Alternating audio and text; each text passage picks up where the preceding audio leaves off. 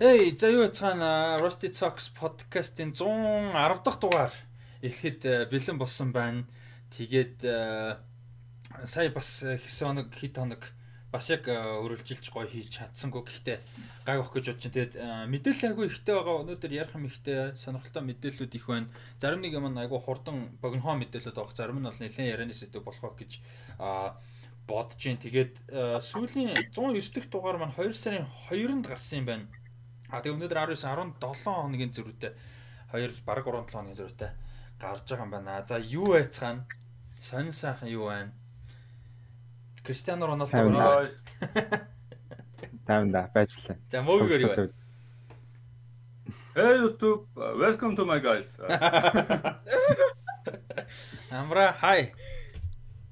Ахаа. Амра light side руу нэгдсэн юм үгүй юу?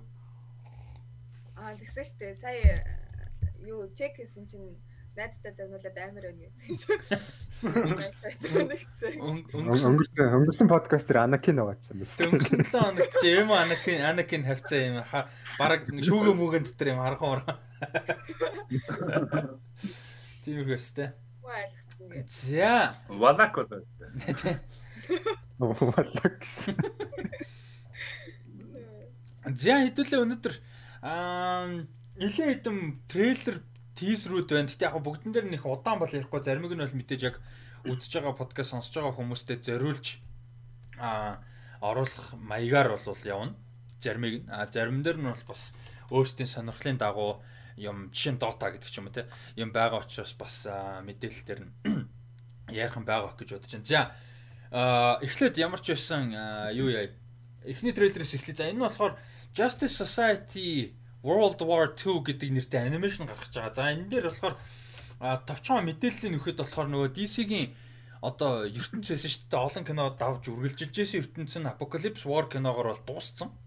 Аа тэгээ одоо бол яг DC-гийн анимашн бол яг юм бие даасан тусдаа зохиолуудаар бол үргэлжилж байгаа. За тэрнээс тэрнтэй холбоотойгоор Superman Man of Tomorrow, Batman Soul of the Dragon гэсэн анимашнууд бол гараад байгаа.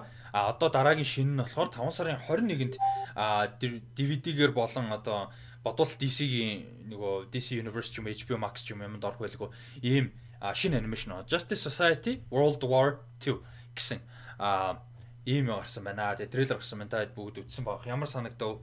Аа мөгийг өсгөлөө. Манай ногоон ирсэн шүү дээ. Мөгийн ногооноо өсгөлээ. Энэ юм юм нураах гэдэг наа. Трейлерыг үзсэн. Тэгээд яг уу ер нь бол дайчгүй байсан гэтээ нөгөө нэг одоо энэ дайны үеийн юм гэхэлэр дандаа энэ Орос наци гэдэг юм яриад байгаа нь амар гонигтай санагдсан ч гэсэн гонигтай жоо залхмаар санагдсан. Аа арай нэг өөр дайсан байж болоогүй юм өөр үйл явдал бий байгаагүй юм гэдэг нь жоохон санагдсан. Аа. Нөө нэг флаш ирээдүгээс ирсэн гэж тэгжсэн шүү дээ. Тийм. Тэр нь бас сонирхолтой байсан. Тэгээд тулааны эсгүүд нь нэг тийм өмнө харж байгаагүй амар хурдан панч манчтай нэг тийм амар сонирхолтой харагдчихсан зураг. Тийм. Надад бол тийм хөө санагдсан. Тэгээд за яг би нөө бүгдийг ярьж дуусны дараа нэг асуух юм байсан. Тэрийг асууж шиг. За, амраа гэж байна. Надад яг тийм нөө нэг би өмнөх угаасаа нэг тийм сурал кинонуудыг үзэж байгаагүй. Аха. Тэгээд санийхын саний дээр трейлерыг үзэхэд бол надаа яг тэр акшн бас амар илүү нөө нэг одоо юу гэдэг тодорч харагдчихсэн гэх юм уу? Илүү сонирхолтой харагдчихсэн.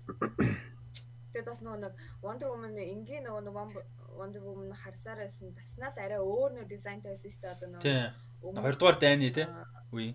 Тийм хоёрдугаар дайны үеийн тэгээд нөгөө нэг яг тэр цаг үедээ байсан Flash гэдэг нөгөө нэг балай төмөр юу өмсч өмссөн. Тэр мөр надаа илүү гоё юм болоо гэж харсан. Тийм нөгөө J Garrick гэдэг нөгөө юу нэ ийм малгайтай. Гунлоо шиг малгайтай.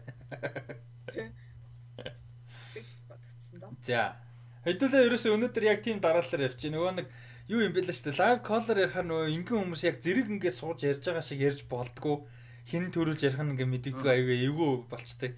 Тэнгүүт хэдүүлээ ерөөсөө би мэдээлэлдээ шилжүүлэх юм бол шилжүүлэл мөгийн яриад амраа яриад дийлнэ яриад тэгэл буцаж над дээр ирээл ингээ явчихсан. Тэгэхээр би амар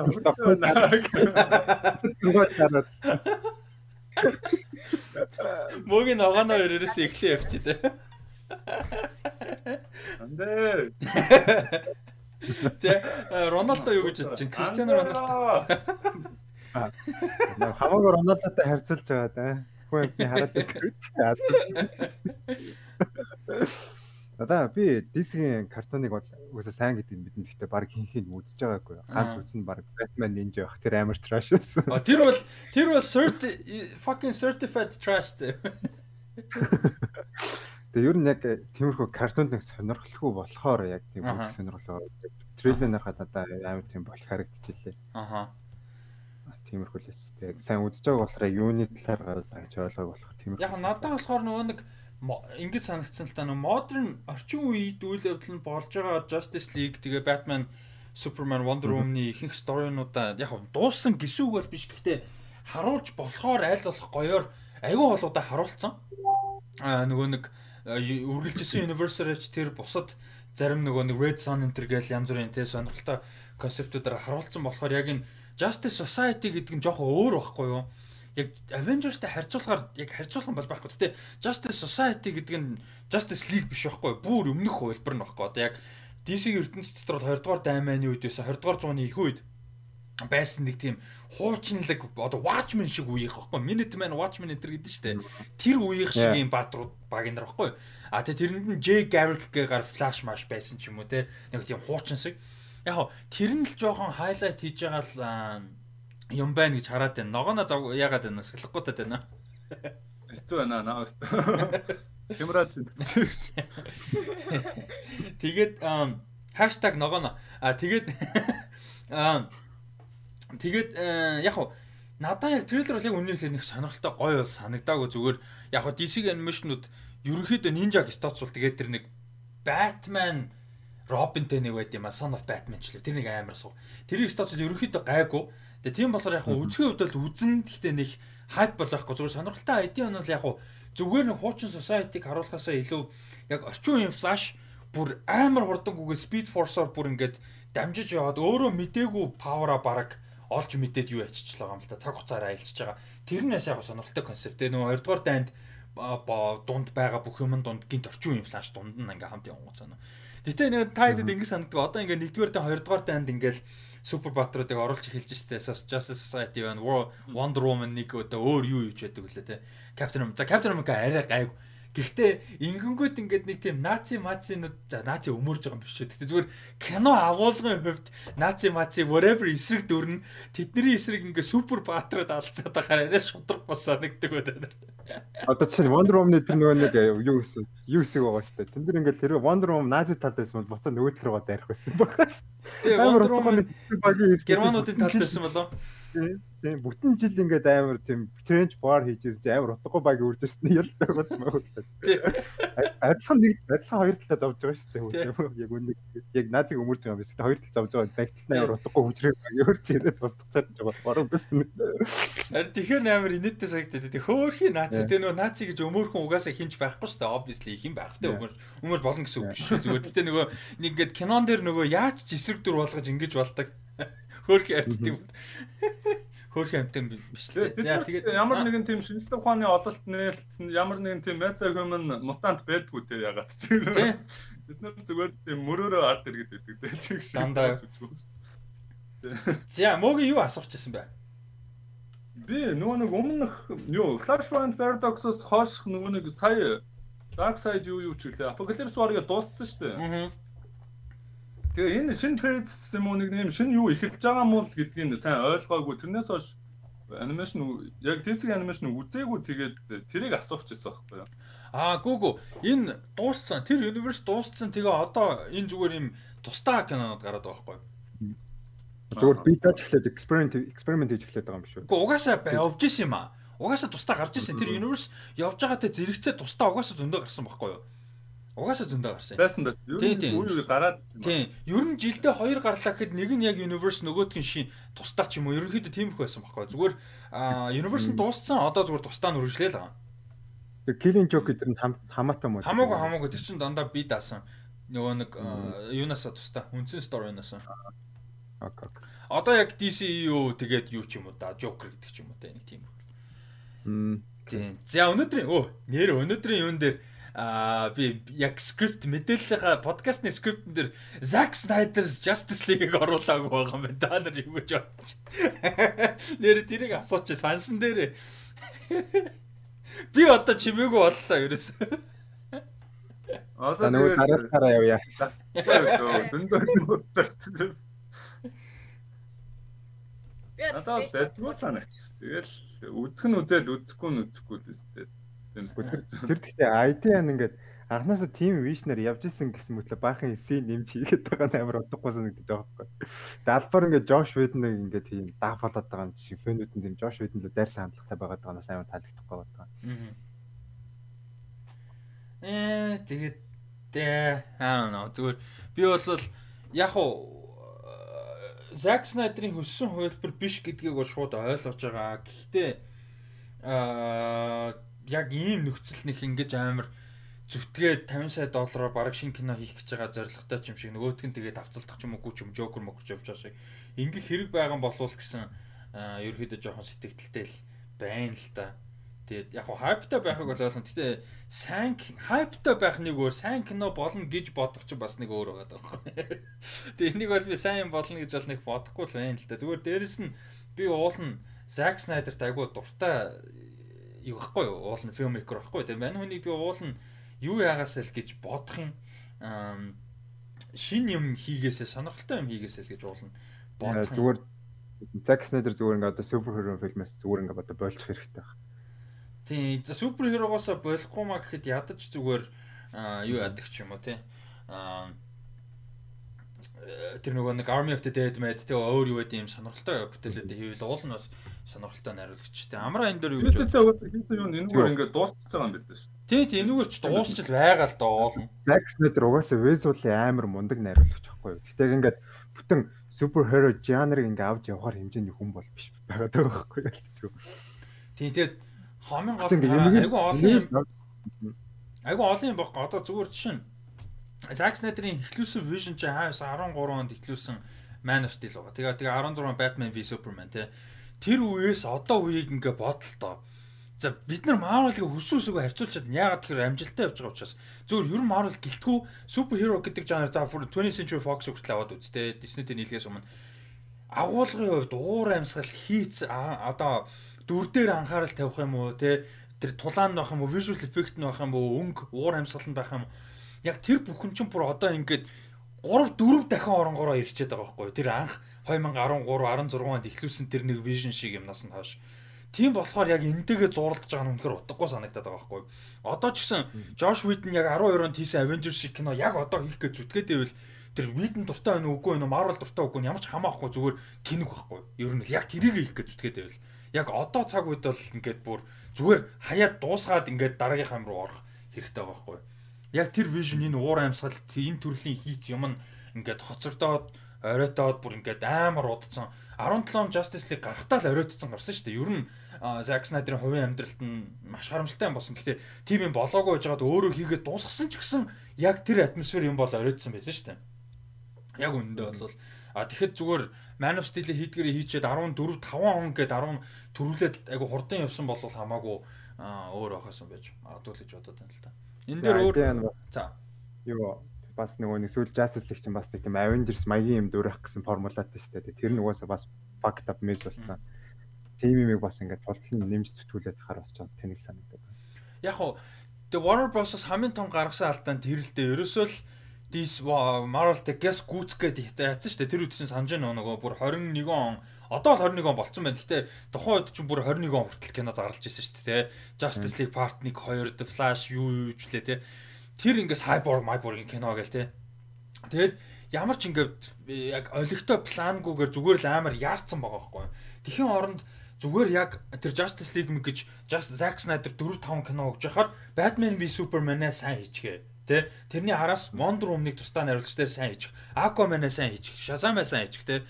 Тэд нар чинь ингээ сайн яваад а муу босныг нь хасаад сайн босныг нь засаад тэ нэмж хасаад ингэж явж хагаад дараа нь Justice League рүү орё. Яарах шаардлагагүй гэж үзсэн байсан бол одоо бүр жинхэнэ бодоо болгож байгаа байхгүй юу? Энэ жил одоо анхны Justice League гардаг ч юм уу те өнгөрсөн жил ч юм уу те бүр ингээд fucking бүр жинхэнэ hype та те юу яаж жахад Avengers нь ингээд Endgame-аар дууссан тий.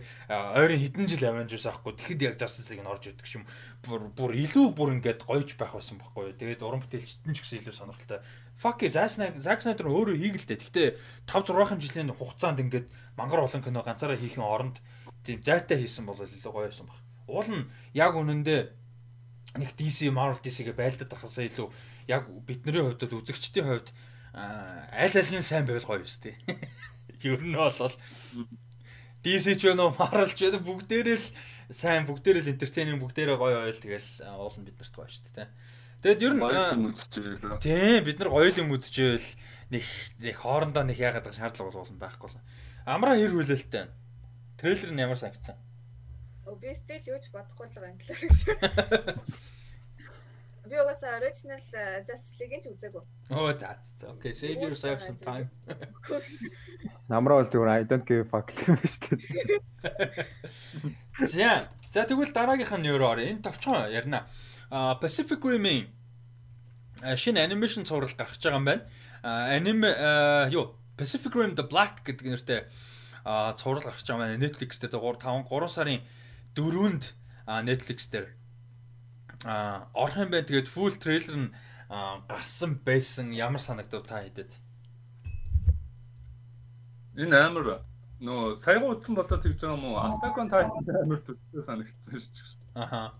Яг нэг юм хоёр яг нөө насан турш өнгөш хоёр нэг хүүхд ингээд гарч ирж байгаа кайжу гэх юм одоо нэг тийм юунаас хотооч гэх юм уу гэр бүлээ одоо улс орнооч гэх юм уу хамгаалах гад ингээ явж байгаа нэг тийм амар төстэй санагдсан. Тэгээд энийг бас аним гэж нэрлэх үү те. За тэрэн дээр харин сэдв байгаамаа. Ийм байгаа хгүй юу? Тийм. Энийг юу болохоор Netflix өөрсдөө шууд аниме гэдэг байгаа байхгүй. Шаа тэгж маркетинг хийгээд байгаа байхгүй. Тий, харин болж хэвээр байхгүй. Энд чинь аниме биш шүү дээ. А гэхдээ Википедиа дээр болохоор гарууд нөгөө яг ингээ үзэгч мүзэгч хүмүүс эдитэлдэг болохоор минь Википедиа дээр аниме стайл гэсэн байхгүй. Тэр нь бас гоё. Тэгэхээр энийг бол аниме гэхгүй л аниме инфлюенстэй анимашн те яг аниме гэдэг бол яалтч шал. А гэхдээ яг хуу энэн дээр юу юм бэлээ? Одоо нөгөө нэг Castlevania Blood of Blood of Zeus өөр юу лээ нөгөө гудгуу зарлагдсан хэдүүлээ ярьж байсан шүү дээ. Яг тэр студио хийж байгаа нэг анимашн гэдэг. Тэд нар ч болохоор аниме инфлюенс гэхдээ American production компани хийгээд дээ.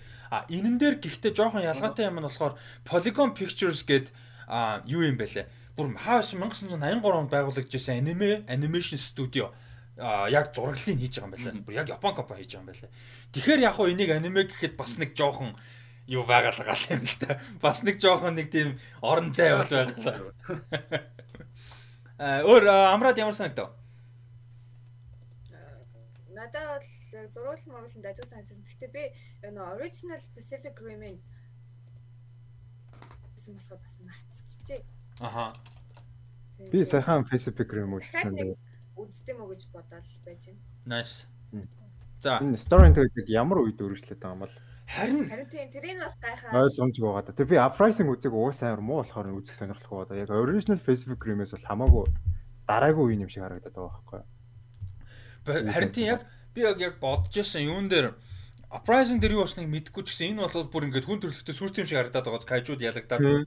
Тийм. Аха нөө нэг амар хот мотууд амар тийм дезертэд өдр болцсон байл шүү дээ. Тийм. Тэгснэ нөгөө Яэгэр олж молоол те нөхөн дунаад санаанд олж молоод. Тэ. Энийг за амар симпл асуулт асууя. Угаасаа одоо ингээ хідүүлээ болвол ингээд мэдгүй 7 хоногт хэдэн жишээ шоу кино олж мэдж байгаа тэгээ үзэх сонирхолтой. Тэгээ бүгдийг үзэж амждаггүй угаасаа. Тэгээ айгүй их юм ярьж байгаа. Мэдээж үзэгчд сонсож байгаа хүмүүстээ бас зарим нь бол яг өөрсдөө цэвэр сонирхолтой биш ч гэсэн мэдээлэл хуваалцах зорилго юм бас байгаа. Зүгээр яг энэ дээр асуухад Pacific Rim the Black-ыг яг үнэхээр ингээд трейлер нь үзээд үзэх хүсэл төрсөн үү? Үзэн гэж бодож байна уу? Агуулгын талаас ч гэсэн трейлерыг хараад ч гэсэн. Одоо яг энэ Pacific Rim-ийг үү? Тий, энэ the Black энийг. Мм. Нүгэ. Чико л. Харин надад бас адилхан. Амра. Яг тэгвэл ийм ижилхэн агуулгатай ийм ижилхэн нутгийн анимашн амар их байгаа байхгүй юу. Тэгээд одоо яг тэднээс ялгарах юм хэм үү тэднээс өөр ямар нэгэн тийм онцгой юм байж ч энийг үзэхгүй бол тэгэл ялгаагүй дахиад нэг үзсэн одоо цувралын тоо нэгээр нэмэгдээл өнгөрөх юм шиг санагдсан. Аа. Харин live action series гэвэл үзэх сонирхолтой байна шүү. Аа. Бажет хэцүү л байна Бажет амар өндөр болох байхаа. Тий. Амра. Би ичгэл үзэхгүй байх уу? Аним аним үзэж дуусаа. Дахиад одоо 21 онд манай Bleach буцаж ирж байгаа тэгээд тийм үү. Bleach Bleach чи юу лээ? Буцаж ирж байгаа гэдэг чи юу гэсэн үг лээ? Амар удаан нөгөө нэг яасан бохгүй юу? Хамгийн сүүл баг 12 он юм ааш юм бэ. Хойш ингээд амар удаан гарч агаад баг 300 400 дан гарцсан байжгаад стоп хийсэн бохгүй юу? Сторийн дуусаагүй зүгээр зогссон юм уу? Сторийн дуусаагүй төр зогссон. Тэгээд тэрийгэ резюме хийж байгаа. Хоо, nice. Тэгээ манга нь болохоор яагаад тийм амар гараад дууссан. Гэтэ Bleach уул нь яг ингээ Naruto дуусаа гарсан юм л тест. Хүмүүс ингээ Naruto амар дуртай болж Bleach жоохон under appreciate тэгээд өргөцсөн тийм суурал. Тийм үү. Яа. Нөмөөгийн хэлдэг шиг тийм үү. Гэтэ манай өөр өөр амьсгалтай л да. Гэтэ манай хичээгөө жоохон манга гаршаа дээ. Гэтэ гоё. Одоо одоо гарах сторийн бүр лаа заяа ёо. Би бүр ингээд хүлээж чадахгүй бүр ингээд яаж яах өөр мангагийн уншаад дуусгацсан болохоор одоо гарахаас өмнө дахиж нэг уншина гэж бодож байгаа. Хуч уц зөрдөг байхдаа Рокиагийн хентаийг зардаг гэж лээ ингээд. За. За дараагийнх нь харин нэлээд а сюрприз мэдээ байсан гэж бодож ин зарим хүмүүс яг мэдчихсэн байж магадгүй л сураг ачиг явж исэн байж боддог. Миний хувьд амар том сюрпризээс олон хүнд хүлээлт үүсгэх шиг а болсон. Dota Dragon's Blood гэдэг аниме одоо юу та инфлюенстэй а ийм цуврал анимашн цуврал бол гарч байгаа юм байна.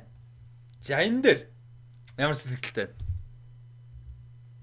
Dota ч одоо яг ингээд бүр бүр яг анх гарч ирсэн хөвөл би нарвал зүгээр ингээд Star юуны Warcraft 3 дээр ингээд зүгээр зүгээр map болж гарч ирсэн тийм map. Тэгээ тэндээс ингээд lore үүсгээд тэгээ бүтэн тоглоом бийжүүлж аваа тэгээ дахиж хөгжүүлээд одоо ингээд яаж яад явуулсны дараа дахиад ингээд бүтэн анимашн болгож байгаа болохоор ингээд Dota сонирхолтой бол амар том мэдээ болж байгаа. Тэгээд Dota-гийн яг энэ lore хөгжүүлэлт амар муу гэдэг байхгүй. Тэгээд тэр яг тэрийг сонссон юм шиг буцаад ингээд бүтэн анимашн series гаргаж байгаад бас амар баяртай байгаа. Бас амар гоё story хэвээр. Dota 2-ын нөгөө юу гэдэг вэ? Одоо character болгоно ер нь юу гэдэг? Story байдаг. Story болгоно амар сонирхолтой түүхтэй. Тэр нь уушхаар амар гоё ертөнц яваад байгаа байхгүй. Тэгсэн мэт тэр нэг story юм байхгүй. Ганц хоёр manga л бол байдаг. Гэтэ тэр нэг ерөөсөө гоё хөгжүүлэг manga биш comic шүү. гэдэг тэгээ яа яг ингээд тэр story дээр анхаарад ингээд бүр Netflix дээр анime хөгжүүл series хөгжүүлж байгаад надад амар баяртай. Энэ юу яасан? Надад бол ингэ санагдсан нөө нэг Dragon's Blood гэж байгаа шүү дээ. Тэгэхээр энэ амар жижигхэн хүрээнд угаасаа амар одоо юу гэдэг амар том стори, амар том юм болох байх л та. Тэгээд жижигхэн хүрээнд ингэж авч явж байгаа, ингэж нэрлэж, ингэж хийж эхэлж байгаа нь амар цаашдаа өргөжлүүлэх төлөвлөгөөтэй байгаа болов. Тэгээд дээр өмнөх подкаст дээр хэдүүлээ ярьжсэн юунаас ингээд телевизэн зурвалч юм animated series юу авах зүгээр гэдэг дээр сая энэ юу Teaser гарсны дараа л яг бодлоо л та нэрэ Dota ч амар баялаг ертөнц байсан юм шүү дээ. Тэгээд үзэгчд нь бэлэн амар их үзэгчд бэлэн дэлхий дээр ингээд маш олон хүмүүс үзэхэд бэлэн байгаа тийм юу байсан мэт. Гэтэ надад жоохон одоо зүгээр яг миний хувьд жоохон сонир санагдсан юм ийм яг одоо ийм картун зурагтай байх нь жоохон сонир санагдсан. Яг нөгөө нэг Sony Edge ч юм уу эсвэл Beyond the Aquila энэ шиг тийм видео тоглоом Гэтэ яг тэрнээс арай зөв нэг тиймэрхүү зурагтай арай лайв акшн талтай зурагтай байсан бол гоё байсан болов уу? Арай дотоотойгоо ойртох байсан болов уу гэж санагдсан. Илүү cinematic уу? Тий. Аа. Яг хоо жоохон зардал өндөртэй стил нэлээ өөр л болох байх л та. Тэгээд яг хоо миний харж байгаагаар бол жоохон аа тэр нөгөө нэг Warcraft интерес жоохон холдуулах гэсэн юм юм болоо гэж бодож шүү дээ. Яг хоо Dota гэхэр хөсөөсөгөө Warcraft-ийн инфлюенс угаасаа их шүү дээ. Warcraft дээр literally ихэлсэн map шүү дээ. Тэгэхээр тэрнээсээ холдуулах бас нэг юу юм болов гэж бодож байна. Нэг CGI cinematic хийхээр нөгөө Warcraft-ийн cinematic ч өөрөөсөө баг legendary шүү дээ. Тэгэхээр яг аниме стилээр хийхээр бас шин unique байж болохын болох л л та. Тэгээ fantasy аниме одоо Castlevania энэ төр том жишээ шүү дээ. Blood of Zeus Heroes-ийн одоо юм аниме стилээр анимегээс гадна те. Яг юм fantasy ертөнцид хийхэд бол айгу гоё таарад байгаа шүү дээ. стил нь. Тэгээд одоо бас энэ яг Одоо зэрэг бол янз бүр Аа. амар гоёсэн. Nice. Одоо яг ингээд бусад студиуд амар эксперимент болж харагдаж байгаа. Одоо видео тоглоом хөгжүүлдэг студиуд. Одоо чинь Valve энэ ямар болох нь гэдгээс хамаарад өөрсдөө сториг цаашаа яаж хөгжүүлэх гэдэг чинь лол мол бол зүгээр хараад суугаад байхгүй л амжилт болоод байвал хэрвээ энэ амжилттай байвал Аа. лолыг студиуд. Тийм. Тэгээд story нь бас юу гэж харагдчихлаа. Dragon Knight Deca Deca эдрийн story юм шиг л яг залуу байх үеийнх нь. Тэгээд Mirana эдэр гарч мараад. Тэгээ Dragon Knight Mirana хоёр гол дүр юм шиг байлаа шүү дээ, тий. Mirana гүнж байсан юм байлээ. Аа. Гүнж гэж ар. За тэгээд аа мэдээлэл болохоор өнөөдөр энэ ярьж байгаа нь болохоор зүгээр юу штэ. Зүгээр announcement л байгаа. Announcement аа тэгээ өнөө шүн бид хэд яг өнөөдөр одоо 11 болж байгаад бичлэг хийж ин яг одоо ингэсгээд гарах нь уу эсвэл бид нарыг дууссаны дараа гарах нь амсаа teaser трейлер гарах хэвчтэй. А тэгэхээр өнөөдрийн дугаараар ярьж амжихгүй гэсэн үг. А тэгээд үндсэн трейлер нь 3 сарын 2-нд гарах юм биш үү хүмүүсээ. 3 сарын 2-нд яг одоо бүр яг full трейлер нь гарах юм байна. Тэгэхээр тэрийг бол тухайн үед нь бид хэд а яг ярих байх гэж бодож байна. За тэгээд 3 сарын зураг маань өөрөө болохоор 3 сарын 25-нд Netflix дээр орох юм байна. Тэгээд хэдэн эпизод байх юм болоо. За нэг 8 8 л эпизод баг та. Одоохондоо яг эпизод дээр нь юу яваагүй маань мэдээлэл баггүй. Тэгээд хөгжүүлж байгаа үндсэн showrunner writer яг хүн нь болохоор энэ а, Ashley Miller гэж бас айгүй давгүй уран бүтээлч байгаа. Zack Stentz гээд бас айгүй сайн а, writer а, одоо юм зохиолч юу байдаг залуу байдаг. Энэ хоёрыг нь хамтарч их зохиолчдаг. Тэгээд манай хоёрын хамтарч хийсэн бүтээлүүд гэх юм бол Thor 1-ийн зохиолыг бичлэлсэн. А X-Men First Class-ын зохиолыг бичлэлсэн. Энэ хоёр ер нь дайжгүй. А тэгээд цувралууд дээр мань хүний ер нь кредит айгуу сайн. Terminator-ын Sarah Connor Chronicles-ыг хийсэн өөрөө. Producer нь очиад зохиолоор зохиол дээр нь ажиллаад хийсэн. Ер нь айгуу үнэлгээ сайтай зураг штэ. А тэгээд Fringe гээд бас айгуу өндөр үнэлгээтэй science fiction зураг байдаг. А 5 season явсан. А ер нь давгүй. Тэрэн дээр продюсер ажилласан а ийм юу байгаа. А продюсер writer залуу болвол юу яаж байгаа маань яг хариуцаж а гүйцэтгэгчээр нь ажиллаж байгаа юм байна. Мэдээллийн хувьд бол юу Netflix дээр бас хэдэн видео тоглоомны хөгж холбоотой хөгжүүлэх чад зурлууд бас байгаад байгаа. аха. Миний санд Assassin's Creed байгаад байгаа. Live action аним бас хөгжүүлэх гэж байгаа. Live action series биш ээ. Зүгээр ч аним series-аас хөгжүүлэх гэж байгаа. Тэгээ live action series-аас хөгжүүлэх гэж байгаа. Өөр чи юу одоо одоо Resident Evil бас байгаа даа сайхан. Тийм тийм Resident Evil байгаа. Тэр айгу гой санагдаж байгаа Resident Evil бол. Тэр сайн гоё хэрэгслээ гэж юутайгаа шууд тоглоомтойгоо илүү юу accurate байна гэсэн зурагтай байгаа. Тэгээ бас өөр Аха. яг Netflix дээр биш хөгжүүлэх гэж байгаа бол нөө Cyberpunk байгаад байгаа. Age Runners гэх. Юу студиуд. Cyberpunk чинь Netflix үсттэй. Netflix үстэй. Тийм Netflix шүү дээ. Тийм л үү? Тийм шүү дээ. Cyberpunk-ийн аниме аниме чинь аниме стайлтай юу чинь Netflix шүү дээ. Netflix Netflix. Гэхдээ бас шинээр студио триггер хөгжүүлж байгаа нэг баян байгаад байгаа шүү дээ. Тэр? Netflix дээр үү? Тэр тэр студио триггер чинь Netflix дээр байхгүй. юу? Одоо 10 гэдэг бишний би юу 22 онд гарна гэдэг юм зү. Тий, тий, тий. Тэр чинь Netflix. Ямар runners вүлээ? Age Runners. Э мөө мөө мөө. Cyberpunk. Наа наа ч мөө мөө. Мм окей. Гэхдээ ер нь стриминг юм гол тэгэл Netflix гэж бодож байгаа ш. Авт яг бүр зорж Amazon Enter гэж дурдахгүй бол Netflix автоматар. Netflix За дараагийнх нь болохоор за энэ нэлээд яригдсан байх. Тэгээд бас айгүй олон view айгүй хурдан авсан байлээ. А Cruella Cruella-гийн трейлер гарсан. А Emma Stone Cruella-гийн дүр тоглож байгаа нэг а, 101 Dalmatians гээд Далматинуудтай анимашн байдаг тэрийг хүн мэдж байгаа. Тэрний эсрэг дүр те. А тэрний одоо залуугийнх нь залуу наснд гэх юм аашаа origin story. а. Maleficent тэрхүү кино гэх юм одоо те. А Cruella-гийн трейлер гарсан байсан. Та хэд ямар санагдав? Хэр хүлээлт үүсэж гэн үзэг хүсэл хэр төрсөн Emma Stone ямар санагдсан ерөн сэтгэлдүүдээ болцооч. надад надад бол амар гоё харагдсан. Гэхдээ ингээд амар хуучны классик доонуудыг трейлер дээр ажиллаад тахад нэг тийм жоохон эвгүй мэдрэмж төрөв тийм аа юм муу болох гэж байгаа юм шиг тийм шиг байна. За Squad тэр амар амар дум ашиглаад тэгээд тиймэрхүү юм харахаар ингээд сонсон зүйл гэдэг. Тэгээд яг ингээ ард нь ажилласан хүмүүс бол амар мундаг хүмүүс үлээ. Тэгээд production design, costume design тэгээд найруулагч хүртэл нөгөө юу найруулсан юм бол шүү дээ. Ай Тоня. Тийм ай Тоня. Ямар ч ард нь ажилласан хүмүүс бол амар сайн хүмүүс болохоор муу кино бол болохгүй юм шиг харагдчихлаа. Надаа болохоор анх нөгөө нэг хийн гэж яах надад жоохон сайн сайн бичсэн байхгүй юу? Stone уу? трейлерын тэгсэн чинь трейлерын үзсэн чинь амар дайггүй санагдсан шүү. Гэтэ нилийн тийм юу юм уу? Одоо юу гэдэг энгийн нэг Disney кинонод байдаг шүү дээ. Тий.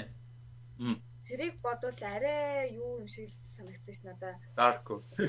Тий, dark. Тэгээ нэг тийм Cruella ингээд тийм алкогол өдр уугаад явж мовж байгаа нь харагдахад тэр алкогол байсан би тэгж бодсон. Надад надад амар тийм Joker стайлтай Harley Quinn шиг харагдсан.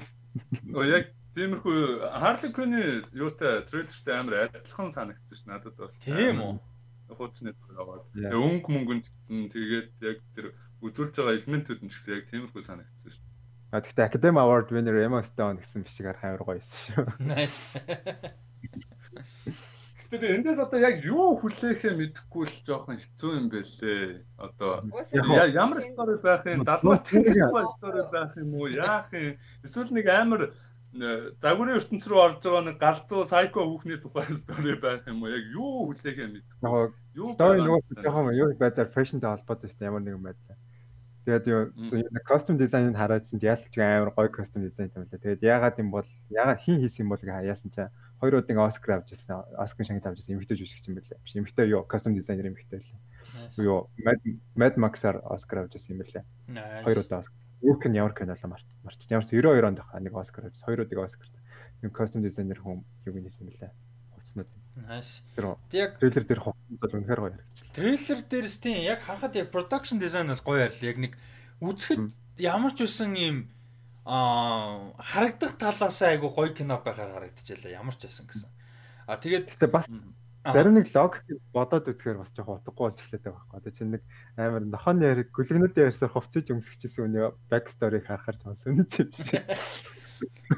Тэгээ Maleficent-ийг хийцэн болохоор Maleficent амжилттай болчихгоот яг ингээ сайн жүжигчнэр а шин стори зохиогоод хийхэд болцоод байгаа л гэж үзэж байгаа байлгүй бодвол. Гэтэ бас нэг далматинтай хэсэг гарч ирсэн шүү дээ. Тэр мөрөс нь амар хөөрхөн. Яг нь нөгөө ихлийг л одоо сайн тавих юм байл үү. Тэгэл яванда одоо энэ Cruella гарангууд Cruella-г үзчихэд хүмүүс Disney Plus дээрээс 101 Dalmatians-ийг стримдэж үзэх юм байлгүй. Ийм ийм мемостон тэгээд зүгээр баахан энэ юунуудыг хуучны анимашнуудыг лайв экшн ихлээр жоох айгаад харамсаад байгаа юм аа чи. Тэгээд гоёор нь орчихгүй ч гэх. Тэгээ энэ ядаж бас юу юм да. Maleficent энэ энэ дээр бас нэг Jungle Book энэ төр дээр жоохон хөгжүүлэх нэг тийм орон зай нь болохоор яг цэвэр ремейк гэхээсээ илүү нэг тийм шинэ avenue explore хийгээд байгаа байхгүй юу? Maleficent ч өмнө тийм story байгаагүй шүү дээ. Зориулж хийсэн. Энийг тэгж байгаа. Тэр нь яг бас нэг цэвэр нөгөө Lion King мен Beauty and the Beast-тэй бодох юм бол хамаагүй ядаж creatively challenging байгаа байхгүй ядаж үзэхэд сонирхолтой тэгээд зөвдөх боломжтой болчиход байгаа. Тийм зөвдөх боломжтой сайн болно гэсэн үг мэдээж биш. Гэхдээ ядаж боломжтой. Яа. Тэгэд дээрэс нь та хэдэд Emma Stone-ы British accent ямар санагдав? British accent байгаас тэ дүүрэн. Яа. Амар энэтлээ. Тэ. Гэхдээ гоё юм уу болсон. Амар гоё юм. Юун дээр трейлер дээр нөө Darling гэж хэлдэг штэ. Тэр нь надад бүр амар тийм goosebumps өгсөн ш надад амар тийм жоо. Надад хамгийн сүүлд Cruella гэдэг тийм юм. Ам Cruella гэдэг үү? Яг тэр хамгийн сүүл Cruella гэж хэлдэг дээр шууд нөгөө Ready or Not яг Samara Weaving сүүлд нэг ингээд амар panic-нд орсон байдгийн санаанд орчихлээ. Ready or Not гоё шүү. Яа, надад болохоор ингээд мяа ингээд саалны төгсгөл сэбийг хараад ингээд амар хэмэрсэн юм шиг санагдсан. Тэгээд тэрнээс хойш өнгөрсөн факт болоод Cruella. Тэгэл хин Emma Stone-ыг бас тодорхой хэмжээнд хараагүй уудсан байна те. Ер нь сүүлд ямар кинонд гарсан юм? Би хамгийн сүүл Zombieland дээр харсан. А тий Zombieland 2 гарсан шүү дээ. Тэрийг театрт үзсэн. Гоёсэн. Тэрнээс өөр ер нь сүүлд байгаагүй мэн те сүүлийн хэдэн жил Маник Маник тэр Джон Айлтай байсан. А тийм тийм тийм тийм тийм тийм. Зомбиландээс өмнөх шүү дээ. Тийм. Тийм. Гэтэ бас зүг гайгүй. Лала ландаас утгаа шүү дээ. Гэтэ ер нь айгүй цөөхөн юм байна те. Эмастон сүүлийн хэдэн жил Лала ландаас биш ер нь айгүй цонхон тоглоо яваад байгаа шүү дээ. Тийм байна, тийм байна.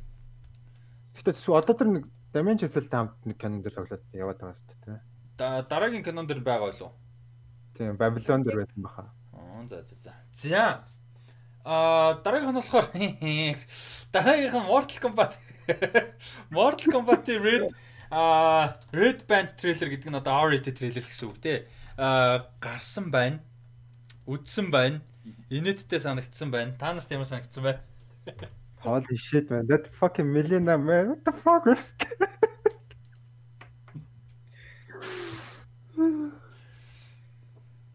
Тайд өөр мөг ямраа. Дэжүүл байсан шүү дээ. Яг уу рефтэл бол амар арга харагдчихсэн. Түүнээс биш яг нөгөө нэг цацагдчихсэн зураг мургуудаас ингээд яг тэндээс авсан хүлээлтийг бодвол надад бол дэжүүл санагдсан. Окей. Get over here бол жоох арга байсан. Тэрийг нэг жоохон сүртэй болгочих болоогүй юм байна. Нэмээд. Тэр ер нь заавал нэг канон дээр байх шаардлага шүү дээ. Defense service-ийн байгаа байхгүй. Заавал тийм амар видео гейм accurate байх алба тэр мэрэг бол зүгээр болчих хэрэгтэй байсан. Тэгэл fatality амар icon. get over here finish him оо юу юу чинь over тэднийг бүгдийг нь амар cringe байсан надад трейлер яа. Зүгээр амар заавал ингээд видео гейм accurate зүгээр гоё ингээд заавал канон дээр тэгээд гоё fighting skinтэй action scenтэй тийм болгочих хэрэгтэй байхгүй. Заавал нэг тийм маскны санаас гэр Өдөр Милина юу юм бэ одоо? Шүд мүт юм яатсан юм бэ? Хэд нэгнээс нь юу тохиолдсон. Тэгснэ ингээд амар инээтэй ам соня, ам лука, ам гонглоо, ам оо. Трейлер дээр тийг ямар шаардлага үүсэх хүмүүс нь угаасаа бичээс нэг нэг сураггүй жүжигчин тоглолцсон гэдгээ яаж байгаа юм шиг нөхөж байгаа юм шиг ам тэр би тэр би энэ байна. Ямар шаардлага байна. Тэгээ яг Sub-Zero Scorpion хоёр дээр амар тулж ажилласан. Тэгээ тэр мөрийг бүр ингээ албаар хүмүүс таалагдуулах гэж гоёор хийж байсан. Тэгээд зүгээр ингээ бажт нь хөрөөгөө 12 өрөөд. Тэгээд надаа айгу хэцүү санагдсан юм нь ямар ч гоё тулаан, гоё гардан тулаан, гоё акшн гэж харагдаагүй. За бус нь боли. Бус нь яг энэ Mortal Kombat гол юм тэр штэ. Яг акшн тулаан зодолтон те тэр энэ дөрв чи эцсийн эцэст яг Mortal Kombat тулдах гэдэг тэр story more who gives a fuck те. Тэгэхэд тэр нь ерөөсөө гоё ойлголт ерөөсөө өгөөгүй. Надад бол. Амра ямар санагдсан? Надад бас юу санагдаагүй шүү дээ. Яг нөгөө нэг мэдгүй яа ч юм нөө тэр яг Mortal Kombat эдрийн тоглож өсөөгүй болохоор ч тэр юм уу ямар ч тийм юу байгаагүй л дээ тэр нөгөө нэг муу олноос цайн болноо өдр нэг хамаагүй. Тэгэл аа нэг юм байгаа мандал гэж бодсон. Nice. Амар за мөөгийн сэтгэлийг сонсъё. Мөөгид арай гайгүй санагдсан гэж байна. Ерөн сэтгэл сонсъё. Мм дэчүүл байсан шүү дээ. Ер нь тэгээд амар юу яасан ч биш. Амар олон мундаг жүжигчээ авчираад нөө нэг Justice League шиг юм амар хүлээдгээ зүгээр алаад өгн хүлээж игээд нэг амар ингэсэн биш.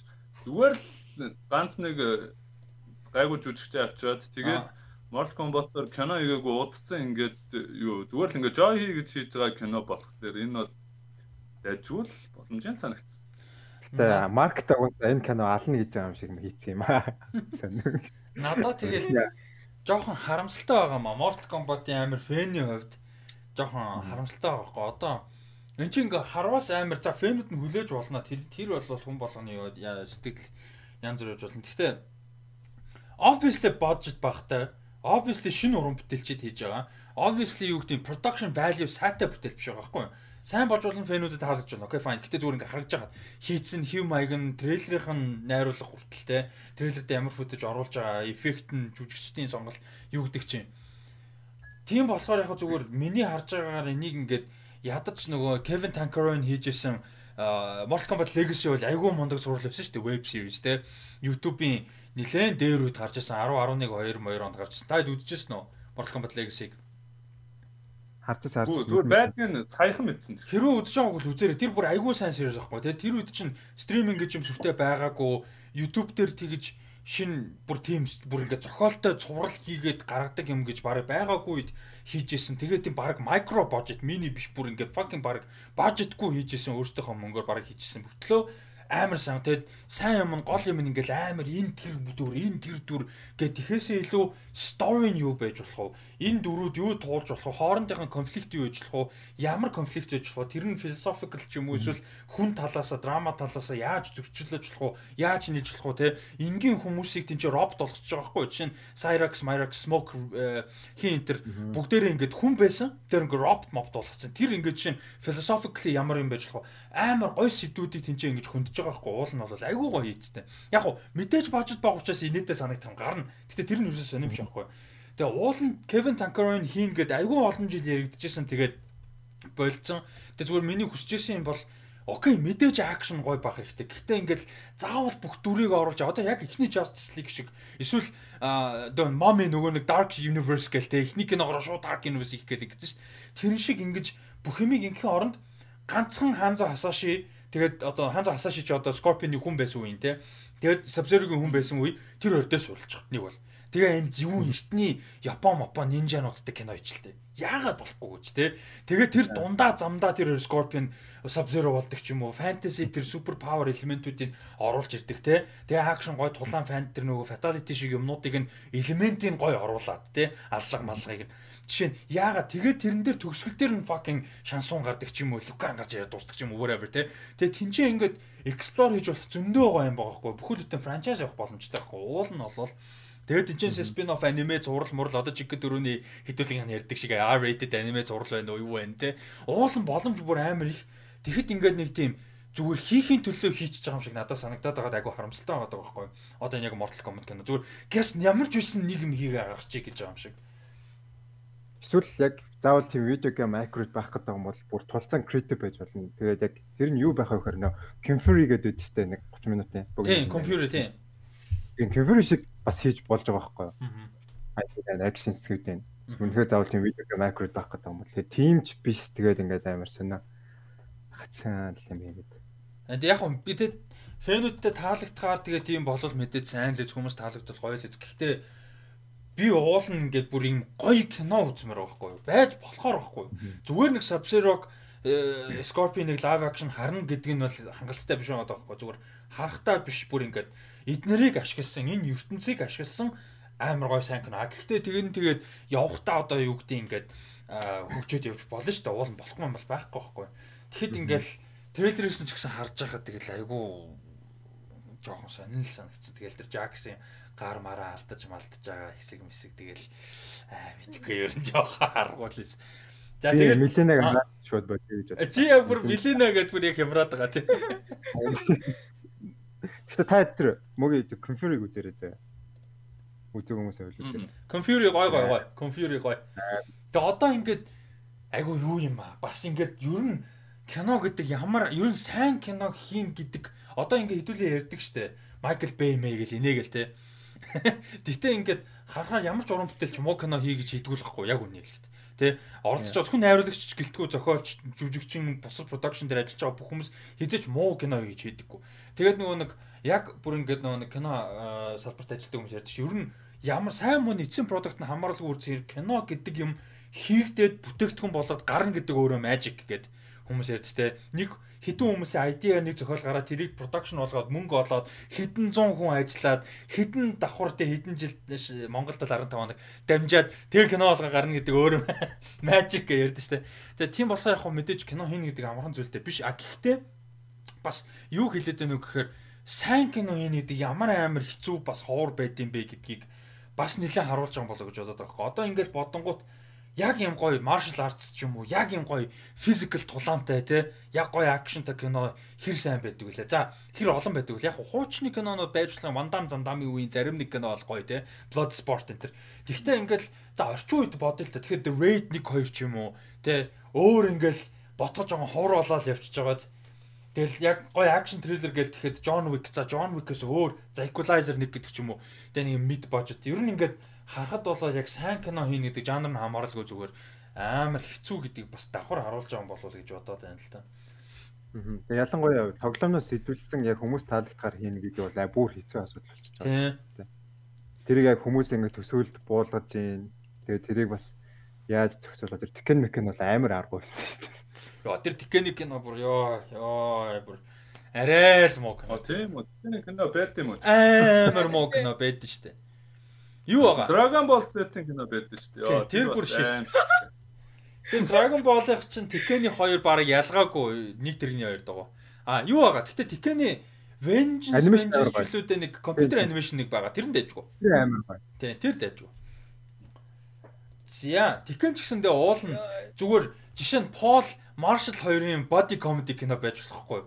Тэ нэг нэг жудаач нэг нэг амар Брюсли шиг тулдаг. Гэтэ ядуу хоёр баг гэдэг нэг дэлгүр мэлгүртэй. Нэг э, рамины газартаа тэгээ нөгөөдгөө чи ажиллуулж чадахгүй зээл мэл авцсан. Тэгээ нөгөө нэг зээл өгсөн баг энэ дээр л гэж мэлгээл тэ. Зүгээр юм body comment бүрэн байх боломжтой байхгүй. Зүгээр амар зодтолдог баг энэ болохоос бүтэхгүй тэ. Тэр хоёрын чи тэр story more амар хөөрхөн штэ тоглоом дотроо тэ. Тэгдэг ч юм уу. Тэгэл уул нь ингээд яг э, яг зүгээр санаандгүй амар онцсон Marvel дээр онцсон юм яг тэр байхгүй юу? Яалтч одоо бүгдээрээ тэрийг дагж байгаа юм. Яг цөөхөн character дээр сурлаад тэднийгээ сайн хийчих юм бол тэр character-аараа дараа нь өөр юм руу өргөжлүүлэхэд хүмүүс тэр character болон жүжигчдийг нь дагаж өөр юм үзнэ гэдгийг яг санаандгүй тэр чинь бүр анханасаа бүх юмыг одоо хүртэлхий Kevin Feige бодсон бол байгаагүй шүү дээ. Гэхдээ санаандгүй тэрийг амар гоо discover хийсэн байхгүй. Тэгээ яалтч тэр нь амар амжилттай болсон. Тэгээ уул нь Tekken ч юм уу Mortal Kombat ингүүл бас уул нь гоё. За за Super Bowl Америкт нөгөө нэг Америкийн юу те Америк хөлбөмбөгийн тэр финал нь ч юм уу да тийм болд нь штэ. Тэгээд тэрэн дээр завсралгааныхан шоу тэгээд юм уу трейлер мэлэр айгу үнэтэй байдаг те Америк даяараа маш олон сая хүн үздэг учраас тэр дундуур гарах трейлер мэлэр нь тусдаа юм одоо төрлийн юм байдаг болж удажаа. А нэгдүгээр та хэдэд half time show-ыг үзсэн үү? Тэр нөгөө weekend-ийн half time show-ыг нэг амар гоё бол байгаагүй. Үзсэн үү? Хэр санагдсан. За хэр бол дийлэнх гоё байгаагүй гэж байна. Гоё байгаагүйгээс гадна амар техникийн алдаатай байсан юм шиг санагдсан шүү дээ. Weekend-ийн дуу зүгээр хөгжмөө ингээд хөгжмөн ингээд амар чанга байгаа юм уу? Эсвэл микэн сул байгаа юм нэг амар сонин тийм техникийн алдаа гарцсан юм шиг санагдсан надад. Тэгээ дээр нь production-аас амар асуудал байгаадсан. Яг тэр тайзныхаа наад байгаа. Яг тийм half time тийм том half time шоуны дуучин биш эсвэл байгаа дуунууд нь тэрэнд тохирохгүй байхаа ч гэж. Weekend уусаа яг тийм уусаа half одоо half би Super Bowl half time шоу уусаа бүр тийм глобал хэмжээний шоу болсон шүү дээ. Тэгээ тэрийг яг ингээд weekend weekend яг тэрэнд тохирсон уран бүтээлч биш байгаа байхгүй тийм ингээ хүмүүсийг бүр амар entertain хийж чаддаг. Жишээ нь өнгөрсөн жилийн тэр J-Lo-гийн хоёртой харьцуулахад weekend performance хажууд нь бүр яах байгаа даа байхгүй. Тэр хоёрын амар өндөр юу тавьчихсан баха. Цензур тавьчихсан баха. Би бол сүүлд нь тэгж бодоод амар зорилго нь амар entertainment хийж чаддаг тийм амар уусаа юу н лайв лайв шоугаар алдаг тэгээд юугаараа entertainment-аар алдаг тийм уран бүтээлч байх хэрэгтэй. Тэгээд албаар ингээ хамгийн алдартай дуунуудын дуулдаг байхгүй тэр шиг явж байна. Super Bowl. Тийм уран бүтээлж авчрах хэрэгтэй байтал weekend дээр жоохон. Яг уу тэр үед шууд Bruno Mars байсан бол аалах байсан байх та гэж боддог. Bruno Mars өмнө хэд хэд ирсэн болохоор жоохон сайн. Тэгээ шинэ уран бүтээлч хэрэг ялч weekend хамгийн том нь байгаа ч л та. Тийм л дээ одоо бүр амар уулзтай. Амраад явсан. Дуалифай дээр бол хармаар. Угаасаа сүүлийн үеийн weekend надад нэг жоохон эм байгаа гэж. Аа тэр чинь бас амар юутай, storyтай. Нөгөө Grammy чи нэр дэвшүүлээгүй штэ. Нөгөө мань хүний цомгийг. Ерөөсөө нэр дэвшээгүй те. Тэрнээс болоод тэр Twitter дээр чи баг сая лайк майктай, 2 сая лайк майктай нэг твит байгаа заяа. Баг bullshit bullshit гэдгийгсэн. Тэр номинашн гарсны дараа. Тэгээд бас Grammy-тай нэлээд юм болоод байгаа. Тэгээд Grammy яага маань хүнийг болиулсан гэдгсэн чинь нэгдүгээр performance байсан.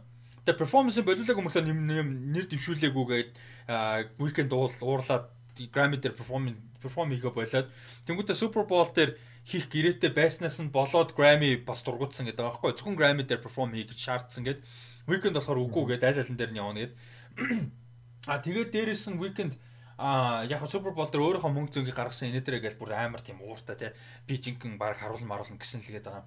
Зарим хүмүүс бүр greatest performance ever ever гэл тийм байлээ л те it's fine хүмүүс таалагдсан болгоо юм. Гэтэ надад харахад ингээд ямар ч юм entertaining байгааг байхгүй. А тэгтээ дийлэнтэй нэг юм дээр санал зурж байна. Юу гэхээр Weekend би хангалттай глобал гэж бодож байна. Ялангуяа энэ жил. Энэ жил гэдэг нь 20 оны ярьж байгаа шүү. 20 оны шин цомог нь тэр Blinding Lights, Mites юу гэдэг тэр цомог яг Starboy цомог бол мань хүнийг бүр яг глобал хүрэх хэмжээнд бүр яг ингээд зарлаад яг тэрний өмнө бол тэ Hills Mills тэ энэ төр гээд байсан. Гэхдээ Starboy бол бүр яг глобал суперстар болгоод Тэгээд яг саяны тэр 20 оны цомог бүр тэрийгэ бүр ингээ баттгцсан юм шиг бүр ингээ супер fucking hit болсон. Амар суперстар болсон. Тэрэн дээр бол би харин би тэгж бодоод байна. Зүгээр Bowl ихт бол хангалттай потенциалтай гэж бодож байна.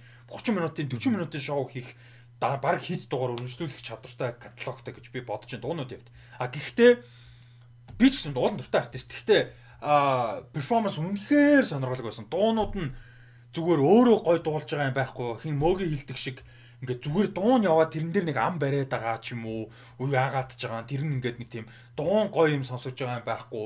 Тэгээд яг тэр найруулга choreography амар ингээд их л мөнгө хайцсан болохоос ш гой замбраатай гой зэгцтэй гой entertaining ч юм уу гой плоттой ч юм уу те тийм юуч байхгүй.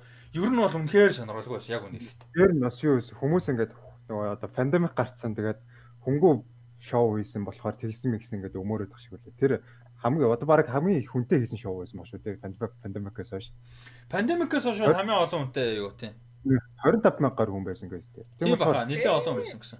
Тийм хангалттай хүнтэй байсан байгаа даа байхгүй. Тийм байхад амар тийм перформанс хийж байгаа. Яг уу нэг юм байгаа юм л да. Сүүлийн хэдэн жил яг Супер Бол ер нь ингээд улам том болоод байгаа. Тэгэд сүүлийн хэдэн жилийн орж байхад бас ганц артист хангалттай байдаггүй гэдгийг нэг юм хараад Coldplay байхад нэг хүн байдаг ч юм уу те Beyoncé байхад нэг хүн байдаг, Bruno Mars байхад нэг хүн байдаг, Adam Levine байхад нэг хүн байдаг. Өнгөрсөн жил J-Lo Shakira гэдэг ч юм ингээд тодорхой хэмжээний support act байж иж entertaining болдог, сонирхолтой болдог бас өөр артистуудын хийтүүдийг холихоор нөгөө яг шоуг нь үзэхэд дууралт нь шин дуунууд гардаг. Тэг чинь бас байна шүү дээ. Яг дууга зүгээр том спикерээр тавьчаад амаа хөдөлгөөд бүжиглээ яваад байхаар сонирхолтой биш байгаа хгүй. Ягаад тэгэхээр тэр дууг бид нар Apple Music, Spotify, компьютер юу гэдэг fucking дуртай юмараа сонсож шүү дээ. Тэр тэр шин юм байхгүй. А тэг чинь Shakira J-Lo ч юм өөр юм бэ. Тэд нар ингээд дуун шинээр микслэнгүүд таалагдах таалагдахгүй хамаагүй ч гэсэн ядаж шинэлэг ядахта тэрийг үзэх сонирхол арай жоохон entertaining те таалагдахгүй болно л та гэхдээ Амра. Тэрийг нь тэгээ тэр нөгөө нэг Beyoncé, Bruno Mars-ын тэр юу нь яг ингээд харуулсан шүү дээ. Яг тэр анхудаа яг тэгж тэгээд тэгээ тийм амар сүртэй эпик болж чадсан л байгаа. Тэгээ тэнгууд миний зүгээр санаа юун дээр байгаа гэхээр яг тэгж харьцуулаад эхлэхээр яг Weekend-ийн live performance нь яг тиймэрхүү хэмжээнд биш байгаа юм шиг санагдаад байгаа. Ингээд эцнээ глобал гэсэн live performance нь жоохон таархан. Тийм уран бүтээлч шиг санагдаад байгаа байхгүй. За, Super Bowl-ийн performance тийм их дундуур нь хид хидэн тизер гарсан. За F9 Fast and Furious 9 тизер гарсан. Nobody-гийн шин тизер гарсан. А Ryan the Last Dragon-ийн шин тизер гарсан. За эдгээр бол ерөөдөө богинохон богинохон байгаа. А тэгээд Falcon and the Winter Soldier шин бас нэг тизер гарсан. А нэг том трейлер гарсан. За тэр M Night Shyamalan-ы Old. За тэрийг араас нь яри. Энэ өмнөх тизерүүд дээр онцлог юм байна уу? Зүгээр нэг тийм онцлогоор таалагдсан шин дүрс, шин футаж харуулсан Nobody, If You Ryan the Last Dragon, Falcon and the Winter Soldier гэсэн тизрүүдээс. Манай үзэж байгаа хүмүүс сонсож байгаа хүмүүс бас энэ дээр давхар юу сэтгэлдээ хуваалцаад яваарай. Йоо, Ryan the Last Dragon-ы тизер амар гоё ярагдсан. Яг тийм илүү гоё акшн мистерийг оруулаад өгсөн юм шиг богинохон ч гэсэн. Тэр бол сонирхолтой харагдсан. Яг өмнөх трейлер нь жоохон онцгойсэн. Яг тэр тизер нь бол амар гоё ярагдсан. Бада Falcon нэг хоёрын Winter Soldier хоёрын трейлер нь илүү таалагдсан. Юу тэр хоёрын chemistry нь айгуу гоё тэгээ нэг тийм амар гоё fun action кино гэдгээ бүр ингээд гоё харуулад байгаа айгуу таалагдсан. Тэгээ тэр хоёр чинь нэг тийм therapy session суугаад байгаа юм шиг байл ч тэ. Sorry яриад. За. Falcon and Winter Soldier тэрний teaser бол бүр тасархаа санагдсан шүү. Амар гоё хөгжимтэй, амар хурдан акшнтай. Тэгээд тэр богинохон хугацаанд ингээд бүр хүнийг яг ингээд үзмээр санагдтал амар гоё чадсан гэж бодсон. Тэ яг тэр одоо энэ Супер Боулын дундуур явсан тест нь. Тэгээд тэндээс яг би нэгэн бодсон. Энэ юу яаж байгаа юм бол энэ телевизийн цуврал MCU хийж байхдаа яг одоо юм акшн бол акшна дагдаг ч юм уу одоо юм үндсэн юм формат гэдэг юм үндсэн юм юмаа биш. Арай өөр өөр юм сонирхолтой шинэлэг юмнуудыг оруулж ирж туршиж үзэж байгаа юм болов уу гэж анзаарсан. Гэтэ яг хөө би яг энийг үзээ тэгж бодоагүй л дээ зөв Wanda Vision үзчихээ тэгээ энийг үзсэн чинь ингээд бас арай өөр санагдаад байгаа байхгүй. Тэгэхээр энэ бол бас ингээд гоё амжилттай л болж байгаа юм болов уу гэж бодогдсон шүү дээ. Түүнээс одоо ингээд э, амар их акшн series амар их юм юмнууд байна. Жанр жанртаа ингээд маш олон байна. Тэгээд хүмүүс бол яг тэр форматаар хийсэн юмыг сонирхгүй л баг. Тэгээд ийм амар амжилттай болцсон юм юмны араас залгуулагдж байгаа ингээд салаалж байгаа юм бол өөр шинэлэг байж шл гоё болох болов. Тэгээд тэгж бодоод жим амар гоё одоо хийж байгаа болов даа гэж бодсон шүү. Уул нь юу штэ. Пандемик энэ төр гээгүү болвол Falcon and Winter Soldier төрүүлж гарах байсан. Уул нь яг мөгийг хэлж байгаа шиг планцсан бохгүй энэ хэд. Яг илүү яг өмнө нь гарсан Winter Soldier кино шиг те илүү жоохон хөрсөн дээр буухаар илүү цэвэр акшн талдаа те илүү MCU-гийн ертөнцид гэж хэлж болохоор яг Zemo мимотой те яг нэрэ трейлерын гоё юм Zemo байсан. А тэгээд яг энэ энэ бол яг ингээд Falcon and Winter Soldier байгаа. Тэгээд хүмүүс Falcon and Winter Soldier үзээд дасны дараа WandaVision те the weird shit орж ирэхээс аахгүй. Тэгсэн чи тэгээ юмнаас болоод pandemic гэж шууд weird shit-ээр эхэлчихэж байгаа байхгүй. Тэр ч ихтэй баг зөвдлөө л таа. Тийм ба санаандгүй баг тэр нь гоё юм болчихлоо шүү дээ. Тэгээд нөгөө нэг юу Winter Soldier дээр гардаг нөгөө нэг Captain America-ийн хуршнэг эмхтэй байдаг шүү дээ. Хэн блэ? Аа тийм тийм Sharon Carter уу? Тэгээ тэр эмхтэй гарч ирлээ шүү дээ. Тэгээ Sharon Carter нэлээд туслах туслах чухал чухал туслах дүр тэгээ Simo үнсэн эсрэг дүр гэдэг бас айгуу гоё. Тийм а тийм харагдсан шүү. Тэгээ Simo тэгээд шууд бүр ингээ супер хиронууд байх ёсгүй гэдэг айдиагаар руу бүр ороо. Тэгээд оймсоо өмсөд бүр ингээ фул барон симо мод руу орж байгаа надад бол амар таалагдаад байна. Тэр хүүхдийн чихэр хулгаад нөө нэг чихэр чоколад хулгаалаад идсэн хүүхд өгдөг штэ ингээ аман дөрөн чоколад болсон. Тэгээд нөгөө хин чихэр хулгаасан гэхээр би идэггүй гэдэг. Тэр шиг харагдаад л Joker та тийг санагдсан уу? Нь тийм бодоагүй шүү. Аа тэгээд Аа Falcon and the Winter Soldier гэснээс уул нь яг зохиолын дагуу үйл явдал одоо болж байгаа юмны дагуу манай хүн ч уул нь Winter Soldier байха болцсон шүү дээ. Зүгээр манай хүн ч зүгээр The Bucky эсвэл нэг White Lion лөө тий. Something тийм сүртэй нэр мэртэй тий. Black Panther юу гэсэн нэр. White Wolf ч лөө тий. Jon Snow. Тэгээд хэн болохоор тэгээд нөгөө нэр нь цувралын нэр нь Falcon and the Bucky гэхээр амар тэнэглээсэн багтал тий. Эсвэл та фото орд ирвэл амар тийм инээдтэй зураг шиг санагдав. Та фото Falcon and the Winter Soldier биш заяо. Simon Bucky гэдэг зураг байсан байх гэж боддог. Бүр нэг юм body comedy зураг. Simon Bucky Наадс нөгөө нэг дамп дамп дамбар ч үлээ нэг гурван нэг нэг яхаа малаа нисээд байдаг. Тэр шиг сонсогдчих. Манаг мангоо гэдэг. Salmon Bucky. За тэгээд а миний хувьд яг хоо миний хувьд ч явахтаа ер нь юун дээр шин юмны хувьд бол яг энэ M Night Shyamalan-ы дараагийн бүрийн хэмжээний уран бүтээл яг хамгийн анхаарал татсан яг шин трейлер байсан. Яг мань хүний а яг юугаар ажиллаж байгаа зохиолч продюсераар ажиллаж байгаа Servant гээд horror трейлер шоу цуврал Season 2 нь яг одоо гараа явж байгаа. Apple TV Plus дээр Servant гээд ер нь нэлээд ажгүй үнэхээр даанч Apple TV Plus дээр гарч байгаа цувралууд аа жоохон маркетинг байхгүй тэг хүн баг үзэхгүй байгаасаар яригдахгүй байгаа. Гэтэ тэр Servant бол бас сайн байна гэсэн.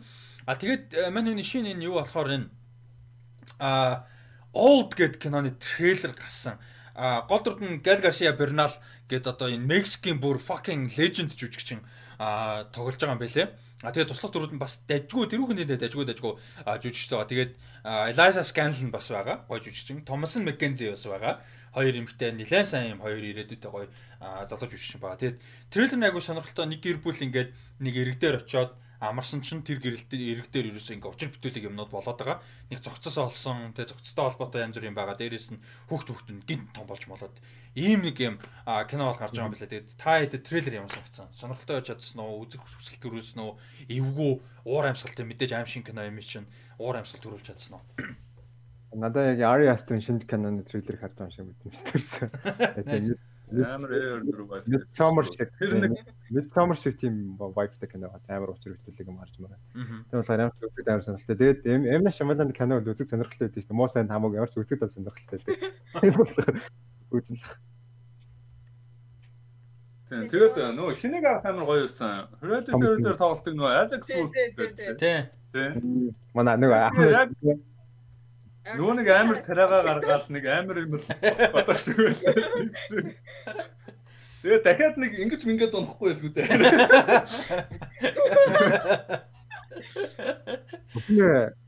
Тэр ингээд амар гоё явчихсан нөө. Тэр нэг хүн чон болоод байгаа юм шиг үсмэс ургаж байгаа юм жоохон. Ваа санагцсан. Тэр арай нэг жоохон тийм supernatural биш арай нэг тийм нэг сонин арай л нэг тийм аргуу нөгөө нэг Dark Universe гэдэг шиг тийм сони элемент санагдсан. Тийм. Бусдаар бол амар гоё байсан. Трейлер нь ч гэсэн амар гоё хийдтэй. Гоё монтаж эвлүүлэхтэй гоё трейлер байсан. Яг трейлер хийхдээ хэцүү юм билээ амар богино юм биш үү? Тийм тийм тийм. Нэг нөгөө юуних болохоор те Супер Боулын дондор гэсэн болохоор аа амраад. А? Надаа бас нэлээд сонирхолтой санагдсан. Тэгээд бас яг муугай хэлсэн шиг тэр сүүл гарсан тэр өсмөс ургаадаа бас амар weird байсан аахгүй юу. Гэтэ бүр нэг тийм ингэж ингэж санагддаг. Гэтэ яг тэр амар бүр амар учир битүүлэг болгоцсон юм шиг санагдсан. Nice. За тэгээд юу юм бэ штэ? Premise нь ингэнэ. Ингээд арал дээр очиод нэг гэр бүл арал дээр очиод ингээ хитгэн цаг амарч исэн чинь хурдан хөгшрөөд тэгээд тэр өдөр нь амарж байгаа тэр өдөр нь бүтэн амьдрал нь болчдөг гэнэ. Тэр өдөрт багтаад шууд ингээ хөгшөрчдөг. Тим үйл явдал болж байгааг харуулах юм байна. Тэр өдөр дуусаад хөгшрөөд өвшрөөд өгнө гэсэн үг. ID концепт нь тийм байна. Тэр өдөр л ерөөсө бүтэн амьдрал нь болж байгаа юм. Тэр айгүй сонирхолтой юм байна л да. Эмнат Шамалан ч одоо 14 оноос хойш айгүй удаан 50 зөвүүн юу хийгээд байгаа. Аа комбек хийгээл байгаа тэгээд энийг сайн катан олно гэж найдаж байна. Каст нь айгүй зөвүүн яг амар low key зөвүүн каст байгаа байхгүй юу? Яг ингээ харах юм бол дандаа амар зөвүүн жүжигчд. Гэхдээ юм суперстар хүмүүс байхгүй. Гэхдээ дандаа амар сайн жүжигчд. Айгүй юм зөвүүн. Хүн за нэрийг сонсоод жишээ мэдгүй магад хараад мэдих дандаа жүжигчд байгаа байхгүй. Амар зөвүүн каст байсан.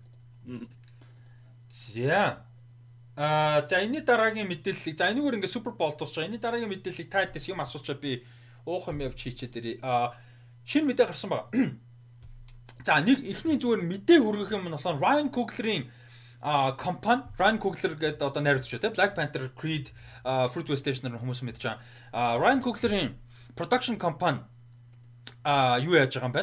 Amazon-тай sorry Amazon биш Disney Plus-тай 5 жилийн гэрээ хийж байгаа юм байна. Exclusive гэрээ хийж байгаа юм байна. Proximity Media гэдэг production company байдаг. За энэ юунд нь бол мань хүний эхнэр нь байдаг. За бас хүмүүсийн мэдж магадгүй гэх юм бол эхнэр нь дээрээс нь Ludwig Göransson нь бас энэ компанид одоо оролцоотой байдаг. А тэгээ бас өөр хүмүүс бидний сайн мэдгүй хүмүүс үү. Тийм тийм захирлуудынх нь одоо гол шийдвэр гаргадаг хүмүүс байгаа нэг.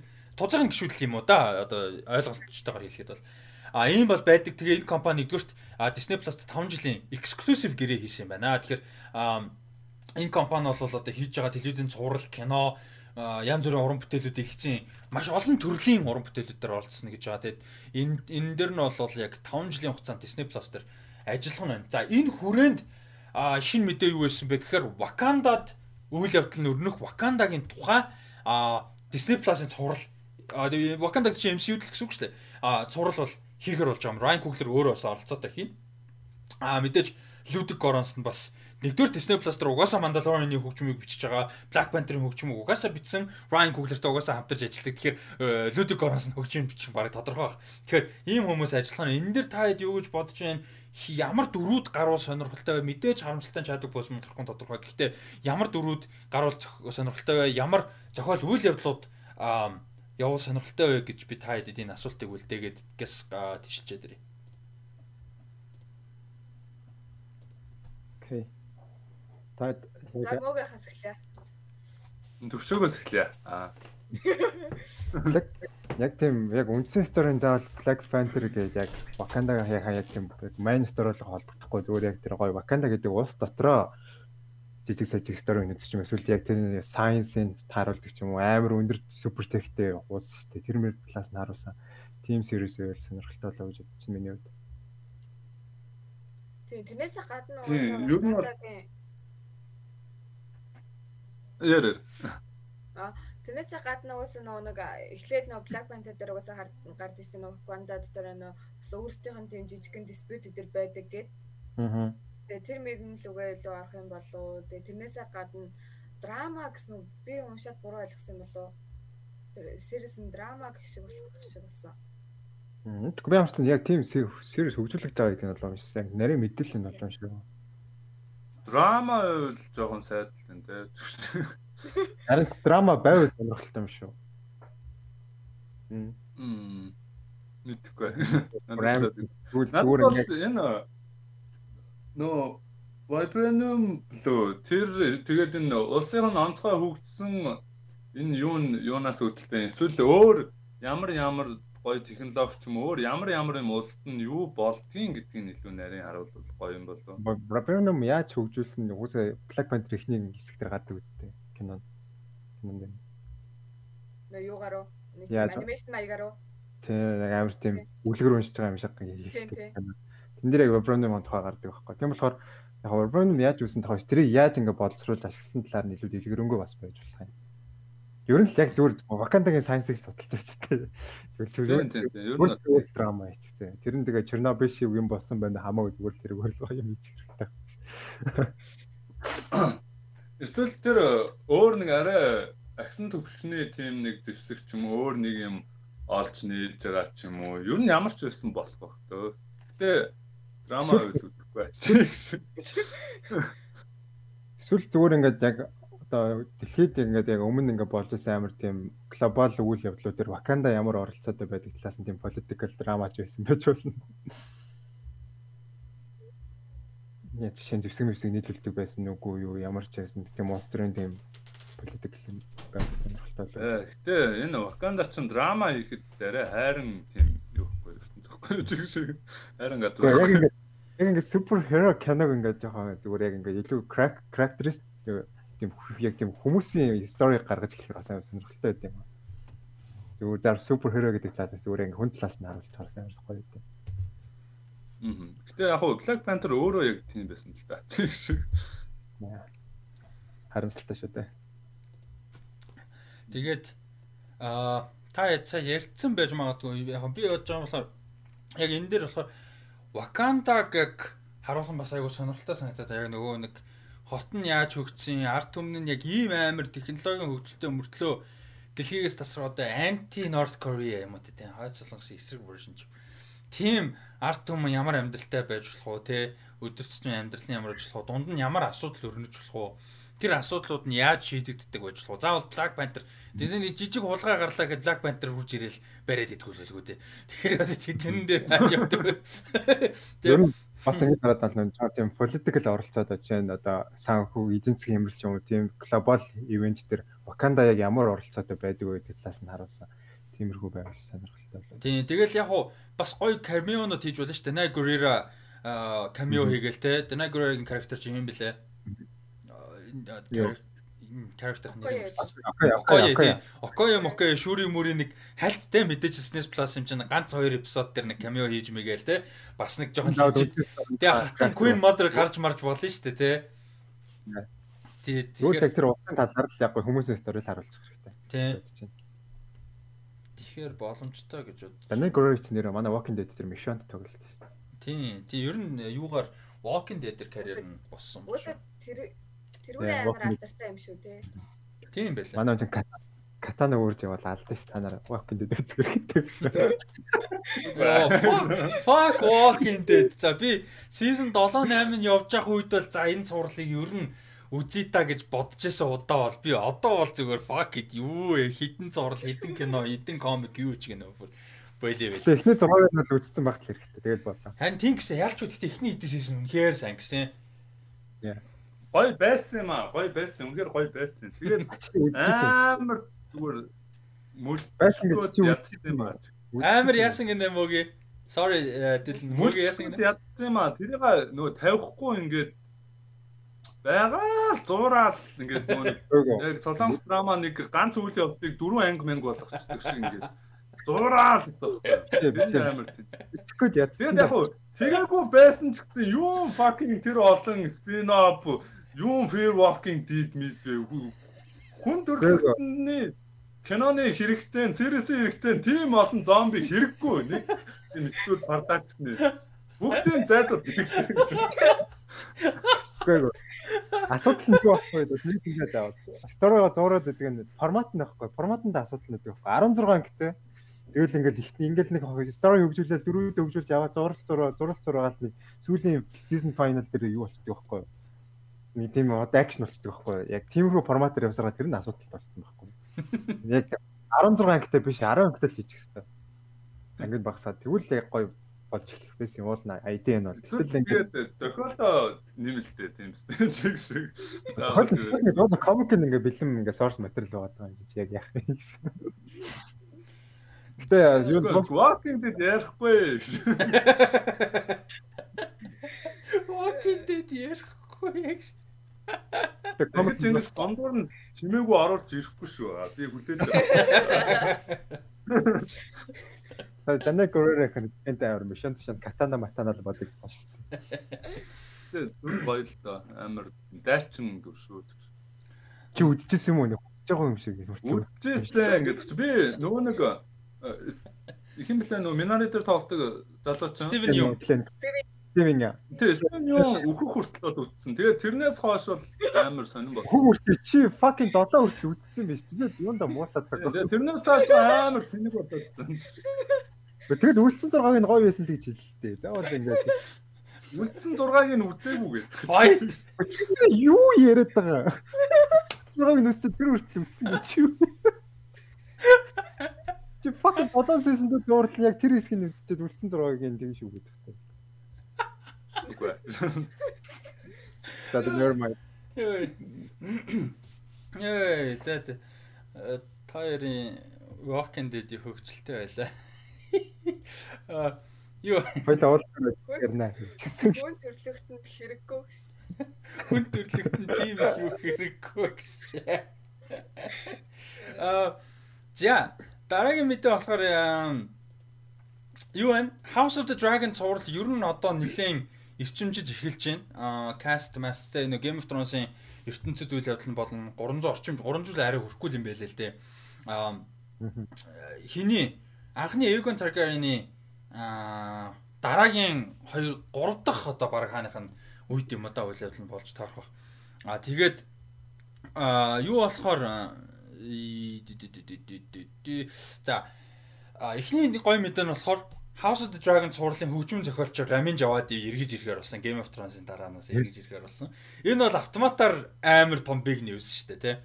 А угаасаа Game of Thrones дээр одоо Star Wars ч гэдэг юм уу төгсгөл юм хүмүүс таалагдаагүй янз бүрийн зөндөө байдаг. Гэхдээ хизээч баг ингээд муулахааргүй хамгийн том аспектууд нь бол хөгжим нь байдаг тийм. Ramin Djawadi-гийн хөгжим бол ямар санд тэр тэр Long Night а Night King энэ төр гэдэг хөгжмүүд нь бол галзуу штэ бүр төгсгөлийн сизон дээр хүртэл тийм. а тэгэхээр Ramin Djawadi бол эргэж ирэхээр болсон нь үнэхээр гоё юу байна. Гоё мэдээ. Хөгжмнаас яаж бичдэг гэдэг сонирм байна. Хуучин демо хөгжим нь бас яаж бичигдэх үү гэдэг нь сонирхолтой байна. Хуучин демо бол ашиглахгүй л үү. Шин цуврал хэмжээ шин дэм зөх гэж байна. Тэг яг хоо юу яваал гоё л да нэг тийм Targaryen одоо айгүй хэцүүлтэй нөө Targaryen team гэхээр Game of Thrones дээр Targaryen гэхээр ганц Daenerys-ээс өөр баг Targaryen байхгүй шүү дээ. За Viserys-ний хальт байж байгаа дөгсөн. Тэгээд ер нь бол яг House Targaryen бол баг байхгүй шүү дээ. Яг ингээ бүтэн утгаараа тэгэнгүүт яг House Targaryen team гэхээсээ илүү Daenerys-ийн team болчиход байгаа байхгүй юу? Game of Thrones дээр тийм тэр Targaryen team нь. Тэгэхээр тэрийг ашиглахгүй бах. А зүгээр яг юу гоё гэж боддог. Энэ үед чи мэдээж Stark-ууд байж байгаа ш. Нэг оролцоогүй ч гэсэн тодорхой хэмжээнд байж байгаа тийм. Lannister-ууд тодорхой хэмжээнд байж байгаа. Яг үндсэн story нь бол Targaryen-уудын тухай. Гэтэ тэд нар ингээд нэг гарах үед нэг тийм Stark team-ийн Lannister-уудын нөгөө нэг Lannister you will always pays this death sky mates. Тэрний нэг юм жижигхэн юу ингээ ардоор нь те аяархан тэрэн дээсч юмсцээ явдаг ч юм эсвэл тэрний нэг өөр хувилбар явдаг ч юм уу тиймэрхүү байх байх зүгээр жижигхэн нэг хальт Rain of Castamere л А Rain of Castamere ч болохоор яг нөгөө тим гэхээс илүү бүр ертөнц дотор нь байдаг дуу штэ. Lannister-ийн дуу штэ. Тий. Тий. А тэр нөгөө нэг Lannister always pays their debts гэдэг нэртэй нь болохоор яг нөгөө нэг шоуныхын яг тим нь баггүй Lannister-уудын тим. Одоо нэм Lannister гууд дан ч ингээ хугараш. Оо хугарсан шүү дээ. Аа тэгээд ямар ч байсан оригинал хөгжим бичнэ гэж найж угаасаа Ramin Djawad хэд эргэлзэх юм байхгүй Westworld дээр угаасаа мондог байгаа тэгээд HBO-той удаан хамтрах нэ. За House of the Dragon-тай холбоотой дараагийн амар гоё мэдээ байгаа. Тэр нь болохоор шин кастинг нэмэгдсэн. За кастинг дээр өмнө нь бол бид хэд ярьж ирсэн Steve Dusant, Reese Ifans, Eve Best, за тэгээ Patty Considine, Olivia Cook, Emma Darcy, Matt Smith гэж жүжигчд ерөнхийдөө байгаа. А тэгээд энэ хэн болохоор энэ Toussaint гэж шинэ жүжигчин нэмэгдэж байгаа юм байна л да.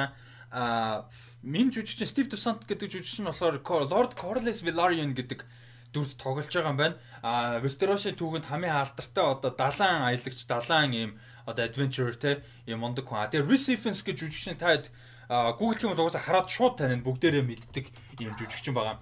А Ifans болохоор Otto Hightower-ын дүрд тоглож байгаа. Нилээн а чухал дүр Hand of the King яг одоо яг энэ зурлын үйл болж байгаа үйл явдлын Hand of the King тоглоно. А тэгээд хиний охинд болохоор Otto Hightower-ын а охинд нь болохоор Olivia Cook тоглоно. А тэгээд а энэ хин Eve Best гэж үжигчин Rhaenys Velaryon, Princess Rhaenys Velaryon гэх Corlys Velaryon-ы түрүүний нөхрийн эхнэрт а тэгээд Sonoyo Mizuno болохоор ийм юуны Essos-оос ирсэн Essos-оос Westeros-т ирсэн нэг ийм учир битүүлэг эмгтэйгийн дүрд ямар ч байсан тоглож байгаа. Тэгээд энэ эмгтэй нь болохоор ер нь жоохон Varys-рах уу? Яг background-а бодох юм бол хаанаас яг яаж ирсэн мэддэхгүй. Тэгээ Westeros-т ямар ч байсан ирсэн. Тэгээ Westeros-т явсаар байгаад Prince Daemon Targaryen-ы бүр юм амар итгэлтэй баруун гарна гэх юм да бараг болцсон. Ийм эмгтэйгийн дүр тоглож байгаа юм санаа юм. Бас нэг сонирхолтой юм юу юм Японы жимжүүлж чинь шүү дээ тий. Тэгээд Game of Thrones өмнө юм Asian хүн байдгүй тий. Миний санаж байгаа. Юунд яг хөө нөгөө нэг Essos руу бүр цаашаа ингээд явах юм бол юу байдаг? Им Asian influenceтэй empire empire юмнууд байдаг. Тэгэхээр энэ яг Essos-оос ирсэн дүр байгаа байхгүй юу тий Misaria гэх нэртэй. Тэгэхээр энэ эмэгтэй бол баг бүр Essos-ын бүр тэр зүүн захаастай тэр нөгөө нэг Аз influenceтэй одоо Аз юм шиг тэр нөгөө юунуудаас нь газруудаас нь ирсэн байх магадaltaй. Аз э, юм шиг Аз ерөнхийдөө инфлюенстэй газар гэж тэ тэр цаашаа тэр нь болохоор нөгөө нэг Empire of Yeti Yeti Empire гээд байдаг. Тэгээд Азаас гадна нөгөө ер нь юуны Game of Thrones World дээр хамгийн миний хувь зүгээр амар сонирхолтой газруудын нэг нь болохоор Westeros яг гэсэн дээр амар boring бохгүй юу? Зүгээр амар politics болохоос бэлэр boring бохгүй. Тэгээ Essos амар сонирхолтой. Тэгээд цаашаага тэр нэг Ashai гэдэг байгаа. Shadowlands Ashai Enter гэдэг. Тэгээд тэр Shadowlands Ashai Enter гэдэг нөгөө нэг тэр хин чин Ashai-аас ирсэн байдаг үлээ. Үгүй ч үлээ дээ. Melisandre чинь ямар ч байсан тэр Ashai-д нэг гэдэг юм sorcerer хүмүүс, necromancer хүмүүс энэ төр байдаг. Янз бүр ил бишэд мэдтэй. Тэгээд тэр Ashai Mashai-д нь бүр ингээд юу байдаггүй хүүхэд гэж байхгүй. Тэгэд нар гардаггүй. Ийм харанхуу байдаг дандаа. Тэнгүүтээ юм янз бүрийн сони илб шиддэг хүмүүс хүмүүс амьдарч амьдардаг. Янз бүрийн witch match байдаг. Тэгээ энгийн хүмүүс очиж мочгоор алга болж молчдаг ч юм. Ингээд ийм амар mysteryтэй, амар magical, амар тийм бэлэр зөвүүн бохгүй. А тэгтээ George R. Martin өөрөө тэрийг бол яг бүр толкон молкон шиг бүр тэгэж амар бүтэн ингэж одоо ертөнц болгож эксплор хийх өөрөө хийж чадаагүй зүгээр ингээд юм өөр дөрүүд тэрний талаар дурдсан эсвэл дурдсан юмыг сонссноо ярьж байгаа юм шиг л ингээд оруулсан. Тэгээс яг ингээд бүтэн яг эксплор хийгээгүй Middle Earth-ийн дом домгууч. Тийм болохоор тэнцээ эксплор хийх бас гоё юмнууд байгаад байгаа байхгүй. А тэгэд энэ character нь бас магадгүй тэр юу мунаас Ашай ч юм уу ET митигээс ирсэн байж бас болох юм Аз юу юм чи. Хөө юм чи тий. Тэгэд энэ House of байгаа чинь үндсэн Westeros хэдэн зуун жилийн өмнө лээ. За 200 гаруй жилийн өмнө ер нь бол. Аа. Тийм 200 гаруй жил юм. Бас юу гэдэг юм шүү те нэг тийм тэр нөө Westeros ингээд нэг юм Аз инфлюенстэй юм шиг газрууд байгаа гэдэг байгаа шүү дээ. Тэрэн дээр нь бас нөгөө нэг тийм Аз одоо нөгөө хиттэй нөгөө нэг луу муу гэж байдаг штэ. Тийм тийм. Тийм луу муу байдаг мэдэг гэж бас тийм байдаг юм шүү. Тийм тэгэж бол яа олон нөгөө нэг гоё юм тэр байхгүй? Хин чин хүмүүс амар хэцүү нөгөө Game of одоо энэ Game of Thrones-ын ертөнцийг Lord of the Rings-тэй харьцуулаад тэр чинь айгүй олон жилийн зайтай дээрээс нь Tolkien хамаагүй илүү их битсэн. Аа Game of Thrones ертөнцийг тэгж хангалттай explore хийгээгүй байхгүй R. Martin тэгж амжаагүй. Тэгэхээр яг тэр бол яг фактор бол байхгүй. Гэхдээ байхгүй дутуу ингээд бүтэн explore хийгээгүй хэн гоё юм нь яг тэр байхгүй. Одоо тэрийг explore хийх боломжтой байхгүй зориулж шинээр. Тэгэхээр одоо чинь Westeros байдаг эсвэл яг уу юуны Valeriad байсан луунууд те одоо бид нарын яг Game of Thrones суралт үзсэн луунууд бол Европ инфлюенстэй луу те. Тэгэхэд цаашаага ET рүү Ashai руу юу байж болж байгаа байхгүй. За sorry видео яаж энэ тасалж чинь. А юу байж болж байгаа байхгүй. Аз инфлюенстэй нөгөө нэг юм уртл хятад луунууд ч юм уу те. Тий, тэгэхээр яг энийг бол нэр үнэхээр тоглоомчгүй яаж л бол яаж амар гоё юу яаж болж байгаа.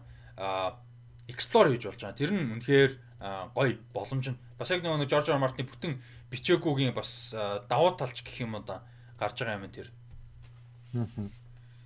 гэж бодож байна.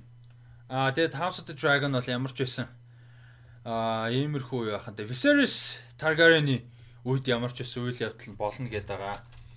Тэгээд Viserys Targaryen ч нь болохоор хиддэх юу юм дээ. Аа За Viserys Targaryen нь шүү дээ тий. Аа юуны э, нөгөө нэг төмөр синтэй гэдэг үлээ. Iron Throne дээр суусан 5 дахь хаан юм байна. А Iron Throne дээр суусан 5 дахь хаан тэгээд а Aegon-ы Conquest-ээс 103 жилийн дараа 103-аас 129 оны хооронд удирдахжсэн юм байна. Westeros-ыг. Юу л нөө Damian Blackfire эдрийн үе лөө. Blackfire-ын яг үе ерөнхийдөө ер нь юу л юм бэ лээ л те. Dance of the Dragon яг болно гэсэн үг. Blackfire яг Dance of the Dragon тэгээд Blackfire энэ төр гээд явах юм шиг байлаа л дээ. Үндсэн story нь бол нэлээд нөгөө нэг Targaryen-уудын түүхэнд байсан амар том нөгөө юунууд байгаа шүү дээ. Зөрчилтэй том асуудлууд. Blackfire-ын 5 rebellion байгаа. Тэрний эхний 1 2 нь бол амар том. Ялангуяа 1 тэгээ 5 нь. Тэгээд Dance with Dance of Dragons гэх хоорондынх нь нөгөө нэг зөрчилтэй байгаа шүү дээ. Хоорондоо байлддаг хамагд нөгөө нэг луунууд Sorry, луунууд өгсөн гэдэг. Тэд нар мэднэрийг ер нь яг энэ цуврал бол бүр яг гол explore хийх юм шиг байлаа. Яа гэхдээ яг үндсэн гот тэр нэг хин Tyrion Jorah хоёрын хэсэг гардаг шүү дээ нөгөө цаашаа юу харж байгаа сүнсэн байгаа Dragon. Valyria юу явдаг уу? Тийм тэр хэсгийн ба зураг мөрөл амар гоё шүү дээ. Амар тэгсэн чинь нөгөө Drogon нисчээдэг. Оо тэр амар тий. Тэгэхээр ингээ House of Dragon бүр ингээ амар хайптай байгаа даа. Тэр бажет гэж бодлоо юм байна. Тийм бажет бол бүр хин Game of Thrones season 8-тай адилхан гэсэн season-ийнх нь. Тэр нэг сүүлийн season гарч байгаа дараа нь нөгөө нэг 8 дахь сесний яаж хийсэн юу н гараадсан шүү дээ. Тийм. Аанаасан тэн дээр нэг эмэгтэй болсон тэр байгаа болоо гэсэн. Нэг амар муухай аштай гэхдээ гоё эмэгтэй байгаадсан. А муухай аштай биш нэ хараал урсгадаг production зохицуулдаг эмэгтэй те тэр бүр хүнд гар те. Тийм үү зүгээр тийм үү fuck ямар удаа юм бэ нэ. Тэр нөө production-ыг ажиллаа хариуцсан нэг том менежер эмэгтэйчүүд биш эмэгтэйчүүд нэ менежерүүдийн нэг эмэгтэй. Тэр бүр амар те мондөг эмэгтэйс. Хүмүүс яаж тэрийг амар респект хийдэг. Жинхэнэ хүнд гар те. Аа тэгээд цас хариуцсан нөхөр бас амар гоё. За тэгээд э, юу болохоор House of the Dragon 22 онд ер нь гарна гэж зорж байгаа. 22 онд гарахтаа Game of Thrones-тай адилхан гарах болоо гэж бодоод байна. 4 сард 4 сард гараад 6 сард дуусах байх гэж бодож байна. Тэгээ 22 оны 4 сараас эхлэн гэсэн идеатай тэгээд yes 10 эпизод. Яг 10 эпизод. Nice. За тэгэхэд э, House of the Dragon-ы аа зураг авалт бодохгүй эхлэх байх. Тэгэхээр бас мэдээлэлүүд гарах ба. Каст бол бас л ер нь нэлээд чанга кастаа болж эхэлж шүү. Одоо ер нь яг нь юуг эхлэхэд бол Game of Thrones-ыг эхлэхэд хамаагүй сул касттай ихэлсэн шүү дээ. Тэгэхэд ч одоо хүмүүс мэддэг жүжигчин Шон Бин л байсан баг. Яг үннийг хэлгээд. Өөр за Джейсон Момоа kind of байж болох юм. Ганцаар акшн кино, Conan Mon. Тэгээд гэхдээ өөр л байхгүй шүү дээ. А хэн бол яг бас нэг Terminator Sarah Connor Monor гэдэг нэг явж исэн. Lena Headey, Cersei тоглолдог. За гэхдээ ер нь бол Шон Бинээс өөр том жүжигчин байгаад. Тэгэхэд одоо бол хамаагүй том жүжигчтэй эхэлж байна. А Olivia Cook бол маш том жүжигчин карьер мундаг явж байгаа. Matt Smith байна, Reese Evans байна, Sonoya Mizuno байна. Ер нь бол нэлээд сайн касттай эхэлж байгаа нь бол бас таалагдаад байна. Тэгээ би бол амар хайптай байгаа. Тэгээд юу гэж бодоод байгаа шүү дээ. Дараа жилийн үдид яг House of the Dragon-ы трейлер мэйлэртэй зэрэгцээд ч ер нь анхны трейлер гарангууд ч юм уу Valor Morghulis шоуга эхлүүлт юм гэж бодоод байгаа шүү дээ. Ер нь яг яг House of the Dragon-ыг яг эпизод ба эпизод ярих шоу хэрэгтэй байхгүй юу? подкаст дээр ярихгүйгээр. Тэгэхээр яг House of the Dragon-а бүр анхны тизер ч юм уу, анхны нэг тийм official юм гардаг шүү дээ. Нэг тизер, постэр, monster something. Яг тэрнтэй зэрэг эхлүүлээл тэгэл гой бүр ингээд яриа авчи гэж бодоо та. Тэр хүртлээ ч гэсэн номнуудаа уншиж дуусгаж мосгаад. Тэгээ яг тэр үед Goten lore-мор судлах амар сонирхолтой тийм. Одоо л үнэхээр сайн мартчихжээ. Тий, яаж ч жоохон мартсан байна. Үзээд явж байхад бүр амар байсан. Тэгээ яг одоо яг Game of Thrones дунд явж байхад байлаа нэг тийм темпэнд орцсон байхад бол ч нэр гоё ярих байхгүй. Тэгээд юу бүгшний эзний фильм эхэлсэн байлоо. Аа баг эхэлсэн баг шүү. Нэр тэрэн дээр би апдейтгүй явж байгаа юм байна. Аа баг эхэлсэн баха. Одоо ингээ хоёр мундаг фэнтези ертөнцийн ингээ series болоод дахиад гарч байгаа хэрэг амар гоё юм байна. Тийм одоо зүгээр Манус бол яг үнэндээ зүгээр амар жаргацсан амьдарч байгаа байхгүй. King in the World. Тийм аа Тэгээ 20 онд ер нь жаргаж өгөх юм бэлээ те 20 онд гинэ одоо ингээд нөгөө дараа 20 онд 21 онд Мөг мөг баг 20 онд жаргасан ганц юм биш. 21 онд гэдэг гой гой гой яалч гой. Зөв юм аа. Амар олон юм нөгөө нэг ингээд хүлээгдсэн байж байгаад яг ингээд боломж нь гараад шууд араараасаа орж ирээд. Яг ингээд цувралууд 21 оноос тааш бол үнэхээр гоё ярагдж байгаа. Наа нөхчихгүй л бол. За дараагийнх нь мэдээ. Аа нөгөө нэг сохор самурайтай кино байдаг штэ Сатоичи гэдэг. Тэрүүгээр л хүмүүс мэдэх бах та. Японы бас мондөг фильм мейкерүүд нэг Китано Такеши гэдэг найруулагч байдаг. Бас жүжигчнэр карьераар бас овоо явж исэн. Аа харах юм бол хүмүүс мэдэн дээ. Киташи Китано Такеши гэдэг нэр бис хоёр нэрийг шууд холилчлаа шүү дээ. Холилчлаа шүү дээ. Китано Такеши гэдэг хүний бисээ Киташи болчихлоо. Китано Такеши гэд харах юм бол угаасаа хүмүүс мэддэг хүн байгаа. Тэгээд мань хүн а юу яаж байгаа юм бэ? А Nest гэдэг нэр нэг sorry нэг гэдэг нэртэй кино самурай кино хийх хийж байгаа юм байна. А тэгээ тэр киноных нь гол дүрд Кен Ватанабе тоглоно. А тийм энэ мань хүний карьерийнх нь яг найруулагчийн карьерийнх нь сүүлчийн кино болж гарах юм байна. Одоо тэгээ 75 үндэстэй гэдэг шиг Китаногийн хувьд. А тийм учраас ер нь бол найруулагчийн карьераа дуусгаж байгаа юм байна. Энэ кино нэг гэдэг кино. Тэгээ энэ кино нь өөрөө юу юм байна? А нэгдүгürt мэдээж Акира Куросавагийн Seven Samurai киноноос үлгэрч авч байгаа. Нэгдүгürt. А тэрнээсээ гадна юу юм байна? А хин өөрөө Купи гэдэг нэртэй зохиол бичсэн юм байна. Такаши Китано өөрөө. А тэр тэр Кузоксо Купи гэдэг нь. А? Купи гэдэг нь Кузоксо. Аа за. Хүзүү interesting. Окей тэгэхээр бас амар утга учиртай байж болох юм байна те. А юу болохоор Купи гэдэг нэр Купи гэдэг зохиолоо болохоор өөрөө бичсэн. А гэхдээ зохиолоо бичихтэй бас амьдрал дээр болж исэн үйл явдлаас сэтүүлж ицсэн юм байна л да. А тэр нь болохоор 1582 онд нэг юм юунд Кёто хотын а ийм темплеч юу юм бэ? Сүм дуганд нэг юм амар том warlord алуулж исэн юм байна л да. Ода Нобунага гэж ийм амар том Японы бүр тухайн үедээ амар том юм лордуудын нэг нь алуулж исэн аллага болж исэн.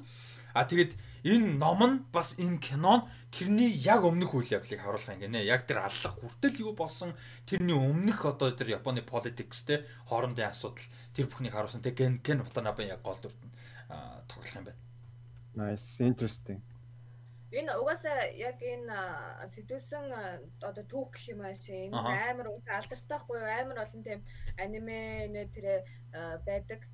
Тэгээд энэ Ода Набунага гэдэг хүн болохоор юу яг нэг Япон амар нэг хоорондоо хоорондоо одоо ингээ одоо ингээд гэр бүл гэдэг юм одоо ингээд клан кланаар амар хуваагдцаа хоорондоо байлддаг байсан. Shogun War гэдэг юм дээ. Тийм тийм тухайн үеийн тэр Сенгоку эра гэдэг Сенгоку хааны үеийн тийм амар том дайм болж ах хамгийн анх одоо нөө ингэж Японыг нэгтгэх зорилготой байсан юм баггүй юу? Тэг яг амар том амар том ингээд тулааны ард гарчаад байж хат нь яг мань нөхрийг хамгаалт айгуу суулмал байхад нь яг нэг нөхөр шалтгаан мэддэхгүй заяа очоод темпл дээр нь ингээд тийм цайны яслын үеэр нь очоод алдсан баг яахгүй. А энэ тэгээ бүр амар том стори юм биш үү те? Тийм амар том стори. Historical fact юм шүү дээ те. Nice. Тийм. Nice. Nice. Nice. Одоо Набунага нь өөрөө тэгээд яаж магаад амиа орлоод нэг сэпүк үйдэн штэ.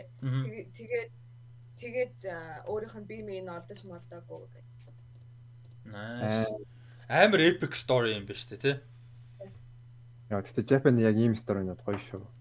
Ингээ цаана нэг юм epic тий. Цаана л амар cinematic тий. Йоо бас нэг нэмж хэлэхэд яг энэ энэтэй холбоогүй л тээ зүгээр сая нөө энэ уран бүтээлийн бас сүүлийн кино мань гэж ярихаар нэг гинт Миязаки санаанд орлоо. Аха. Йоо Миязакас одоо нэг сүүлийнхээ уран бүтээл дээр ажиллаж байгаа. Яг одоо л хөгжүүлээд явж байгаа. Тэгээ тэр яг үйл явц нь болохоор яг ингээд бүр одоо бараг 30 30% орсон байна уу юу байна ингээд хийж байгаа хүмүүс нь болохоор одоо ингээд амьд байх үед амжиж дуусахгүй байхаа гэсэн там юу л та тамагтай байгаа байхгүй. Одоо ямар нэгэн how do you live гэдэг нэртэйсэн баг. Одоо чи яаж амьдарч байгаа гэдэг нэртэй тот тийм юун дээр анимашнэрээ ажиллаж байгаа. Тэр нь яг шинж зөөрүүлж хийж байгаа гэхээр ач нартай зөөрүүлж юу нэг retirement retirement-ээс гарч ирж хийж байгаа юм лээ. Тэгээд тэрвээ дуусахгүй ч гэсэн ямар ч гэсэн ач нартай зөөрүүлээд энийг ингээд үлдээгээд үлдээчнэ л гэсэн тиймэрхүү утгатай талаар нэг тийм кино хийж байгаа юм лээ. Бүр юм жаа. Баггүй гэж магадгүй гарал сайн байна. Ямар нэг юу бодохгүй ямар ч юм Мизаки бол яг одоо ингээд сүүлийн хорон бүтээл дээр ажиллаж байгаа. Одоо ингээд 80 гарсан шүү дээ. Тийм үү.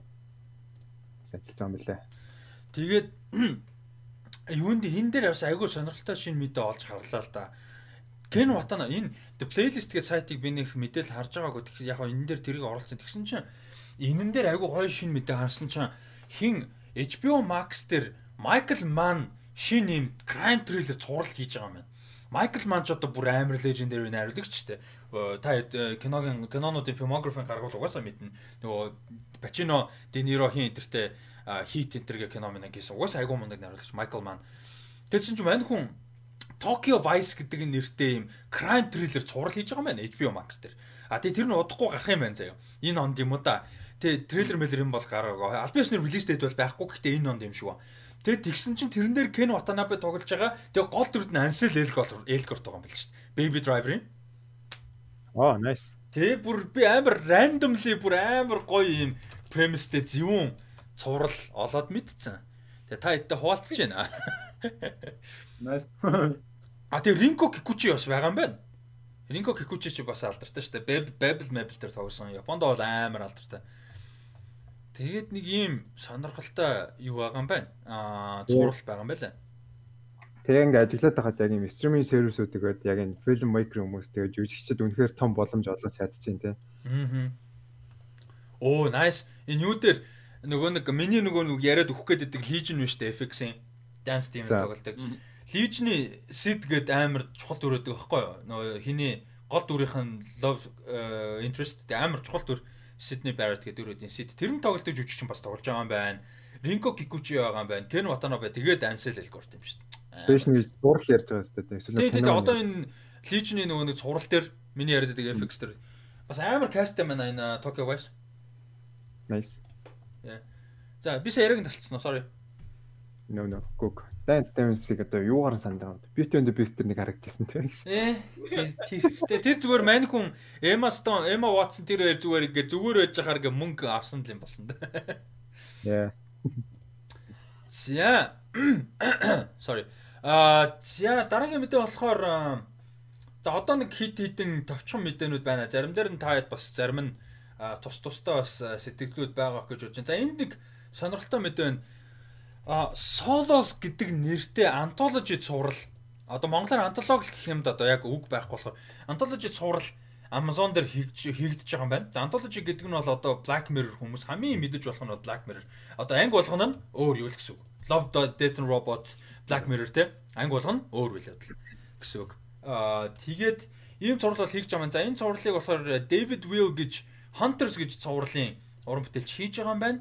Аа тэгээд энэ цувралын а жүжигчдийн бүрэлдэхүүнд болохоор заа ганц хоёр мэдгүй жүжигч юм байна. Мэддгээс Morgan Freeman, Anne Hathaway, Anthony Mackie, Dame Helen Mirren, Dan Stevens, Constance Wu гэсэн жүжигчд бол энэ бүрэлдэхүүнд багтж байгаа юм байна. Бас л нэлээд олон мундаг жүжигчд бол байна. Тэгээд яг жанр нь юу байх нь бол тодорхойгүй. 7 ангитай.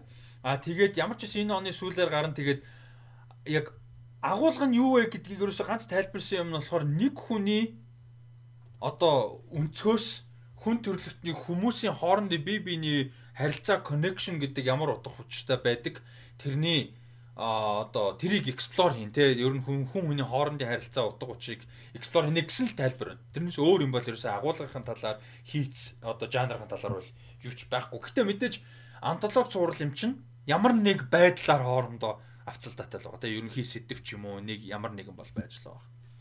Констанс үү байгаа гэхээр бас амар гоё. Аха. Одоо Morgan Freeman гоё. Nice. За мөг.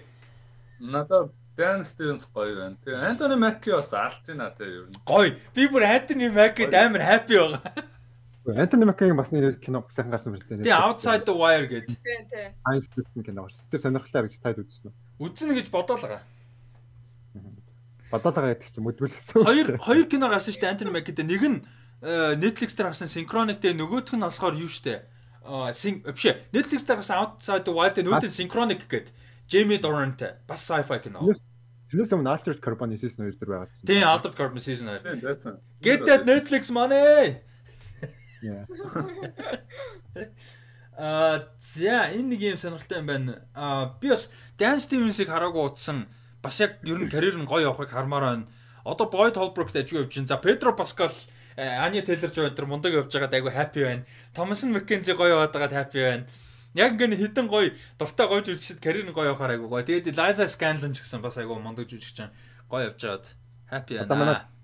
Dana Condor бас тийм глобал стар болох хэрэгтэй байна. Тийм, Ланако өө нэр To Old Boys 3 3 үзсэн бүр амар хөөрхөн байлээ. Айгүй хөөрхөн байлээ. Тэрүүгэнд айгүй хөөрхөн трилоги яваад дуусчлаа штэ. Яа. За.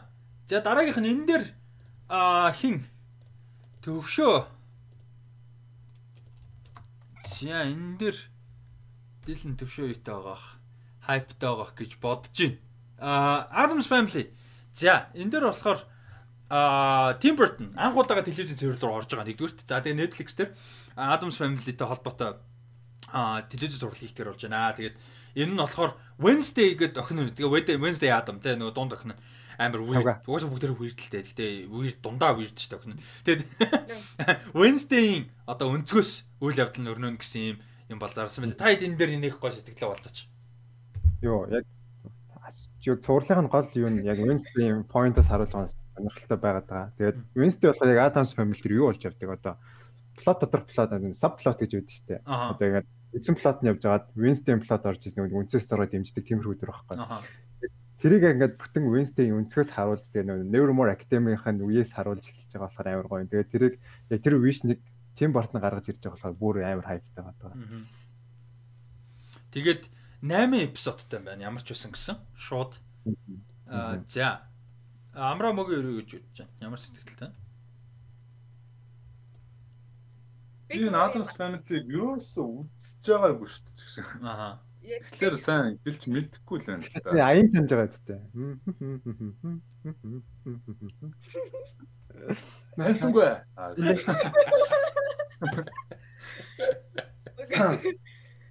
Гэтэ энэ зүгээр хардаад байхгүй байна. Аха. Тий зүгээр харж байсан л одоо юу л байна л та зэрэг юм л байна л та. Тэгээд Tim Burton-тэй бол амар гоё зохихоор л харагдчих. Үгүй тэр чин тэр Wednesday гэдэг охин тэр нөгөө нэг юм pigtail-тай хүмүүстэй те ингээ хоёр үстэй. Тий, тий, тий. Тэг ер нь бол уур амьсгалын зохихоор л харагдчих. Зарим хүмүүс ярээр амраа. Үгүй би болтон л Тэгээд бас тэр нэг хүмүүсийн хандлагыг харж байгаа юу бодлоо. Кристина Ричиг амар тийм өөс хүмүүс их байгаа тийм. Энэ энэ хүн орж ирэхгүй бол үзэхгүй мүзэхгүй гээд. Одоо яаж тэр төвч гарцсан хүн тэр жоохоо тоглолт гадаагаа ерөөс ойлгохгүй. Кристина Ричигийн хувьд апдейт өгөхөд нөгөө дуу оруулсан. Яг Wednesday-д. Доороос бас өмнөх юун дээр тоглосон мэт өөрөө. За тоглосон байж бол магадгүй. Ямар ч үсэн дуу бол оруулсан амар алдартай өндөр нь өөрөө тоглосон байт Кристиан Рэй чинь. Аха. Сая энэгээр чинь нэг анимашн гараад ирлээ үү? Сайн сайхан. Тийм сайн нэг сайхан нэг анимашн гарсан. Би анимашн нэр яг тэнгисч үзчихсэн шүү дээ 19 онд лөө. Тэгээд подкаст хийгээд дуудаад шууд канцел. Кино кино так локо майд орж тийм Батараа шагнал аваад яг тэр шагналын мөнгөөр үзчихсэн байхгүй юу? Гэрэл үзүүлээгүй ааш. За нэг Wednesday гэдэг энэ охин энэ Orphan гэдэг киноны охин биш үү гэж өөрөө. Аль ямар кино? Orphan гэдэг нэг кино үстэй Sony. Ээ тэр Adams Family чинь бүр аль 90 оны кино шүү дээ. 91 оны кино. Тийм. Тэр үед Кристиан Рич чинь жоох охин байсан баг. Окей. За. За дараагийн мэдээ айгүй сонирхолтой мэдээ байна. Scorsese-гийн шинэ кино байгаа шүү дээ, тий. Аа Killers of the Flower Moon гэдэг Epic Tom project байгаа. Тэгээ энэ project-ыг Paramount дээр хөгжүүлж ирсэн. Тэгээ Apple Apple руу шилжсэн. Хөрөнгө оруулалт бүх юм нь distribution. Тэгээд гол дүрд нь Leonardo DiCaprio тоглох болсон тэрийг хүмүүс мэдэж. Эсрэг дүрд нь хин Роберт Де Ниро тоглож байгаа. Тэгэд тэгсэн чинь жүжигчдийн ролуудаа сольж байгаа юм байна. А Дикаприо бол гарч байгаа бол биш. Гэхдээ гол дүрд нь Дикаприо биш. А Джесси Племенс тоглохоор болж байгаа юм. FBI эйжентийн дүрд. А тэгээд Дикаприо болохоор дүрээс болоод тэр хиний гол эсрэг дүүрийнх нь одоо үеэлэнч гэх юм уу дүүнч гэх юм уу те нэг дүүд нь бол дүүгийнхэн дүрд тоглож байгаа юм л да хоёр дахь одоо ер нь бол туслах дүрлүү шилжиж байна л гэсэн үг Дикаприо. Шал өөр дүрлөө орж байгаа юм. Тэгэд яг энэ нийтлэл дээр бас аягүй сонирхолтой юмнууд байна л да. Нэгдүгürt яагаад Paramount-аас анханасаа Apple руу шилжсэн бэ гэдэг талаар ярьж байна. Тэрний яасан гэсэн чинь А нэгдүгээр Дикаприо энэ дээр айгүй их мэдлэлтэй л байгаад байгаа юм л да айгүй powerful байгаа. Тэгэд мань хүн тэр гол дүрийнхаа эйжентийг тэр нөгөө нэг гол эсрэг дүрийнхаа nephew одоо гол эсрэг дүр өөрх нь агуу гах болгох те ийм зориг бол айгүй их байгаад байсан. А тэгээд яг үндсэн зохиолч тэгээд Scorsese тэрэн дээр бол санал бол нийлэхгүй байгаад байсан. А тэгээд тэрнтэй холбоотойгоо ерөнхийдөө зохиолч нь тэгээд хин Дикаприо айгүй олон юм дээр зөв санал зөрөлдөж ягаад бас хин хиндэ хин хинийхээ саналыг хүлээж авсан юм айгүй их байсан. Тэгээ ерөөхдөө нэг подкастн дээр зохиолч нь ярихдаа бол мань хүн 50% хүссэн юм аа авсан би хүссэн юм а 50% авсан л гэсэн ярьцлага өгсөн байлаа л тэгээд а тэд нар тэр өөрчлөлтүүдээс нь болоод Paramount-о сонирхолгүй болж ирсэн юм байна. Яагаад тэгэхээр тэр өөрчлөлтүүд нь ганцхан дүрийн өөрчлөлтөөс гадна уур амьсгал хийцтэй холбоотой тэгээд зохиолтой.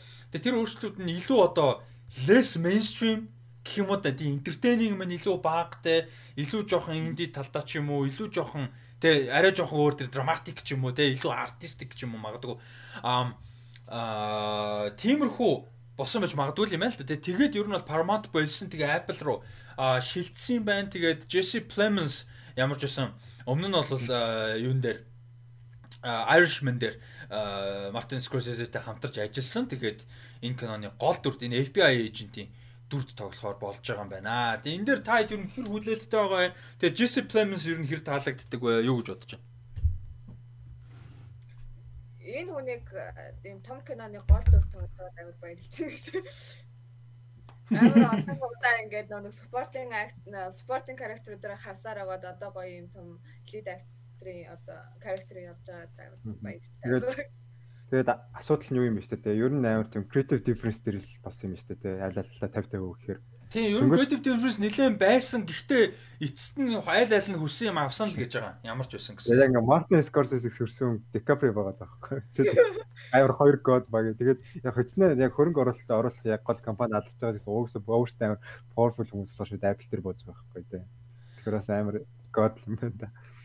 Тийм, тэгээд э, Scorsese-гээс гадна writer-тайгаа л бас нэлээд л зөрсөн л гээд байгаа. Eric Roth ч өөрөө бас айгүй мундаг зохиолч шүү дээ. Тэгэхээр яг 3 оны юу бол бас нэлээд л явсан юм шиг байна. Гэтэ бас creative difference гэхээр бид нар бас ингээд хараад зарим нэг уран бүтээлчид ингээд creative differences олж гардаг болдог. Тэгээ Edgar Wright Ant-Man-аас болсон ч гэдэм том жишээ гэх юм бол ийм хүн байгаад байдаг. Гэхдээ айгүй олон жишээн дээр creative differences сайн бүтээл гардаг шүү дээ. Ер нь яг ингээд тэгээ хоорондоо зөрчилдсөн, өрцөлдсөн тэгээ debate тим юмнаас улам нэгтарч улам сайжирдаг зохиол үйл явдал те олон хүний өнцөг харж бас тийм тохиолдол зөндөө байдаг. Тэгэхээр бас сөрөг гэсэн үг бол бас биш л дээ те. Яа яа. Одоо яг аватар ямар болохыг бас харах сонирхолтой нэ тэрнээс болоод. Аха. Яг үндсэн хоёр өөртөө бол гарсан шүү дээ. Тэгээ Брайан Конецко Ди Мартино хоёр болцсон. Тэгээд Netflix хийх өргөжлүүлэн хിവэрэ гэдэг байгаа. Тэгээд ямар ах гэдэг сонирхолтой. Яа яг Killing of the Flowers мөний хувьд бол яг story нь бол амар сонирхолтой. Яг API яаж үүссэн тухай яг тэр үеийн үйл явдал дээр өрнөж байгаа болохоор аа тэр Мартин Скорсегийн кино болохоор нэлээд мундаг бас том хүлээлттэй байгаад байгаа. Тэгээд сая сүүл Amtingen Bending Things дээр айгу гоё байсан. А Breaking Bad-ийн нөгөө нэг El Camino дээр бас дүрээ дахиж бүтээсэн. Тэгээ угаасаа Breaking Bad-ийн дүрээр мэднэ. Jesse Plemons бүр яг ингээд одоо яг Амрагийн хэлдэгтэй адилхан ингээд юм том уран бүтээлчин Charlie Kaufman-ы араас том уран бүтээлчин киноны гол дүр тоглохоор болж байгаа бол амар баяртай байна. Аа гоё мэдээ. Тэгээ Jesse Buckley ч гэсэн яг Amtingen Vending Things. Йоо, Jesse Buckley бүр амар гоё байсан. Та хэд Amtingen Vending Things үзсэн үү? Үзег байгаа. Үзээч. Аа, за. Би өөрөө хугацаанд мөгийн киног үзэх хөртэй байгаа гэсэн. Тэр яг яаж зах тэр кино нь юу юм бэ? Мань яг одоо нэрийг мартчихсан. Бэт бас мас never mind. За Дараагийн мэдээ өнгөрсөн 7 хоногийн жившилтэй өмнөх подкастын мэдэн дээр апдейт хийж байгаа юм болохоор Army Hammer за Army Hammer-ийн талаар бид нэр ярьжсэн те ер нь нэлээд асуудалтай байгаа хоёр киноноос болсон сонин сонин нөгөө чат мат юмнууд нь илэрсэн те олон олон нийтэд цацагдсан тэгээд ер нь нэлээд асуудалтай байгаа гэдэг. За тэгсэн бол мань хүний асуудал нэмэгдээд юу яасан байна? Нэгдүгээрт production 2 3 киноноос гарснаас 2 кино цувралаас гарснаас гадна өөрийг нь төлөөлдөг одоо тэр Монгол манай монголчууд гэх юм жаашаа ерөн зүгээр яг хүмүүс маань зарим нь мэдгүй байж магадгүй. Гэхдээ энэ бидний яриад байдаг зохиолч, найруулагч, продюсер, жүжигчин энэ олон уран бүтээлчд production designer хүртэлтэй costume makeup юу гэдэг. Энэ бүх хүмүүс ихэнх нь төлөөлөх эйженси гэж байдаг. Ихэнх нь ихэнх нь шүү.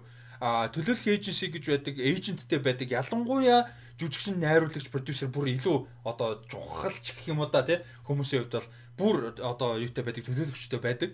Тэгээ төлөөлөгч нь зүгээр нэг хүн гэхээсээ илүү байгууллагууд байдаг. Ер нь бол их их тохиолдолд. А тэгээд Холливуудын хамгийн том бос юм эйженси байгууллагуудын нэг WME гэж компанид компани бол Army Hammer-ыг төлөөлдөг байсан. Тэгээд мань хүнийг бол бүр үйлчлүүлэгчдийнхаа бүрэлдэхүүнээс хассан юм байна. Гэрээгээ цуцсан юм байна. WME сая. За энэ дээр бол ингээд Army Hammer бол ер нь карьер нь дуусчвуу даа гэж бодож байна. Амраа юу гэж бодож байна. Би бол угаасаа амар харамсалтай байгаа гэж хэлээл байгаа гэж. Тэгээ яг энэ дээр нөгөө нэг яасан бэхгүй юу? сүүлд нөгөө би Дэв Шапелийн юу үзсэн баггүй одоо Netflix special гаргаад байгаа шүү дээ. Одоо 4 5 special гаргасан. Тэгээд одоо сая буцаад Дэв Шапел show гэдэг нэг Шапел show хуучин show тий. Аа. Хуучин show-г нь одоо ингээд стрим хийх ингээд юу боломжтой болчихсон. Тэгээд тэр ихний юун дээр нь Шапел show-н дээр нэг Дэв Шапел хэлдэг аахгүй нь одоо хин штэ Bill Cosby-гийн тухай ярьдаг аахгүй юу? Тэн дээр ингээд тухайн үед ингээд одоо анх ингээд Bill Cosby-гийн ингээд ийм мэдээнүүд ингээд rape case alleged rape case-үүд нь ингээд гарч ирэх хэлж хахад Dave Chappelle ингээд миний тэгэж амар их тэгж хүндэлдэг байсан тэр хүнийхээ тухай ингээд тийм юм сонсох айгу хэцүү байдаг. Та нар бодоод үз одоо та нарын хаар одоо Kevin Hart 20 хэдэн жилийн дараа ингээд амар олон case-тэй байсан ингээд яриад байсан. Үстэйгээ ярьдаг байхгүй. Тий, тий. Тэр шиг санагддаг байхгүй амар харамсалтай амар дуртай жүжигчин ингээл Ками Boy name дээр дээр харж байгаа л ингээл бүр амар ингээл кул залуу ингээл байж зүгээр юм болонгууд ингээл бүр ингээд шантраад ингээ ölбөр сөгч байгаа юм. Тэгээ тэр асуудал нь бас амар тийм 100% үнэн юм шиг биш те. Харин тийм тий. Тэр нь бас эргэлзээд байгаа байна. Яг хоо юу юм бэ л л те. Мань хөр reputation нь ер нь ингээд айгуу жоохон хүндэл reputation-тэй юм бэ л л те. Бид нар нэг мэдгүй. Гэхдээ Холливуудда кино салбарынхандаа ер нь яг уран бүтээлч талаас нь бол угаасаа карьер нь мундаг те олон жил э, дээшилж явж байгаа. Ялангуяа Коми Байер нэмээс хойш бүр дээшилсэн. Тэгээд ирээдүйтэй ч гэж яригддаг. Тэгээд ийм тэгсэн чинь мань хүний яг зүгээр яг өөр нь хүмүүс донд reputation жоохон тааруул байсан юм бэ л л те. Угаасаа яасан гэхээр нэгдүгürt одоо юу яаж байгаа юм бэ лээ. Тэр ч одоо бодоо болсон байх мань хүний хувьд нөгөө хоёр хүүхдийнхаа шүүх хурал болж байгаа юм байна лээ. Эхнэрээс өмнө салцсан. Тэгээ хоёр хүүхэдтэй. Тэгээ хоёр хүүхэдтэй нөгөө нэг э, юу яадаг штэ? Custody дээр нь өрсөлддөг штэ өрсөлддөг те. Өрсөлдөд байгаа хөөхтэй шүүх хурал болж штэ тэгээд нөгөө нэг өөр дээр хоёр хүүхдээ авч үлдэх гээд байсан юм байлээ. Шүүх хурал нь яг болж исэн юм байлээ. Тэгээ одоо бол одоо бодоо бол байлгүй ийм хүнд шүүх нь үлдээхгүй байлгүй. Тэгээд а нэгдүгээр тийм байсан. А тэгээд тэднэрийнх нь үүсэл гарал асуудлууд нь юу гэсэн чинь мань хүн бол эхнэрийнхээ араар бүр ингээд араар нь тавьдаг сонирн биш болцсон байсан. Бүр ингээ бараг зүгээр Холливуд мэддэг. Мань хүн бол зүгээр ингээ яаж ерөөсөө ерөөсөө ингээл кино production ямар нэг ажил юмар ингээл гадаад мадаад юу гэдэг өөр ингээл явж яадаг. Дандаа ямар нэг охтуудтай хүүхнүүдтэй ингээл явж яадаг. Ерөөсөө ингээ нэг тийм сонирн биш хүмүүс тэгээд ингээд мань хүний бонд монд гэж доойлж мойлдог. Зарим нь одоо магтах маягаар чилдэг ч юм уу, зарим нь доойлох маягаар чилж мэлдэг байсан гэдэг ч байгаа байхгүй юу. Ер нь бол яг тэр тал дээр reputation бүр ингээд угаасаа тийм болцсон. Тэг эхнэрэн сүлдээ fucking fair болоо бүр ингээд салж малж исэн л бэлээ л тэг хүүхдээ авч үлдэн өөрөө үлдэн үлдэн энэ төр гэл. Тэгээ нэг тиймэрхүү асуудал байсан. Тэгэд тэр дундаа болохоор яг уу байсан юм ингээд тэртээ тэргүй айгүй олон хүнтэй sexually холбоотой юм байдаг Тэгээ нөө өөрөө амар мундаг карьертэй тэгээ царилэг залуу. Тэнгүүд нөө Instagram ч юм уу юмар хүмүүс ингээд бичиж бичих юм айгүй их байдаг тэгээ фэм мэнүүд ч юм янз бүр. Тэгээ тиймэрхүү юм хүртэл хүн ингээд мань хүн өөрөө контакт контакт үүсгдэг л байсан юм байна л та. Тэнгүүд чинь ингээд нөгөө фэм мэнүүдтэй ч юм уу суперстар хүн фэм мэнүүдтэй контакт үүсгэхээр одоо э, байр суурийн хувьд шал өөр левелд харьцаа эхэлж байгаа шүү дээ тэр чинь тэгээ зүгээр хоёр хүн танилцаад эхэлж байгаас шал өөрөөр эхэлж байгаа. Тэгэнгүүт ингээ мань хүн трийг айгүй их дагуулж ашигладаг Тэгэл тэр нөгөө нэг каннибализм энэ төр шиг юм гачин гүйрд юмнууд нь явдаг ч юм уу те. Тиймэрхүү юм байсан л гэдэг юм яригдж байлаа. Би тэгтээ ямар энийг ямар мэдж байгаа ш зүгээр яг хуу энэ мэдээнд зориулж судалсан юмнууд дээр тиймэрхүү юм гарч ирж илээ. Яг тэгж ярангуй ч make sense байна л да. Яг яг тэгэхээр Twitter-ийн харахаар бас амар сонь сонь юм бичдэг төхөр байгаа байхгүй. Тийм дайрсан fucking fuck mug assholes мос гэдэг тийм яг ингээд яг миний төсөл түүнээс шал өөрхөн байгаа байхгүй тийм. Би тэгж харахаар бас нэг жоохон хогийн asshole баг гэж магадгүй бодлоо л та тэгсэн. За дараагийн asshole Аа ямар ч байсан хиний айсуул үгүйг сайн мэдэхгүй байна. Гэхдээ энэ гендрийн асуудал биш шүү зүгээр Army Hammer ямар ч юмнууд бол амар асуудалтай. Аа тэгээд хинийх дараагийн айсуул за хоёулаа айсуул. Аа Gina Carano Mandalorian дээр Cara Dune гэдэг тоглосон хүмүүс мэдж байгаа. За тэгээд өмнө нь бол нөгөө бид нар ярьдаг нохоо зодоонд байсан, нохоо зодоон ч байсан. За тэгээд бас mixed martial art-аар тулдаг байсан, спортын тамирчин байсан, тэгээд дулааны тамирчин байсан. Аа тэгээд жүжигчин болоод явж байгаа. Gina Carano ямар ч байсан Lucasfilms буюу Disney Walt Disney компаниас халагдсан. Mandalorian season 3 дээр тоглохгүй тэгээд ер нь бол зөвхөн Mandalorian гэлтгүү айгүй олон нөхцөлд бол мань хүн ингээд карьер нь айгүй эвгүй байдалд оршиж байгаа. А тэгээ энэний ямар ч байсан нэгдээс хайлагцаа. Тэгэд нөхцөл байдал нь юу вэ гэхээр хүмүүс нэг айгүй юу яагаад тах шүү.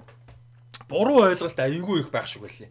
Үзэл бодлоо сошиал медиагаар илэрхийлснээс болж инглээ гэдэг юм байгаад тах шүү Тэр бас яг ганц үзэл бодол биш байгаа байхгүй. Одоо эн чинь ингээд жишээ нь ингэж нэг пост байгаа байхгүй. Хүн ингээд юм маск зүүсэн хүний пост оруулангуудаа тэнцээ ингээд тайлбар дээр нь description дээр нь юу гэсэн байсан гэсэн чинь ингээд маск зүүгээгүй хүмүүсийг тэгээ шүмжиж байгаа шүү дээ маск зүүсэнгүү тэгээ бусдынхаа эрүүл мэндийг болоо өөрсдийнхөө эрүүл мэндийг бодсонгүй чинь дэлхийн fucking pandemic болж шүү дээ.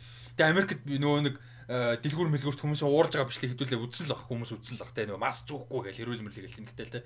Тэгээ тэгсэн чинь ингээ маск зүүгээгүй зүүхгүй гэж зүтгэж байгаа хүмүүсийг ялгуурлаж тэгээ одоо гадуурхаж ингэж одоо юу гэдэг нийгмийн нүдэнд буруутгаж байгаа нь юуны наци үеийн еврейүүдийг ялгаж байгаас ялгаагүй малгаагүй гэсэн бичсэн байгаа байхгүй. Тэгээ вакцин хийлэхгүй вакцин бол асуудалтай асуудалтай тэгээ ингээд нэг удаа биш удаа дараалан бүр ингээ айгүй удаан хугацаанд дандаа юм нөгөө нэг буруу мэдээлэлт хараасан те ийм зүгээр нэг үзэл бодол илэрхийлэхээс илүү дандаа юм амар асуудалтай ийм үзэл бодол үзэл бодол гэхээс илүү мэдээлэлт хараасан өнцөг хийсэн иймэрхүү юмнууд айгүй их байгаад байсан. Тэгээд бас юу юм бэлээ. А тим юм ингээд шууд тэрнээс нь болоо шууд халчаагүй. Одоо ингээд тий битээ гоо ингээд тий одоо ингээд айгүй олон удаагийн олон сарын бүр. Тэгээд дахиж нэмж бичээд байгаад байсан байгаа байхгүй. Тэгээд тэр нь ингээд бүр ингээд сүүлдээ яг бодит асуудал үүсгэж эхлэв. Тэгэд нэг удаа биш бүр айгүй удаан хугацаанд айгүй олон удаа бүр ингэж Instagram болон Twitter дээрээ бүр ингэж юм хүмүүст буруу мэдээлэл ясан, ташаа мэдээлэл өгсөн, тэ маск ч юм уу, эрүүл мэндийн шинжлэх ухааны баталгаатай юмыг зөрүүлсэн. Одоо ямар санаа дээр маск зүгөөгүй нэг хүндлэгийг еврейүүдийг яаж байгаатай харьцуулах ч юм уу, тэ like what the fuck тэ. Тиймэрхүү юмнууд айгүй их ингээ удаа дараас уучраас халагдсан байна. А тэгээд а би яагаад зүгээр амар айсгуул гэж эхлүүлсэн бэ гэхээр яасан бэ гэхээр мань хүн халагдангуудаа маргааш нь Бен Шапиро гээд right wing media хийдэг нэг юм сэтгүүл мэтгүүлтэй баг явдаг байхгүй бүтггүй баг гэж. Амар сонин баг яваа зав.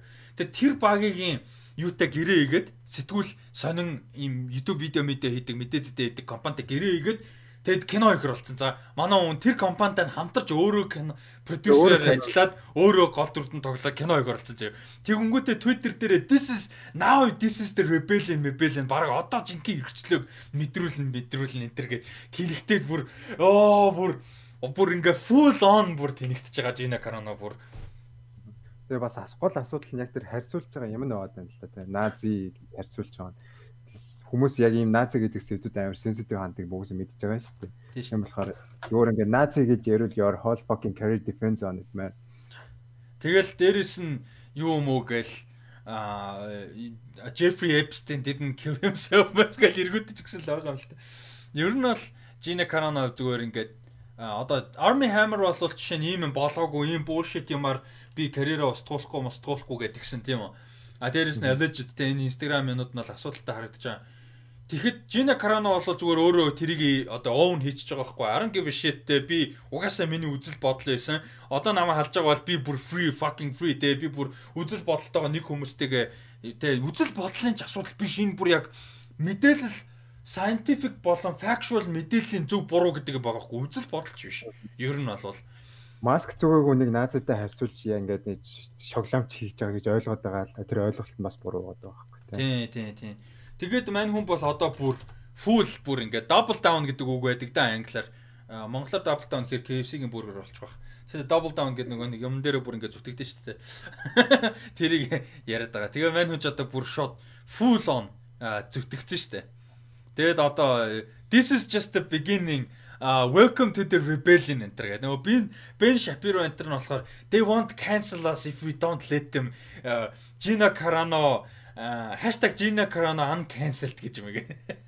Тэгээ нэг иймэрхүү юм бол болж байна. Гэтэ энэ амир хэр бол хэр баг харагдаад байдаггүй юм нөхцөл байдал. Тэ ингээд ийм нөхцөл байдлаас халагдаж ч юм уу халагдахаас гадна нийгмийн нүдэнд ийм асуудалтай байдалтай байр суурьтай эсвэл буруу мэдээлэл тараачаа тэрэн дээрээ шууд ингээд буруу хүлэн зөвшөөрөх ч юм уу тэгхгүйгээр бүр ингээд бүр тэрлүүгээ зүтгээд те бүр одоо бараг би фри боллоо rebellion rebellion ийм юм болол бүр ховор штэ. Гэхдээ наадхаас Трампаас хойш өдөр болгон харсан штэ. Тэг яг үгүй тэр бол окей файн зүгээр Трампта вот өгсөн байх үгүй энийг хамаагүй байхгүй. Тэр бол нэг сонирн бол биш те үзэл бодол гэдэг нь чинь нэг юм буруу мэдээлэл ташаа мэдээлэл тарах гэдэг чинь одоо Монголд битүү тийм болж шээ. Яг та дагд юм уу юм уу? Би дагддаг болохоор мэдгүй. Гэтэ ингээ хүмүүсийн скриншот ма дарангууд амар олон мэдээлэл олон хүмүүс дагж магдаг юм фолловертэй Twitter, Facebook-тэй хүмүүс ингээл би лав өстой нэрээ өөртөө болон хүүхдүүдтэй вакцин тараах тариулахгүй яадаг хамраар нь чип, нано чип суулгадаг ч гэнэ яадаг ч гэнэ бүр ингээд fucking санаа зов тэр тэрнтэй адилхан зүйл байхгүй юу энэ болохоор тэгээ үзэл бодлоо хураална хуваа сошиал медиагаар өөрийнхөө одоо юун дээр платформ дээр хуваалцсан гэдэг нэг асуудал буруу мэдээлэл ташаа мэдээлэл тарах тэ ингэх гэдэг чинь шал өөр асуудал байгаа байхгүй. Аа. Тэнгүүд одоо энэ дүр байхгүй болсон ч гэсэн яг Carrot яг үн Mandalorian story дуусан хэрэггүй ач холбогддог юм биш үү? Тийм. Гэхдээ яг уул нь бол Rangers of the New Republic гэдэг цуврал зарлцсан байсан. Тэгээд ID нь бол мань хүн бас тэр цувралынхаа гол дүрүүдийн нэг байх юм байсан юм бэлээ. Гэхдээ нэг сонирн биш те. Нэг Жина Кароногийн дүр дээр нэг амар фокуслах шаардлага угаасаа байхгүй. Тэгэхээр та хүн хүн өөрийнхөө төлөвшлөөс болоод тэгэл хасагдж байгаа ч. Ээ манай манай Dance Team Педро Паскал Маскал Эмад Ани Тейлер Жом эднэр нэг юм асуудалд орчихгүй байх юмсан.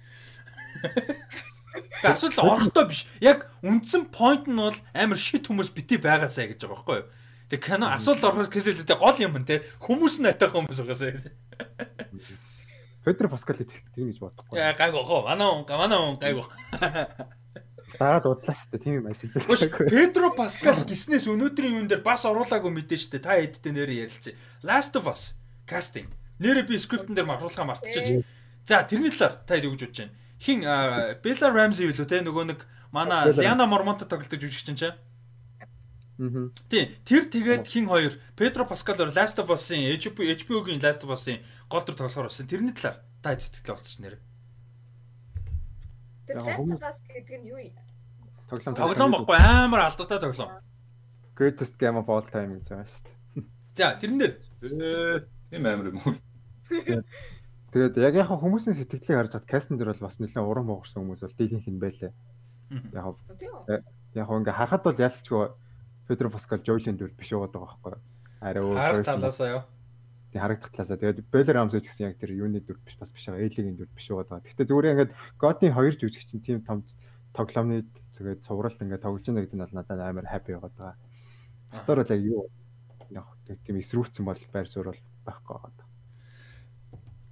Би болохоор аха би бол уус нэг мэдгүй юм чи надад бол тэр нэг зурагтайгаа бол яг л бараг л таарсан гэж харагдсан шүү.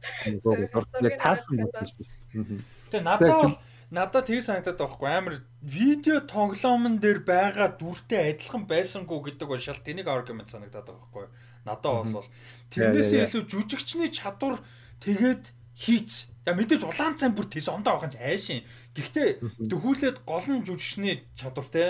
Тэгээ уран бүтээлч байгаа чадвараас хамаарах хэрэгтэй гэж би бодоод байгаа байхгүй. Те Педро Паскал дуртаагаас гадна зүгээр дуртай гэдэгтэй биш. Дуртайгийн шалтгаануудын нэг нь Педро Паскал шаан жүжигч юм баггүй. Тэ тэгээ Белла Рамси за Педро Паскал яжууд бол хангалттай ингээд сайн гэж хэлэхэд юм бол бага байна. За Леона Мармонтын хувьд бол амар байсан тэр дүрд тий. Тэрнэр жоохон хүүхд байсан. Одоо бол нэлээд том тийнейжер болцсон. Тэгээ сүүлд тийнейжер болсон үедээ юунд тоглосон? А HBO-гийн His Dark Materials season 2 дээр тоглосон. Гэхдээ тэрэн дээр амар жижиг туслах дүр болохоор хангалттай гараагүй. Хангалттай ингээд explore хийгдээгүй season 3 дээр үргэлжлэж гарах юм шиг байлаа. Тэгэхээр яг хуу тэрэн дээр бол бас яг хуу орон зай бол байна те. Гэтэ потенциалтай гэдэг бид нар мэдж байгаа шүү дээ. Ляно Мормот төр мондог байсан. Тэгэхээр эргэлзээ бол байхгүй байгаа. А тэгээ адилхан харагдана гэдэг аргумент бол надад хангалттай санагдахгүй байхгүй. А тэгэхээр юу гэдгийг fucking Ashton Kutcher-ыг аваачаа тавьсан бол хүн боож өгч болно шүү дээ. Жүжигчний ур чадвар. А тэгээ ийм комеди жүжигчин байлаа гэдэг ч юм уу те. Something те Тиймэрхүү байх юм бол өөр түүнээс тэрэн дээр бол яг тэр поинтыг бол би нэг санал нийлэхгүй л байна. Бэлэр Рамсыг юу л та одоо чинь Ляна Мормоч нэг тийм амар доминант дүрстэй хүмүүс нэг тийм амар тагцсан тэгж харцдаг те. Яг Эл Эли өөр бас нэг тиймэрхүү дүр байхгүй. Жон тийм айсуул тэгээ муухай ааштай. Гэтэ яг айсуул. Тэр нэг хүүхдийн байгаад яг тийм болохоор яг тэр персон тэр яг тэр жүжигсэн персоналаа тийм яг тэр Элигийн дүр тохирох хангалттай тохирох жүжигчин гэж бодож байгаа. Nice. Тэгэл fucking makeup хийгээл болгож шүү дээ. Тэр асуудал шүү байхгүй? Тэгэл гоо ээ тэгээ ер нь угаасаа Чернобылийн Craig Mason хийж байгаа шүү дээ. Тэгээ зохиолын. Тэгээд зохиол сайтай үйл явдал өрнөө сайтай дүрслэл гойтой тэгээд ийм жүжиг сайтай байхад нэг адилхан харагдсангүй гэдэг юм гол юм байхгүй байлгүй дээ. Тэ. Тэгээд заавал видео макро байх албагүй байхгүй тий. Яг уу яалтчгүй тэр Николай Костер болдоо балер адилхан юм бэлээ л дээ. Яалтчгүй балер адилхан юм бэлээ л дээ. Би харсан тэр зургийг. Тэг ядчих Николай Костер болдоо ч өөрөө бас дэжгүй сайн жүжигч шүү дээ. Тэгээ HBO-той ойрхон ажилласан. Тэг яг уу яалтчгүй тэр бол бас тэрийг ойлгосоо ойлгосоо адилхан юм бэлээ. Болдоо яг яг Last of Us 2-ын story дээр орж тогсон бол арай өөр яг тохирох байсан. Энэ бол яг өмнөх стори нөхгүй. Тэнгүүд Петр бас бол байж болохоор байхгүй. Петлокас юу болтой арай жоохон хөвгчдөг чиг санагдаа. Та яг өдрөө яваад нэг л үе баг л та уулна. Тэгвэл ингээд тарианы хөв. За. Аа, get that money. Ер нь дуртай үзчихэд get that money гэхээр гоё байна. Петро Паскал. Аа. За. За дараагийнх нь болохоор яг энэ жоохон харамсалтай мэдээ гэхдээ бас агүй олон жилийн карьертэй агуу уран бүтээлчдийн нэг жүжигчин Кристофер Пломер 91 настайдаа сайхан нас урсан. Тэгээд ямар нэг хүн дөвчин юугаар бол насараагүй. Ер нь байгалийн жамаар нас урсан. Тэгээд мань хүн 91 настайдаа нас урсан. А Оскарын түүхэнд хамгийн өндөр настайдаа одоо жүжигчийн төрөлд нэр дэвшсэн хамгийн өндөр настайдаа жүжигчний төрөлд Оскарын шагнал хүртсэн юм жүжигчин шагнал. Тэгээд сүүлд 2011 онд Beginners киногоор Оскарын шагнал хүртсэн. Сүүлд 18 онд All the Money in the World гэх Ridley Scott-ийн киногоор Kevin Spacey-г оруулж орж ирээд Оскар нэр дэвшсэн. За бүр залуудаа а Sound of Music киноны гол дүр тогсноор бол нэлээд алдартай. За ийм мундаг одоо legendary жүжигчин 91 наснда сая таалал төгсжээ. Тэгээд бас айгүй ийм юу жүжигчин байсан. А орчин үеэр харьцуулбал одоо хэн байж болох вэ? Аа би юу хийж хэлэх гээд юм хэр мань хүн ингээд нэг юм нөгөө айдасгүй жүжигч юм байсан. Ямар ч дүр авахаасаа айдаггүй.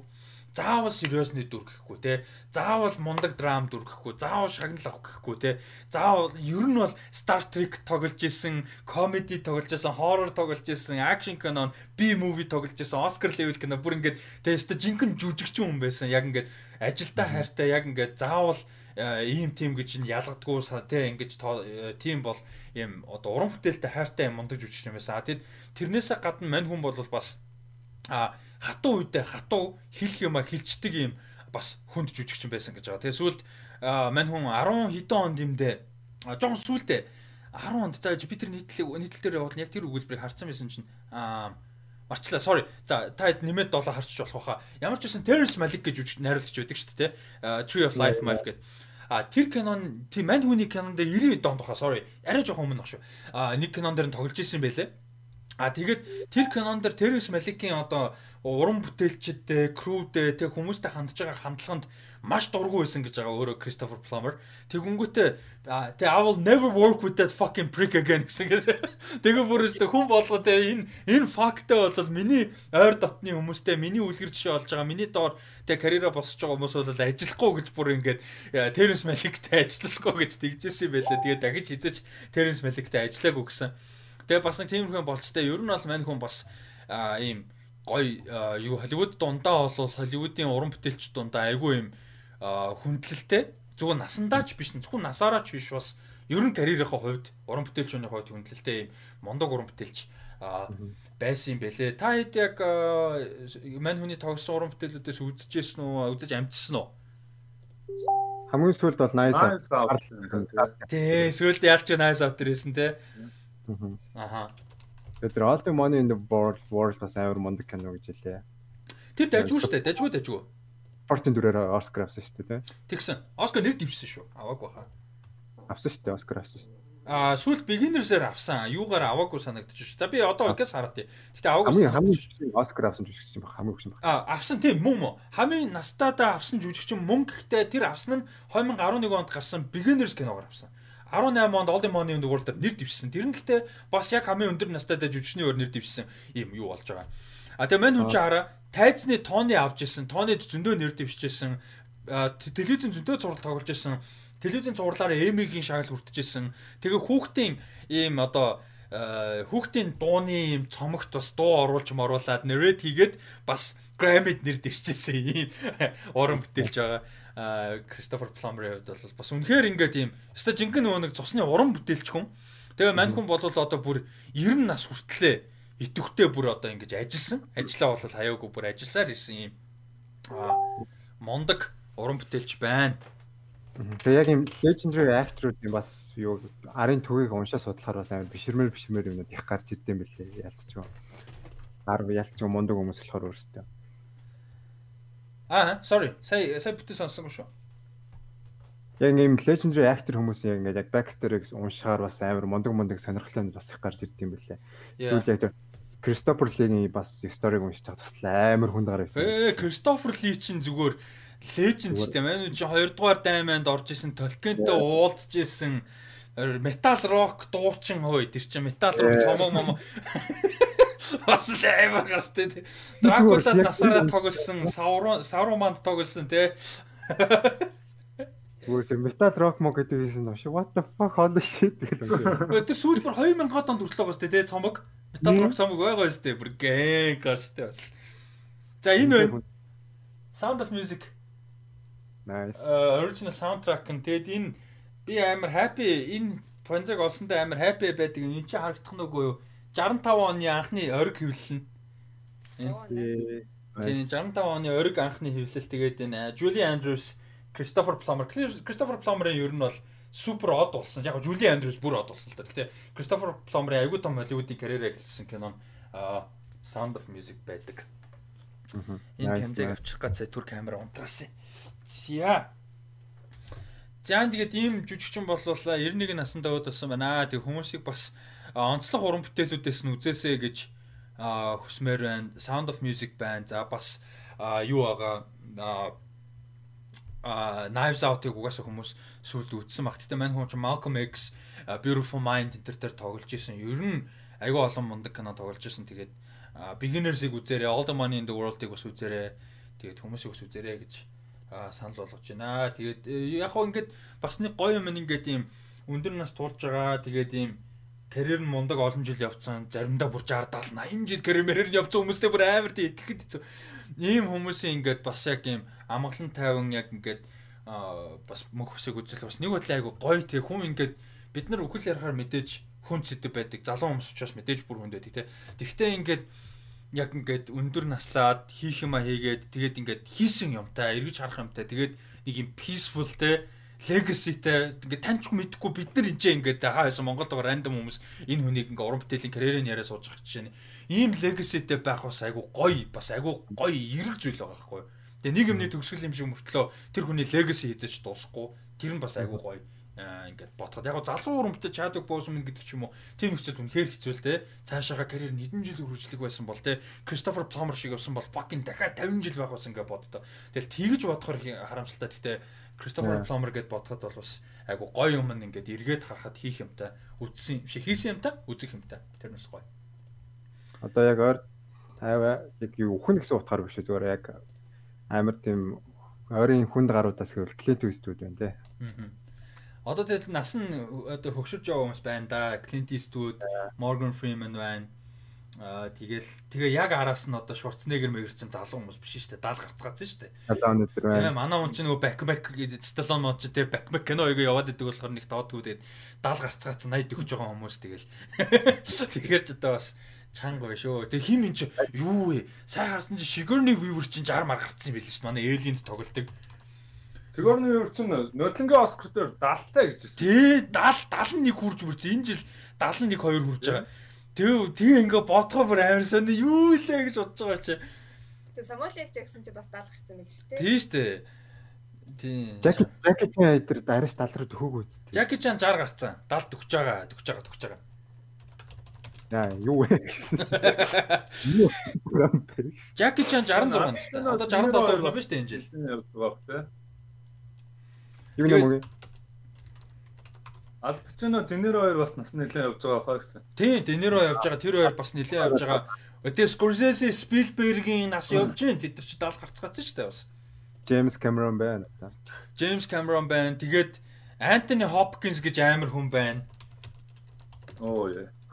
Тэгээ James Cameron хажууд тэдний чи хажууд бас залуу юм штэ. Эсвэл 70 гарчлуу. А гайгүй мэн 66 таа байна. За эднэрийнхээ хажууд ч бас залуу юм байна. Anthony Hopkins одоо 83 таа. Li. Алпачино 81-тэй юм биш. Аа 81. 81 үстэй. Тэ 1940 он гэж шүү дээ. Тэ тэгэхээр ч одоо Anthony Hopkins 83 таа, Al Pacino 83 83 таа, Pacino 80 таа. Тэгэхээр одоо бас одоо стол явцгааж байна да. Li мэтлээ одоо хиттэй юм би. Амар гинт хүмүүсийн насгардаг амар санаа зовсон сешн болоо. Гинт амар Жетли гайгүй. Тэрэнд арай бодоогүй бата. Доны болоо санаа зовж идэв. би ч тооцоо байна. Доны энэ Доны за Доны юм болоогүй.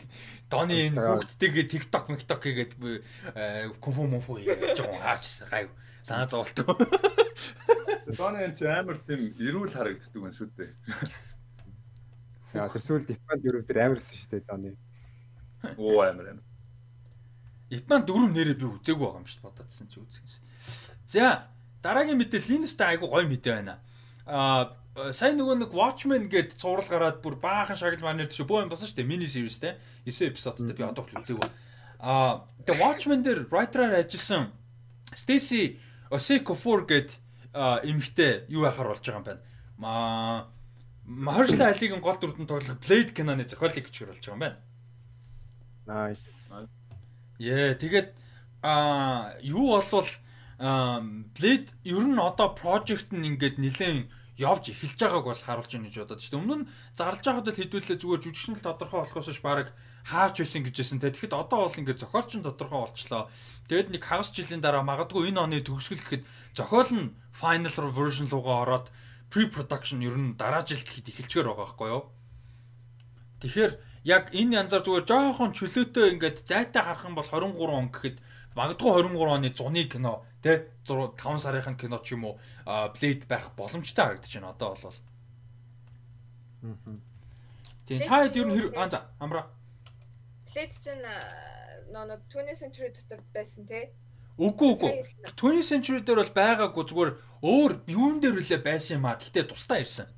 20th century Fox-ыг авдгаас өмнө ирэх нь ирсэн. New Line Cinema. Магадгүй New Line Enter дээр байсан байж бол магадгүй. Яг ямар ч үсэн 20th Century Fox дээр бол байгаагүй маа. Тэгээ тэр нэг одоо уусаа тэр юу Deadpool 3 чинь R8 твэрэ байсан байна гэд тэгээ зарлцсан байсан юм чинь одоо Blade бас R8 байлгүй дээ. Тийм. Яг тэр яг хамгийн том нөгөө нь хэдүүлээ яг ярьж шít. Deadpool-ыг R-rated гэж confirm хийсэн нь хамгийн том supporting юм болчих жоохгүй. Blade-ыг R-rated хийхэд те. Яа гэтээ бас MCU R rating руу орж ирэх хэрэг сонир байх шүү те төсөөлөхөд. Яа. Тоо Blade-ийг нэг үзье. Гоё шүү бас л те. Амар iconic шүү. Гоё хувьд гоё шүү. Тэгээ аа юуны хувьд болохоор аа Phase 4 Тийм тэгээд ямар ч байсан гэсэн Mahershala Ali-гийн юу болвол Blade 22 он гэхэд ер нь нэлээд ойртох боломжтой болчихж байгаа маань 23 онд одоогийн байдлаар гарах хуваартай байгаа ганц кино бол юу байгаа? Guardians of the Galaxy 3 байгаа. Яг 23 он гэж тооцоолж байгаа кино бол. Тэгээ энэ он дөрвөн кинотой. Fucking hell. Энэ он дөрвөн кинотой. Black Widow байгаа, Shang-Chi байгаа, Eternals байгаа, Spider-Man 3 байгаа. А энэ он дөрвөн кино. А тэгээ 22 онд болохоор юу байгаа? Doctor Strange in the Multiverse of Madness, Thor Love and Thunder, Black Panther 2 тэгээд Ant-Man and the Wasp Quantumania гэсэн дөрвөн кинотой байгаа. 22. Fucking камер хаа энэ. Тэгээд дунд нь мэдээч нөгөө Disney Plus суурлууд тий. Тэгээ 23 он бол Guardians 3. Тэгэхээр Fantastic Four бол бас хизээ байхын тодорхойг. Тэгэхээр ер нь Blade Fantastic Four бол 23 он гэхэд нэг гайхааргүй болоо явчлаа. Ер нь бол ялангуяа ялангуяа Blade бол. За тэгээд ер нь юу яана бас нэг мэдээ өргөч чаа. Нэгэнт аа Marvel-тай холбоотой юм ярьсан дээр өнөөдрийн одоо энэ дугаар байна тий. Одоо энэ а 110 дахь дугаар тий 111-ээс эхлээд Marvel-тай холбоотой ямар ч мэдээ бол подкастаар ярихгүй. Подкаст подкастын үндсэн мэдээгээр мэдээллийн агуулга сэдвээр ер нь бол ярихгүй. Яг хуу Marvel Talks шоун дээр яриад явна гэсэн. 7 хоног болгон Marvel Talks шоу гарна. А Marvel Talks шоун дээр бол тухайн 7 хоногийн онцлог мэдээнүүдийг ярина. За бас тухайн үед нь гарсан шоу, кино юу вэ дээр юу хийгээд явна гэсэн үг. А гэхдээ Marvel Talks дээр орж амжаагүй а бас чухал том мэдээг подкастн дээр орж ирж байгаа хүн ярмаар байл мэдээд сэтгэлээ хуваалцж болно. Гэхдээ үндсэн мэдээ болгож ерөөсөө оруулахгүй гэсэн. Дараагийн дугаараас эхлээд. Яагаад гэвэл Marvel Talks гэж шоугаа эхлүүлсэн явж байгаа учраас Marvel-ийнхаа ямиг Marvel руугаа ярьсан дээрээ гэж шийдсэн байгаа шүү. Тэгээ Marvel Talks show гэд хууц байгаа лайк дарцгаагаараа яг линк нь бол facebook.com далий зураас Marvel Talks show а зүгээр Marvel Talks гэ хайхаар баг гараад ирнэ гэж найдаж байна. Аа тэгээд лайк дарцгаагаараа мэдээлэл аваараа тэгээд Rusty Media гэдэг YouTube дээр subscribe хийгээрэй. 7 хоног болгон аа Marvel Talk Show шинэ дугаар гарч байгаа шүү. Яванда hopefully сарын дараа гэхэд амар гоё шинэ мэдээ хүргэнэ гэж найдаж байна Marvel Talks-тай холбоотой. За видео үзэж байгаа хүмүүстийн ганц ойрон хөдлөөд байвал уучлаарай. За ийм байна. Дараагийн мэдээ ариг оръё. Аа дараагийнх бас нэг товчхон дурдаад өнгөрөх мэдээ. Та плейд дээр сая юу байсан нь? нэмж ярих сэтгэгдэл юу байна? Үлдээсэн юм байна уу? No. Гайгүй юу. За за. Моги өгч чи сайн моги нэг плейт дээр нэг юм ярьсангүй. Яг уу би нөгөө плейт дээр юу яана гэж бодлоо. 23 онд гарна гэвэл бас нэг удаа үлээх юм. Тэгээ хоёрт Маршалла али хідэн нас хүрч байгаа юм болоод гэж бодлоо л доо. Аха. Гүг сая энэ бол ихтэй нөгөө юунда биш шүү. Яа яа. Яг нөгөө ойлгож байна ойлгож байна. Одоо нөгөө нэг зүгээр удаан франчайз явах маах гэл нэг юм байна. тийм тийм ер нь нэг юугаа харуул яг зохицолтолгоо харуул яах юм бол. Marshall Ali юу юм байна? 47 настай маань энэ жил 48 хүрэх юм байна. Тэгээд юу гарахад бараг 50 хүрсэн байх нь. Аа Blade гарахад. Сонирхолтой тийм тий 50 дээр Blade гэхээ. Гэхдээ Black Don't Crack. Тийм Black Don't Crack тэр бол тийм. Тэгээд хиний Marshall Ali-гийн интервью яриануудыг үзэх зүгээр амар гоё төхөө зүгээр ингээд юм. Амар Тийм. Тийм юу гэдэг вэ? Meditation session шиг гэдэг. Тийм амар deep philosophical биш philosophical зүгээр амар deep wisdomтай тэгээд амар юм ийм тайван амар controlled үг болгондоо ач холбогдлоо гэж ярьдаг нэг юм мангар зөвүүн суул үг мөг гэж байхгүй. Өгүүлбэр нь эхлээд өрнөөд дуустдаг араас нь нэмэхгүй дунд нь өөрчлөхгүй балер юм балер жигцтэй ярьж мэрдэг амар зөвүүн Тэр Обама Обама шиг заяо. Энийг тийм ярьж байгаа үг тэр юмнууд нэг тийм амар дааттай гэсэн. Тэг тэг жинтэй. Аа тэгвэл аргагүй юм байна. Би чи Moonlight үзчихээ зөв шүүд Adopt Me л гэж утсан шүү дээ. Йоо Moonlight тэр ихтэй арай л гоё те бүр. Яа. Яаж чад ингээ ярьж хат нь ингээд нөө амар урт хуруутай. Тэгээ гарын амар гоё ингэж хооронд нь ингэж хасарж масарж ярихаар ингээд гарлууна гараа амар гоё гэж. За. Дараагийнх нь а дараагийн мэдээ айгүй гоё мэдээ. Дэвид Личийн шин одоо юм хөлний алуурчтай акшн триллер кино хийж байгаа юм. За Дэвид Лич юм гэхээр угаасаа мэдж байгаа Джон Уикийг Chad Stahelski-тэй хамтарч найруулсан. Тэгээ мань хүн Atomic Blonde-ыг найруулсан, Deadpool 2-ыг хийсэн, Hobbs Shaw-ыг хийсэн акшн найруулагч. Тэгээ мань хүний шинэ кинон дээр а гол хоёр дүрд нь Sandra Bullock, Dave хин Brad Pitt хоёр орж ирж байгаа юм байна. Nice. Энэ бүр би бүр амар амар хайптай байгаа. Бүр зүгээр ингээд юм яг акшн киноны найруулагчтай эн чинь нэг тийм амар одоо Mission Impossible ч юм уу Bond мод шинэ тийм амар том божеттэй франчайз биш шүү дээ. Зүгээр яг original action кино дундаж божеттэй тэгээ гоё акшн найруулагч дундаж божтер кино хийж чаддаг акшн найруулагч тэгээд супер хоёр найр жүжигч юм. Тэгтээ нэг тийм Оскар Москар кино биш. Тэгэхэр бүр амар гоё байгаа байхгүй юу? Тэгээ энэ хоёрыг акшн кинонд хараагүй амар удаж штэ. Тэр нь бас сонирхолтой жүжигчдийн сонголттой байна. Аа. Анти каст амар гоё байгааз. Яа яа. Амар гоё каст. Би тэр нөө Брайан Henry лөө. Брайан Брайан Тайри Хенри юу? тэр чинь бүр надад амар гоё талдагдаад ингээ гоё явж байгаа амар баяртай. Тэгээ энэ кастн дээр болохоор Aaron Taylor Johnson байгаа. Тэгээ Brian Tyree Henry байгаа. Joey King байгаа. Zazie Beetz байгаа. Тэгээд Michael Shannon байгаа. Бүр амар касттай. Тэгээ гол дүр нь Brad Pitt, Sandra Bullock. Тэгээ акшн трейлер. Би бүр ингэж аа икон дүр амар хайптай. Сандра Балкын хамгийн сүүл зүүн дээр сарсан юм. Бараг Gravity юм. За Bird Box үстэй. за, тийм бах. Bird Box-оос хойш баг байхгүй бах. Сүүл тэрийг үз. Тэгээд- Тэгээд сүүлдээ нэг series дээр тоглоод л өөж юу л дээ. А Bird Box гэсэн юм амар үз. Тийм үү? За тэгээ мань хүн болохоор а юу юм байна? Гол дүрдний хоёр тэгээд Bullet Train гэдэг нэртэй кино байгаа. А Bullet Train нь болохоор юу юм байна? А хизээ гарах юм те 20 21 оны сүүлээр юм уу да 21 онд бол багтаа гарчих юм байна. Ягаад тэгэхээр зураг авалт нь а, 20 оны 11 сард эхэлсэн юм байна. А тэгэхээр одоо бол зураг авалт нь дууссан. Тэгээд яг акшн трейлер кино бол энэ ондоо бараг багтаад гарчих а, магадaltaй нэг бол дараа жил ихээр бол гарчих магадaltaй тэгээд юус а, Япон хүний бичсэн зохиолоос бол сэдвэлт сэдвтэй байна. Тэгээд үйл явдал нь болохоор юу юм байна? Амар зү юм. Японд тэгээд bullet train гэдэг чинь одоо нэг Shinkansen шүү дээ нөгөө нэг юм хурдан хурдан вагон тий хэдэн зуун км цагтаа явдаг. Тэгээд тийм вагон дээр 5 хөлсний алуурчин байгаа. А fucking камера энэ тий 5 хөлсний алуурчин байгаа. Тэгээд тэднэрийн хо- бүгдээрийнх нь даалгавар алгаж байгаа таргет нь хоорондоо ямар нэг байдлаар авцалтаатай болж таард юм байна. Тэгэхээр хоорондоо бас зөрөлдөж магадгүй. Тэгэхээр энэ том жүжигчд байгаагийн учир бас тэнцээ байгаа. Зөвхөн хоёр том жүжигчдээс гадна туслах каст нь мундаг. Тэгэхээр энэ бол бас амар зөвүүн ийм storytelling юм байна л да. А тэгээд оо god damn. Хөөе, кастн дээр нэмээд заяо. Logan Lerman байгаа юм байна. Hiroyuki Sanada байгаа юм байна. Тэгэл fucking Lady Gaga байгаа юм ба шүү дээ. What the fuck? Lady Gaga гэхдээ rumrууд гэж байна. Йоо, харин тийм л юм байл та. Гэхдээ зургийн авалт нь юу яатсан болохоор дууссан болохоор энэ баг э, тодорхой л баг л та. Зургийн авалтан дээр нь Break-ийг Heroic санаад дээр хоорондоо алчиж нэг бод. why not? Why not? Give me give me Hiroyuki Sanada versus Lady Gaga. Damn, гэхдээ ямар амар каст юм бэ те. Араас Pitt Арай э. амар каст юм уу? Brad Pitt Sandra Bullock хоёроо гарч зүгээр алдчих юм биш үү тийч.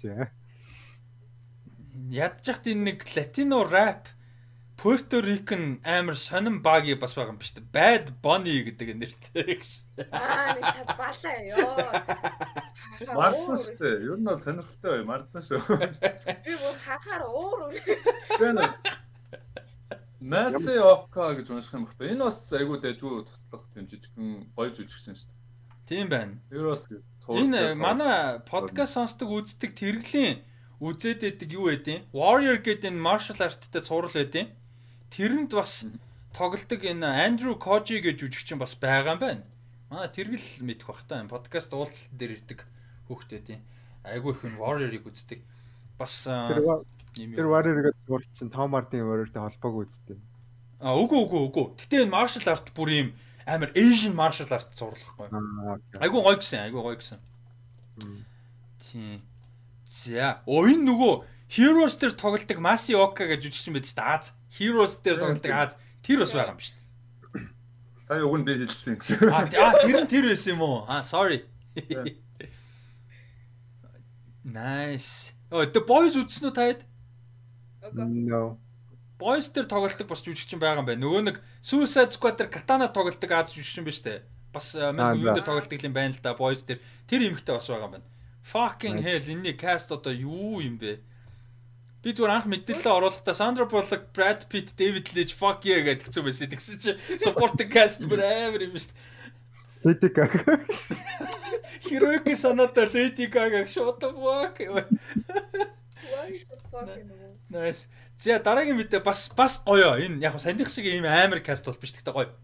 А Donald Glover, Phoebe Waller-Bridge хоёр хамтарсан шинэ зураг хийхээр болж байгаа. Тэр нь Mr. and Mrs. Smith зураг. Brad Pitt нөгөө Angelina Jolie тоглож байсан тэрний цуврал version. Тэгээ энэ хоёр өөрсдөө зохиолоо бичлсэн, өөрсдөө продюсер хийлцсэн. Тэгээд өөрсдөө тоглоно. Гол дөрөвдөд нь. Nice, nice, nice. Yeah. Тэгээ Phoebe Waller-Bridge-ийн Donald Glover хоёр ч одоо үеийн яг бүр нэг тийм ultimate talented одоо уран бүтээлчдийн уран бүтээлчд байгаа шүү дээ. Тэгээ том хоёр жишээ нь шүү дээ. Нөгөө өөрөөсөө зохиолоо бичээд өөрөөсөө продюсер хийгээд өөрөөсөө дайруулаа өөрөөсөө гол дүртэн тоглоод Гамбино бол өөрөө fucking дуулаад те. Тэгдэг хүмүүсийн а хоёр нь бол ямар ч байсан тоглож байгаа юм байна. А та хүсэн болдог. Тэ хүсэн юм ааштай хийчдэг. Тэгэд а та энэ юун дээр хэр сонирхолтой вэ? Mr. and Mrs Smith яг юу н хэр санагддаг вэ? Дажгүй цаашаа бустаар амар санагдсан. Амар хоёрын баян couple нөгөөдөө нэг нэг нэг алхаар болоод тэгснээс үлдээ нэг нэгэнд хайртай болж байна. Хоёр. Тэр нэг тийм төгс кул кино тий. Яа. Тэгээ Анжелина Жолиг нэг амар эргэж аваа пүсэ гэж орилдог. Мөг. Дуртай дуртай. Ер нь гоё шүү. Аа. За тэгээд энэ хоёрын chemistry амар гоё байх байхаа. Харин тийм ээ. Энэ хоёр бол амар зөрчилтэй гоё харагдаж байна ч гэсэн. Тэгээ Phoebe Waller-Bridge амар гоё юмхтэй л. Би нөгөө 2 3 жилийн өмнө яг нөгөө нэг телевизийн уран бүтээлчдийн round table үзэхгүй Hollywood report-ын тэрэн дээр би яг уран бүтээлийн ерөөсөө мэдхгүй дээрэс нь анх удаага харсан хоёр хүн хин байсан бэхээр нэг нь Наташа Леон. Яг гоо карьер нь удаан л юм байл л дээ. Би мэдчихэж байгаагүй те Наташа Леон Phoebe Waller-Bridge хоёрыг анх удаага харсан байхгүй Тэгээд яг personality надад амар таалагдсан. Уран бүтээлчтэйг нь байж байгаа байдал нь ярианд оролцож байгаа, яаж ярьж байгаа, юу мэддэг те. Тэгээд тэр нь бүр амар таалагдаа. Тэгээд Natasha Lyonne Russian Doll-ыг үзсэн. Бүр fucking awesome юм бэлээ. Russian Doll бүр амар гоё юм бэлээ. Тэгээд а Phoebe Waller-Bridge нөгөө Fleabag гэж цуурлаараа суперстар болсон. Тэгээд тэр цуврал бас амар гоё гэсэн. Гэтэ би бол үзэж амжааг байгаа үзнэ гэж бодож байгаа. Тэгээ Гамбиног угаасаа бүгдээрээ мэдж байгаа тийм. Гамбино бол энэ яаж удаа ялч арай удацсан суперстар. А тэгэд энэтэй холбоотой нэмж айгу гоё мэдээхэд за хим Phoebe Waller-Bridge бол Amazon-тай overall дийлтэй юм байлээ. Одоо нөгөө нэг телевизийн бүтээлтэй одоо нөгөө цувралууд кино хийх юм дийлтэй. А тэгээ тэрэн дээр бол Gambino нэмэгдэж байгаа юм байна Amazon дээр. Gambino болон Gambino-гийн компани Ер нь бол а тэгээ тэр компанид нь болохоор бас хин хамаатай Стивен Гловер одоо мань хүний ах нь нөлөө дүү нөлөө байт юм а. Яг нөгөө Атланта Атланта дээр бүгдээрэн дээр нэтгэвтэй оролцдог амар бас мундаг writer producer. А тэгээ энэ хэд бол бүгд оролцоотой. Тэгээ Ludwig Göransson бас crew дунд нь явж байгаа. А тэгээд хин явж байгаа. А Hiro Murai гэ найруулагч явж байгаа. Энэ хэд ерөнхийдөө crew-ээр Amazon-тай гэрээ хийсэн юм байна. А ер нь айгүй олон цуврал кинонууд хийх гэрээ болол хийсэн гэдэг чинь энэ бас айгүй чухал юм юу байна? Аа мэдээлэл байна. Аа тэгээд дээрэс нь болохоор энэ нь энэ дээр нэмээд Атланта яасан бэ гэхээр энэ чинь одоо Атланта дээр FX дээр гардаг шүү дээ Атланта ч тэгээд манайхан бол Атланта дээр биш FX дээр гэрээтэй байсан. А Donald Glover тэг гэрээгээ цуслаад Amazon руу орж байгаа юм байна. А гэхдээ Атланта бол хийгд дээр хийгдэн. Тэгээ өнгөрсөн жил цар тахал байгаагүй болвол уул нь Атлантагийн season 3 4-ийг шууд зураг авалтын авах төлөвлөгөөтэй байсан 20 оны 3 сард. А тэгээ мэдээж хойшилсан. Тэгээ одоо 3 сард а season 3 4-ийн зураг авалтыг шууд нэг дор үргэлжлүүлнэ гэсэн найдвартай ажиллаж байгаа гэж ярьж байгаа юм байна.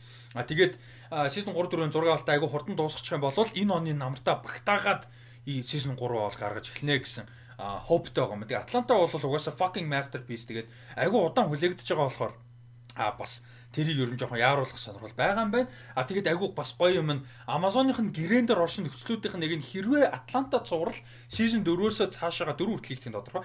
Season 4-өөс цаашаа хийгдгэр болох юм бол Amazon дээрээ а бас нөгөө нэг ажиллах орон зай өгнө гэсэн нөхцөлтэй байна.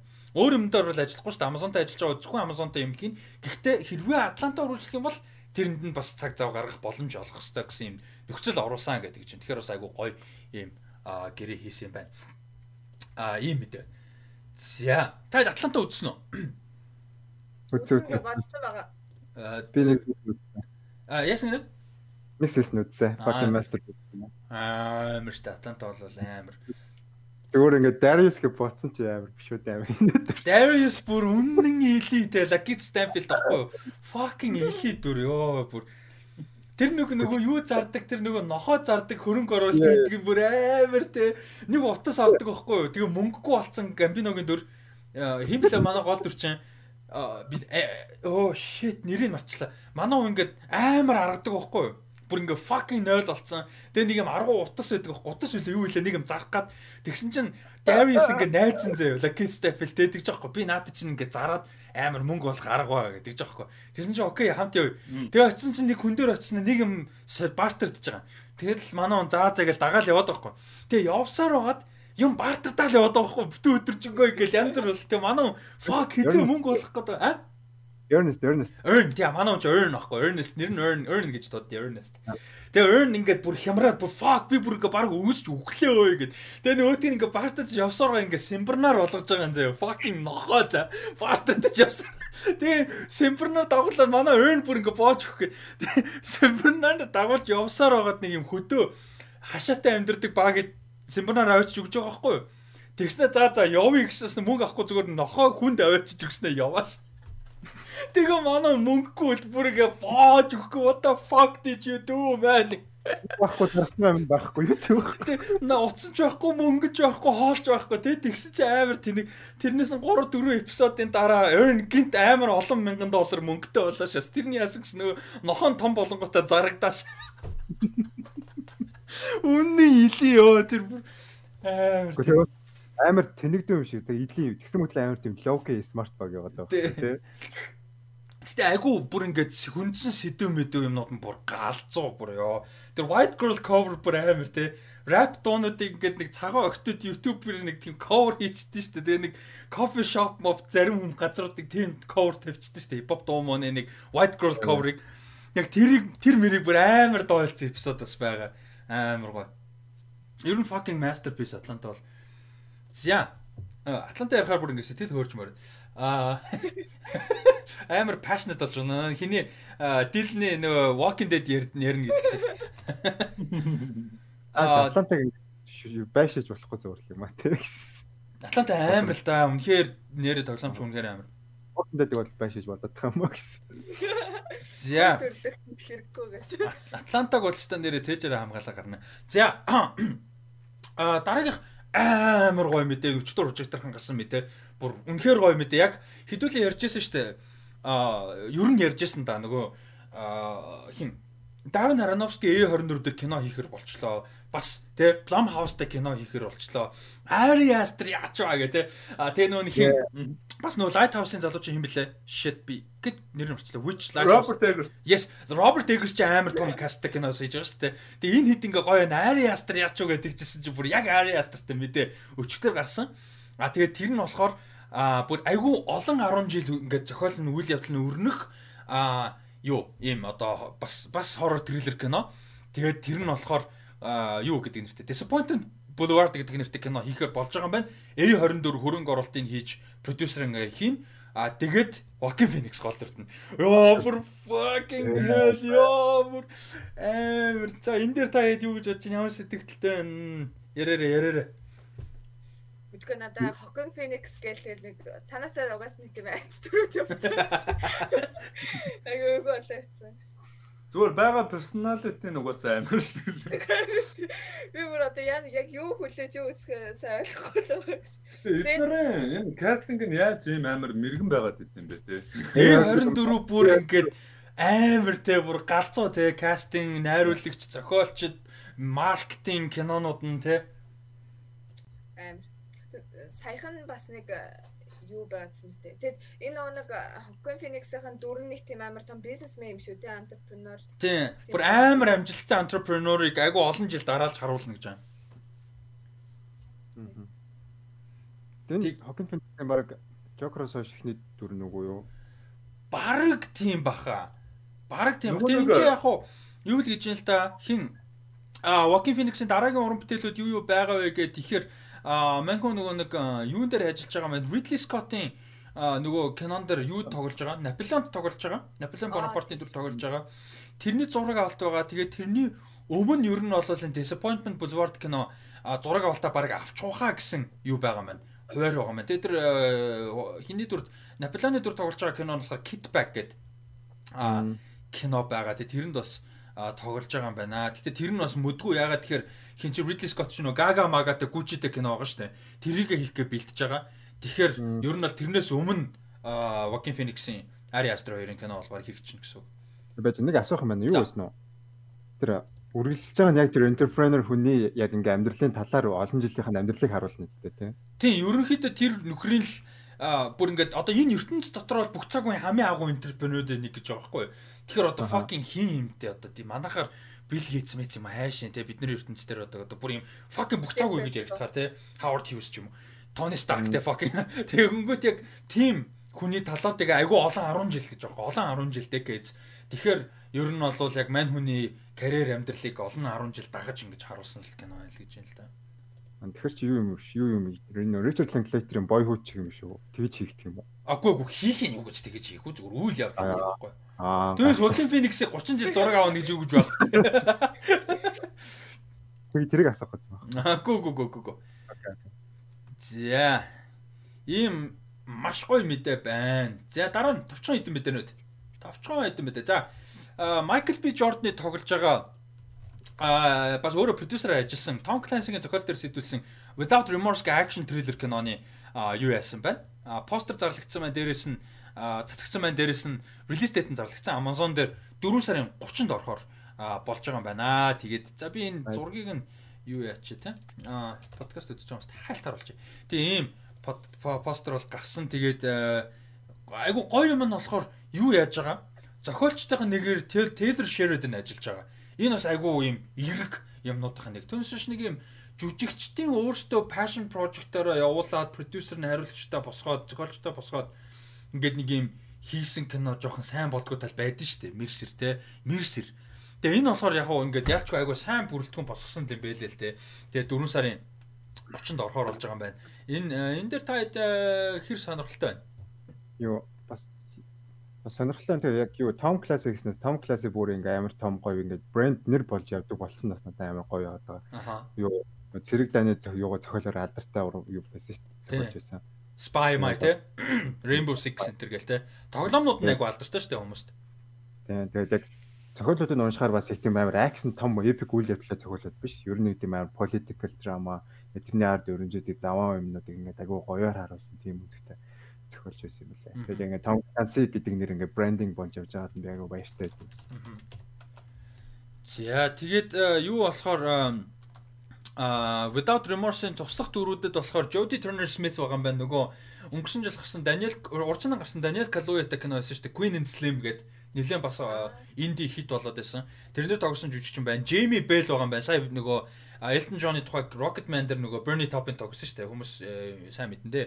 А тэгээ Guy Pearce байгаа, Lauren London байгаа. Тэгээд айгүй олон жил харагдаагүй Cam Gigandet гэдэг нэг жүжигчин байдаг шүү дээ. Gigandet ч юм уу, Gigandet ч юм уу нэг жүжигчин байдаг шүү дээ. Та харуул мэднэ. Харуул бүгд мэднэ. Гэхдээ нэг тийм олон жил алга болсон юм. Cam Gigandet гэдэг нэг нөхөр байгаа. Gigandet ч юм уу something.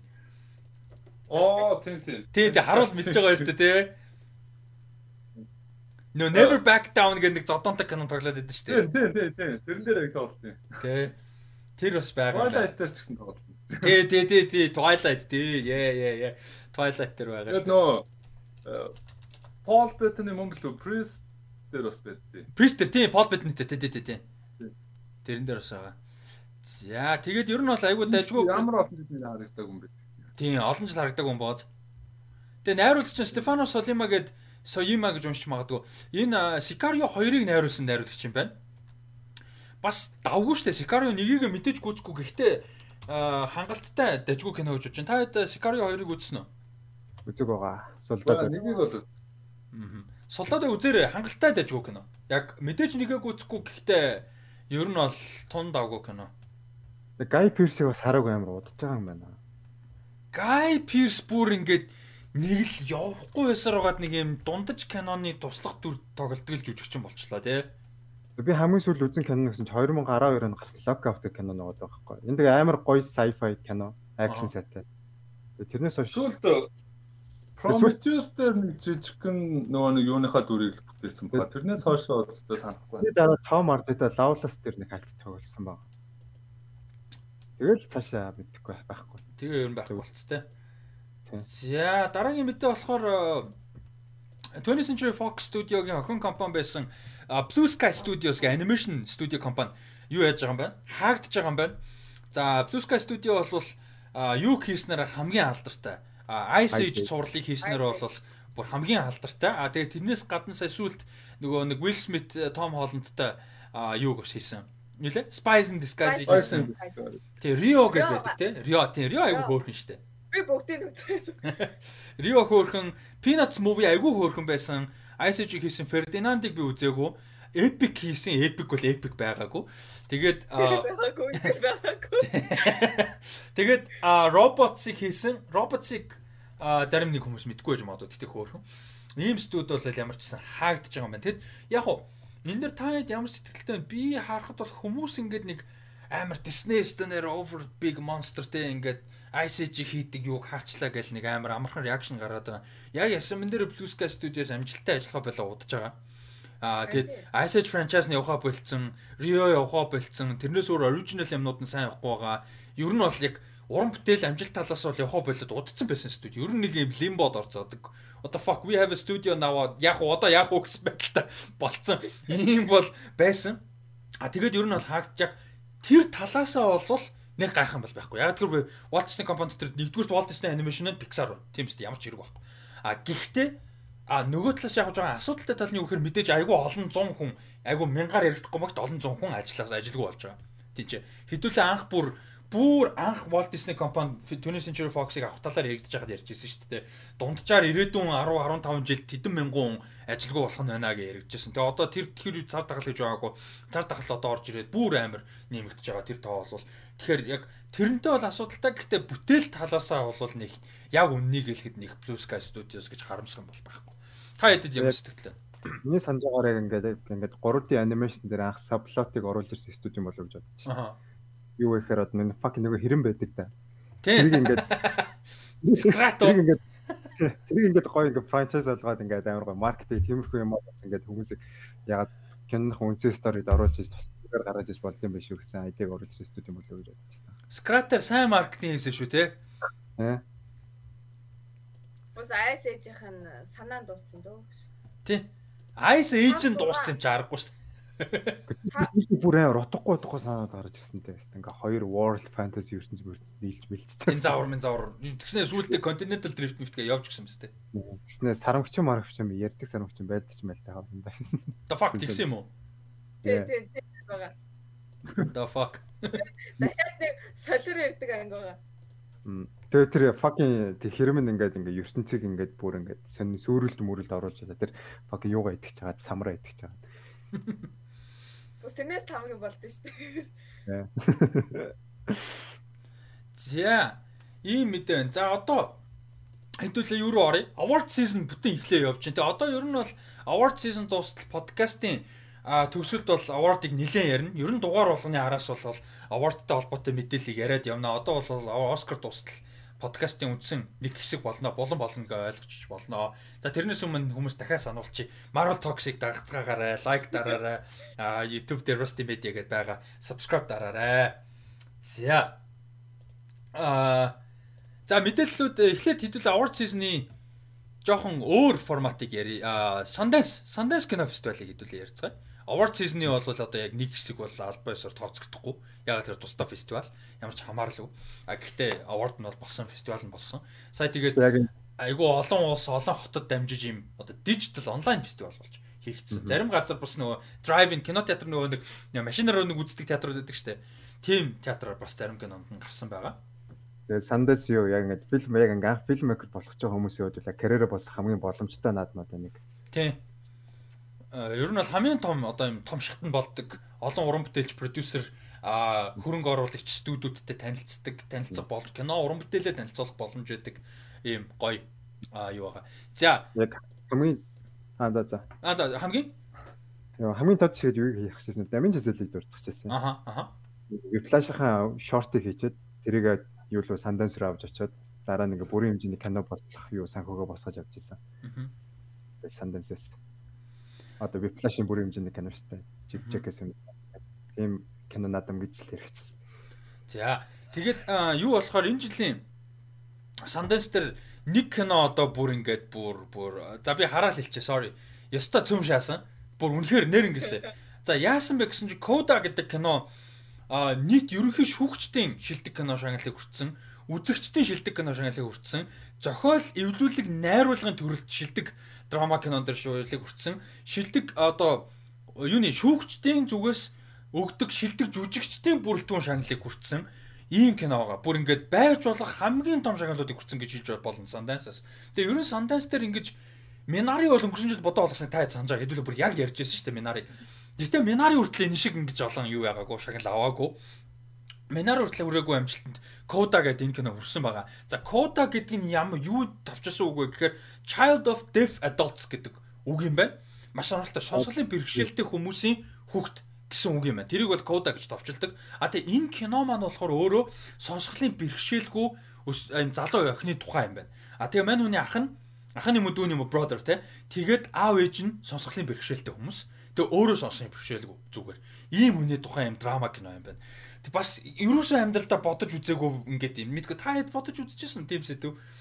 Би бол үнэхээр бодож үзэж байгаагүй ийм сэдв бол ямар ч байсан хүнсэн юм кино а бол яасан юм байна. Хийгдсэн юм байна. Энэ киног бол үнэхээр бүр ингээд fucking харсан зүгээр ингээд зах цухаас нь харсан хүн болгон тийч шүтэж өгөх гэж хэлээ. Зүгээр ингээд нэрэн гэсэн тоглоомчгүй. А тэгээд Сандестер бүр энэ кино гарсан өдрөөсөө тэгсэн бохгүй шагнал авахаасаа ч биш. Бүр ерөөсөө скрининг хийгээл Twitter дээр ингээд дэлбэрж гисэн бохгүй Кода гэдэг кино. А тэгээд шагнал авахаасаа өмнөхөн юу яасан? Sundance кино фестивалийн түүхэнд рекорд эвдэгцсэн. Кино худалдаж авсан рекорд эвдэгцсэн. Энэ киног Кода киног Apple TV Plus дээр Apple 25 сая доллараар худалдаж авсан. Энэ киног. Sundance рекорд энэ болохоор 25 сая доллараар энэ кино зүгээр Apple TV Plus руу дистрибьют эрхийг нь зүгээр эрхийн штэ продюсерудаас нь авсан. 25 сая доллар. Holy shit man. Yeah, they made some good money man. Тэгээ дээрэс нь ядаж энэ кино үргэлжлэн штэ мөнгө олно штэ үргэлжлээд. За ийм байна. Өмнөх рекордын хэд дунгалцсан юм бэ? Аа тэр өмнөх чинь нэг Birth of a Nation 11 2 саяар рекорд эвдчихсэн. Тэрнээс өөр байдаг үлээ. Ямар ч байсан 10 хэдтэй л байсан баг. Рекорд. 17 сая гээгүү лүү. Тэ 17 ч лүү тэ тэр авцаа тэ. Тийм. Тийм. Ямар ч Birth of a Nation эвдчихсэн юм аа. Э, би тийг санаад байна. Сүүл Palm Springs эвдээ эвдсэн эвдсэн гэдээ яриад байгаагүй л нэг подкаст. Магадгүй. Нэр Palm Springs эвдсэн байж магадгүй. Palm Springs ч бас нэлээд сайн авсан шүү дээ.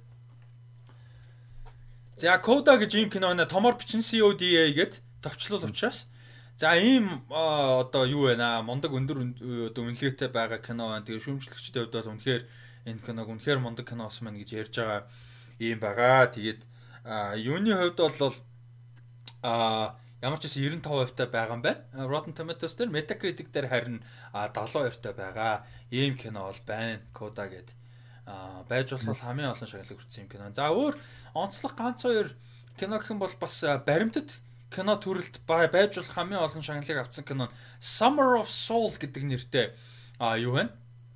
А баримтат кино. Тэгээ энийг болохоор Root самтлагийн бөмбөрчин хүмүүс мэдэх нөгөө ийм ийм өстэй тэгээ нөгөө нэг сам зоочдаг тэрүүгээр амар имижээр алдартай штэ бөмбөрчин байдаг штэ. Ийм Questlove. Тийм хүмүүс тэрүүгээр мэдчих магадгүй. Questlove найруулсан юм байна.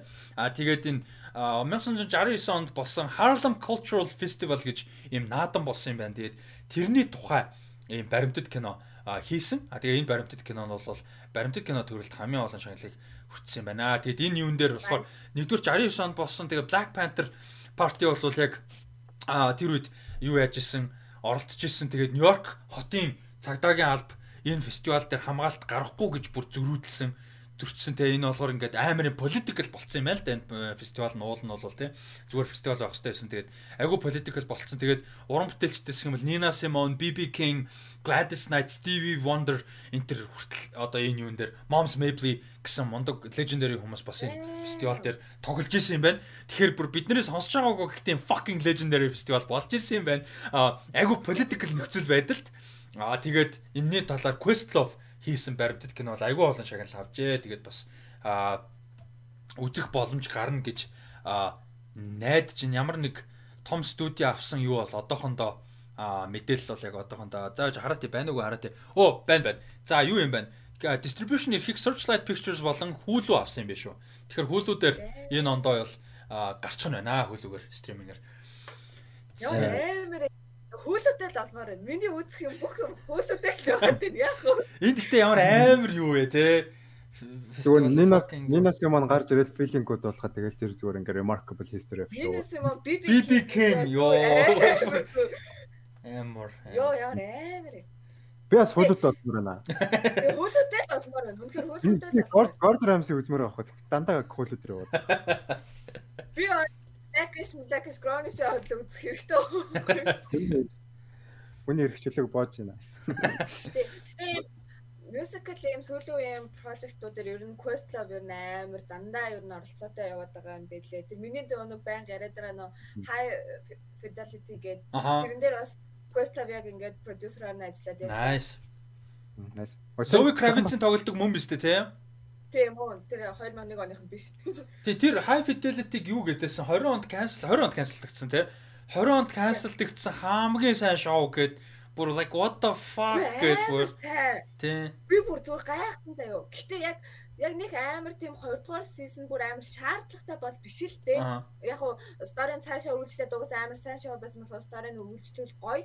Гэтэ бүр амар харамсалтай бүр зүгээр тэр туслах дөрүүд мөрүүд бүр амар хөөрхөн шоу бүр дахин дахин үзмээр гэж. Nice. Амраа төлөвлөсөй Netflix дээр юу үзэж? Эдиг үзэж. Аа тий яриадсан те би бас үзмээр л. За тэгээд энэ аа за sorry sorry sorry яасан гэнэ? Та хэд яг ингээд яг ингээд cancel болоход нь хамгийн харамт тасчихсан зурлал чи юу вэ гэж асуух. Аа за expense би бүр яг боож өгчихсэн. Гэхдээ we got renewed. Expense ингээд яг ингээд хамгийн анхны fan power боссон зурлал. Тийм шүү дээ, тийм шүү дээ. Cancelсан байж байгаа фэнүүд бүр ингэж бүр fucking global фэнүүд босч ирж байгаад босгосон Amazon төрөгсөн цоо шоу чинь юу байхгүй expense гэхгүй. Nice. Өнөө үстэй. Манай нөгөө Brooklyn Nine-Nine одоо сүүлийн 8 дугаар сизнэрээ дуусч байгаа. Аха. NBC одоо өмнө жил илүү 2 жилийн өмнө жилөө. Нөгөө Fox-оор кастинглаад NBC авсан байжсэн. Тэгээ одоо 8 дугаар сизнэр дуусч байгаа. Тэрийг ярих юм битсэн. Nice. Мөг. Оо. Би яг сан санаанд орохгүй. Гэхдээ нөгөө юу нэ? Дисгийн Swamp Thing канцлд бас жоохон онцгүй байсан. Тэгтээ тэр чинь бүр ихний ангинд гарахаас өмнө цуцлагдчихаа байж тээ. Тийм тэр нөгөө такси асуудал болцсон л юм байлээ л дээ. Оо за. Тийм тэгээд юу байгаа. Гэхдээ CW руу явцсан. Тэгээд season 2 нь renewed болцсон. Тэгээд тэн дээр Crystal Murray-г харах амар гоё байсан. Nice. Таад сайн мэдгүй бол нөгөө нэг э, Teen Wolf лөө. За. Нэг тийм зураг байдсан байлээ. Гэтэ би бол үзэж байгаагүй. Тэгээд амар гоё жүжигчин байгаа. Нэг тийм гоё инди киноны жүжигч шиг мангар гоё жүжигч юм байна. Уулал хэрэгтэй юм даа. Миний үед яг тийм цуврал төлөв байсан байна. Fanny Dreadful байсан байна. Аа. Eva Green тоглолдог. Тэр яг ингээ 3 сезон угаасаа ингээ one of the greatest gothic horror series заяа. Тэн дээр ингээ fucking Frankenstein байгаа заяа. Тэгээ Dorian Gray яга fucking хүн чон байгаа. Тэгээ тэнцэр ингээ тийм амар gothic уур амьсгалтай цуврал. Тэгээд ягаад туслах ингээ 3 сезонд яваад сүүлийн ингээ хөгжөөр дуусгацсан. Аа Дорыг ин албаар шахаад хөшөр цус яасан гэсэн чинь маркета буруу хийсэн. Оо. Буруу хийсэн нь юунаас болсон гэхээр яг гот цацж явах гарч явах үеэр дагаад цуг гарцсан байхгүй. Аа.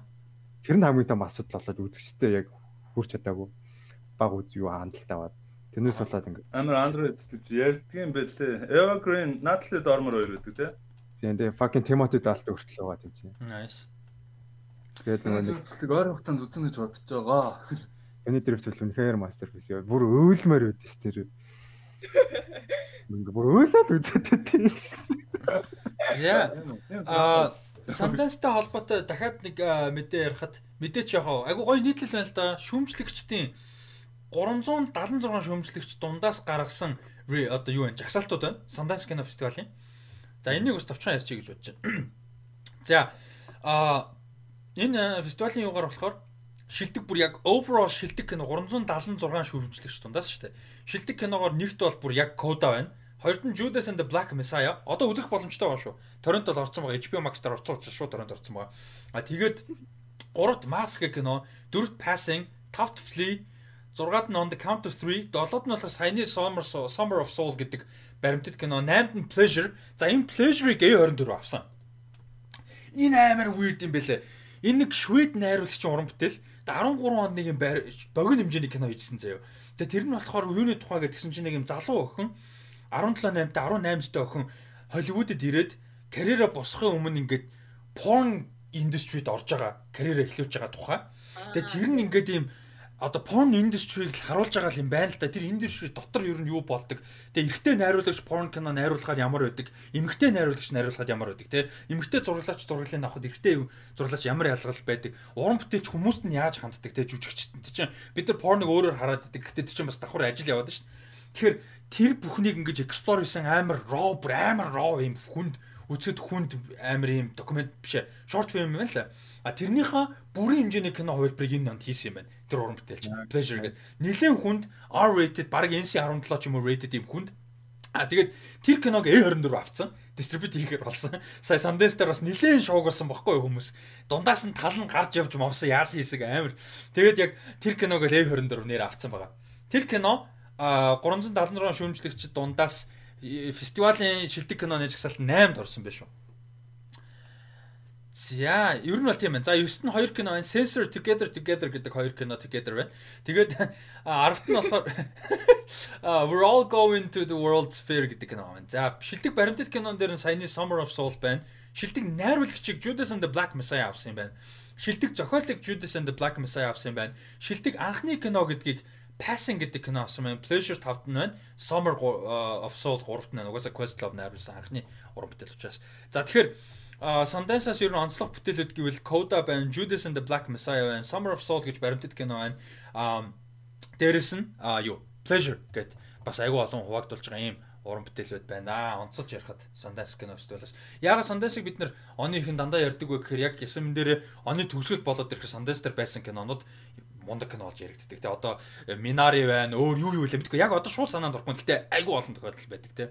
Тийм болохоор одоо эртхэн ингээд кинонуудаа дагаад үзхийг үзээд, мэдхийг мэдээд Letterboxd юу гэдэг IMDb юм байдаг бол тэрэндээ листэнд оруулаад тэ. Тэгэхгүй бол бүтэн жилийн хугацаа мартчихдаг дээ. Тэгэхээр бас тэгээд тэмдэглээд явал зүгээр шүү гэж хэлж болж байна. За одоо түрүү ярьсан угаасаа award season явж байгаа учраас яг award season-ийн хамнуудыг яриа. Golden Globe nomination зарлагдсан.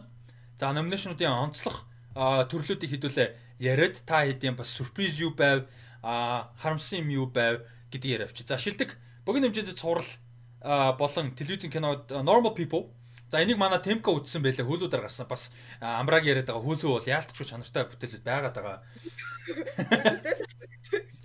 Тэгээд хөлүүдээр гарсан Normal People-ыг бол манай Chapteli те Кинотаки хөвлөлөг хийдэг Темко маань бүр ингээд үнэхээр сайн зурал босон гэдэг бол ярьж байна лээ шүү. А тэгээд Small Axe энэ дэр нэр дэвшсэн байна. The Undoing а хинтээ. Никол гэдэг юмтай зурлал HBO-гийн. Unorthodox Netflix-ийн Netflix дээр байгаа энэ бүр энэ жил бодоо болгож илээ. Тэгээд Queen's Gambit байна. Тэгээд жүжигчнэр хин яасан? Taylor-Joy э, богино хэмжээний цуврал телевизийн киноны шилдэг эмэгтэй жүжигчэнд нэр дэвшсэн. А бас Nicole Kidman нэр дэвшсэн байна а Кейт Ланчет нэр дэвсэн байна. Дээрээс нь Unorthodox Normal People кинон зурлуудын жүжигчин нэр дэвсэн байна. За гол дүрд эрэгтэй дээр болохоор Jeff Daniels байна. James Comey-гийн дүрд Comey Rule гэдэг FBI-ийн директор хин хоёрын ярилцлагын тухай Дональд Трамп хоёрын ярилцлагын тухай. А тэгээ Brian Cranston Your Honor дээр одоо гарч байгаа цуврал яг одоо дуусч байгаа. А сая дууссан. Тэгээд Hugh Grant The Undoing, Ethan Hawke The Good Lord Bird гэдэг энэ бүр амар зөв зураг юм байлаа а хин Ethan Hawke өөрөө гүйцэтгэх продюсер ажилласан. Та бас сонирхоод үзээрэй. Энэ бүр амар гэсэн. Тэгээд юу хийсэн? Blumhouse продюсер ажилласан. Энэ бүр амар цуврал гэсэн. Тэгээд Mark Ruffalo I know this much is true гэдэг цувралаар яасан байд. Нэр дэвсэн. Энэ бүр амар хүнд драма гэсэн. За тэгээд а шилдэг шууд э, том цувралуудын ярьж шилдэг musical эсвэл comedy цувралаар Emily in Paris тийм like what the fuck тэгээд The Flight Attendant The Great энэ нөгөө нэг Elle Fanning-ийн дэл нь мэдчихэж байгаа. Fanning тоглосон а тэг өөр хэм блэ? Нөгөөд нь манай shit Nicholas Nicholas Nicholas Coster бол доо. Биш ээ. Биш ээ биш. Holt Nicholas Holt. Энэ хоёр тоглосон. Тэгээ энэ хоёр тоглосон нэг Катрин хатааны тухайн Орсын тухай season 2 гарна гэж байна. Season 2 нь бүр renewed болчихсон юм. Тийм байлаа. Тэгээ Shit's Creek, Ted Lasso гэсэн зурлал нэр дэвсэн юм. Шилдэг драмагаар The Crown, Lovecraft Country, The Mandalorian, Ozark, Ratchet. Энэ надад айгу сюрприз байсан. Нэг гарчаад нэг хайптаагүй, нэг хүмүүс яригдаагүй байжсан шууд шилдэг цувралд нэр дэвссэн байна лээ. Энэ дээр та цуврал юмнууд дээр сюрприз байсан уу? Ер нь үдсэн цувралууд юу байна? Өнгөрсөн оны ер нь мундаг цуврал юу байв? Эндээс ч одоо Mandalorian-аас үргэлжлэн төрөл байхгүй юм шүү. Би Рамиг үзмээр ах юм. Яг уу. Рами ч бас хүүлүү өстэй. Бас хөлөв. Ядраат хөлөө төл болох хэрэгтэй. Бүр амар хэцүү. Торрент торрент л одоо өөр арга байхгүй. Хүүлэн юм Торрентос олддгүй юм шүү. Олдноо том зурлууд нь олдсон шүү дээ. Том юм уу? Тэгээ бүр амар бол accessтэй газар байгаа хүнд нь юу байгаа л авчирч тээ. Биш ээ Монголд угаасаа болдгоо байхгүй локейшнороо болохгүй. Тийм уул нь яг юу болохоор болоод байдаг юм байна ч гэсэн. Ядаргатай. За. Нүг тэндээ Аха. VPN дээр үү? VPN-ээр бол болтой гэхдээ амар ядраатай юм лээ. Айгу ядраа. Тэгэл хурд мурд нь янз бүр болно. VPN ч айгүй хэцүү. Just use torrent. Don't understand torrent, okay. За. А цуврал төрөл дийлэн энэ байна. Anya Taylor-Joy ямар ч байсан а юугаараа нэр дэвсэн. Beth Harmon дүрээрээ нэр дэвсэн бас айгу гоё мэдээ байлаа. Тэгээд Don Cheadle за мэддэг жүжигчдээс Don Cheadle Black Monday-ээр дэвсэн. Би энийг хинт санал болгомоор байна. Black Monday-г амраад санал болгомоор байна. Хоёулаа яг ойрын хэд дундаа хамгийн Black Culture юм үздэг хүмүүс доо Black Monday-г хоёулаа үзэх хэрэгтэй байгаа шүү ер нь. Чи сонирхоор. За. А тэгээд өөр гэх юм бол Rami нэр дэвсэн Elfan-ыг бас нэр дэвсэн юм ба штэ. Elfan-ыг нэр дэвсэн юм штэ Greater. За. Al Pacino байна. Hunter суурлаар нэр дэвсэн. Хэдүүлээ Hunter-сын трейлерыг ярьж ирсэн санаж байна уу? Тэг Hunter-саар нэр дэвсэн. Байна. За нэг иймэрхүү. А за кинонуудыг яриа. Animated. За animated дээр Cruise 2, Onward, Over the Moon, Soul, а Wolfwalkers. Мм. Ярьчаагүй л үнийг. Яагаад ярьсан санагдаад байна? Golden Globe-ийн номинашн өмнөх подкастер ирсэн дээ. Яриаггүй зүгээр юу яасан юм? Нөө нэг амар олон номинашнтай байгаа маяга гэдэг нэг тиймэрхүү нэг тиймэрхүү юм ярьсан шүү дээ. Аа тийм нөө фестивалууд олон төрүүлсэн гэдгээр нь ярьсан. Шагнал авсан. Ер нь ямар кинонууд Аа, Аа тэгэхээр Golden Globe яриаггүй мэн те. Номине номинашн бол яриаггүй. Аа за за за. За ийм таван кино нэр дэвсэн байна. Би бол Wolfwalkers авчаасаа л гэж бодчих. Би бас Wolfwalkers авчаасаа гэж бодож байна. Гэтэ суул авахд бол гарахгүй. Тэгээ угаасаа энэ хоёрын нэг л бах те. Аа. Бас хоёлоо гоё байсан. Нөгөө нь яаж ч байсан харагдсан. Нөгөө Орд мөн гэхдээ хөөрхөнл гэдэг юм лээ. Харин тийм шиг байлаа. Netflix дээр байгаа юм байна шүү дээ. Явуулна. байгаа байгаа. Амар өөрхөн. Гиснээ саяхан юу үзсэн? Secret of Kells үзсэн. А картун салууны хідээ нөхөж үзэж байгаа. Бүр амар го хөөрх юм бэлээ Secret of Kells. Wolfwalkers бүр амар гоё. Тэгээд удахгүй Song of the Sea го Breadwinner хоёр үзье гэж бодож байгаа. А шилдэг гадаалт хэлдэрх кино. Энд дэр нөгөө нэг хэдүүл ярьсан шүү дээ. Асуудал болсон тий. Minari нэр дэвсэн байгаа. А тэгээд Two of Us гэх Франц кино. The Life Ahead гэд Итали кино, Итали кинотой холбоотой сонирхолтой юм байгаа. А тэгээд La Llorona гэдэг энэ Guatemala кино. Энэ нөгөө нэг аим шиг кино бол биш. А нөгөө нэг Curse of La Llorona тэр биш. Адилхан La Llorona гэдэг тэр э, латин ертөнцид байдаг домогийн тухайн адилхан адилхан аим шиг кино. Гэхдээ энэ болохоор бүр хамаагүй өндөр чанартай юм кино болсон юм байна л да. А тэгээд нөгөө нэг Mads Mikkelsen тоглолдог Another Round гэдэг кино. А энийг л үзмээр ах юм. Яа, энэ амар фан харагдаад байгаа. Энийг л үзмээр байгаа. Би бүр амар хангай айдтай. амар фан юм шиг байна те. Тий. Өөдөө Conjuring нь зүгээр энэ Lance Lorena гэдэг ингэ зүгээр ихийн худлаад аваа нөгөө киногоо шууд хөхөөс дөрөгөөс арчиж болт юм байна. За тэгээд дээр Soul байна, Mank, News of the World, ой хүшийн News of the World ч юу амар акшн юу adventure western thriller кино байл ш. Юу энэ дээр Netflix дээр орсон. Tom Hanks Энэ те. нөгөө нэг System Crasher дээр тоглосон охин шүү дээ. А тэр юм уу те? Юун дээр Байлээ. System Crasher гэх нөгөө өвөлтөөр гардаг. аа Тийм үү? Оо, Хилена хин бэлээ? Хилена ямар юм бэлээ? nice. Энэ охин чинь яг Tom Hanks-тэй цуг байлээ. Би энэ киноны нэг Netflix дээр юм биш үү? А тий Zengel юм байна. Helena Zengel гинэ. Амар хоёлоо үзсэн шүү дээ. Тий, тий, тий. Амар. амар. Охин чинь ер нь гоё мундаг болох байгаа юм шиг байлээ дээ. Би киноны постерыг харж чадсан сонирхолгүй байсан чинь э, трейлерыг үзчих чи юу амар акшн western adventure кино байлаа шүү дээ. Adventure юм амар драма харагдчихсан. Амар adventure бас драма. За тэгээ хөгжмөлөр э, хин байна? Midnight Sky нэр дэвсэн байна. Tenet бас байна. Дуун дээр болохоор Judas and the Black Messiah-гийн дуу байна. Trial of the Chicago 7-ийн дуу байна. The Life Ahead энэ агуу сонирхолтой байна. The Life Ahead-ийн EOC гэдэг энэ Итали дуу байгаа байхгүй юу? Хин Diane Warren угаасаа legendary дуу дууны зохиолч нөгөө нэг I don't wanna miss a thing Aerosmith тэр энтрийг бичсэн. Энэ дууны үгийг бичсэн. Тэгсэн чинь дуусуун Лаура Паузини гэдэг би бүр гайхсан шүү дээ. Энэ миний бүр амар сонсдог дуучин байхгүй Итали дуучин. Амар рандом кино минут ямар ч хамаагүй зүгээр ээж мэж Италид байсан. Тэгээд энэ амар Италида супер од, Европта супер од нэг юм дуучин юм гэдэг байхгүй. Тэгсэн чи энэний дуу Golden Globe нэр дисч би бүр амар гайхсан шүү. Надад цомог момгонд байдаг байхгүй Итали юм дуучин. Тэгсэн чинь энэ нэр дивсэн байлаа. За шилдэг зохиол Promising Young Woman, Mank Uh, Trial of the Chicago 7, The Father энэ нөгөө Anthony Hopkins-тай айгу хүнд кино. Тэгээ Nomadland. А найруулагчид Nomadland, Trial of the Chicago 7, One Night in Miami-гаар Regina King нэр дэвсэн энэ бас амар гоё. А тэгээд David Fincher Mank-аар Promising Young Woman, Emerald Fennel энэ бүх төрөл нэр дэвсэн. Ер нь чухал гэж хэлж болох бүгдэнд нэр дэвсэн байгаа. Um тэгэд сюрпризүүдээ нэг гэсэн чинь юу байсан? Helena Zengel Golden Globe нэр дэвсэн. News of the World-аар та хоёроо ярьдаг, та хэдээсээ ярьдаг. System Crash. Гэтэ энэ охин краш дээр бол үнэхээр амар байсан шүү. Амар байсан. За тэр охин ямар ч байсан нэр дэвшсэн байна аа юугаар. Аа энэ киногоор. За тэгээд Amanda Seyfried нэр дэвсэн байна. Jodie Foster тэгээд Olivia Colman the Father киногоор тэгээд Glenn Close хэлбэлээ elegy. Amanda Seyfried гоё шүү. Seyfried энэ Mank дээр бас мундаг л байсан юм шиг байгаа. Тэгтээ цаг дээр нэр дэвшээгүй гэсэн айгу сонирхолтой. Тэгэд надад бас нэг сонирхолтой санагдсан юм нь болохоор хэн байхгүй байгаа байхгүй юу?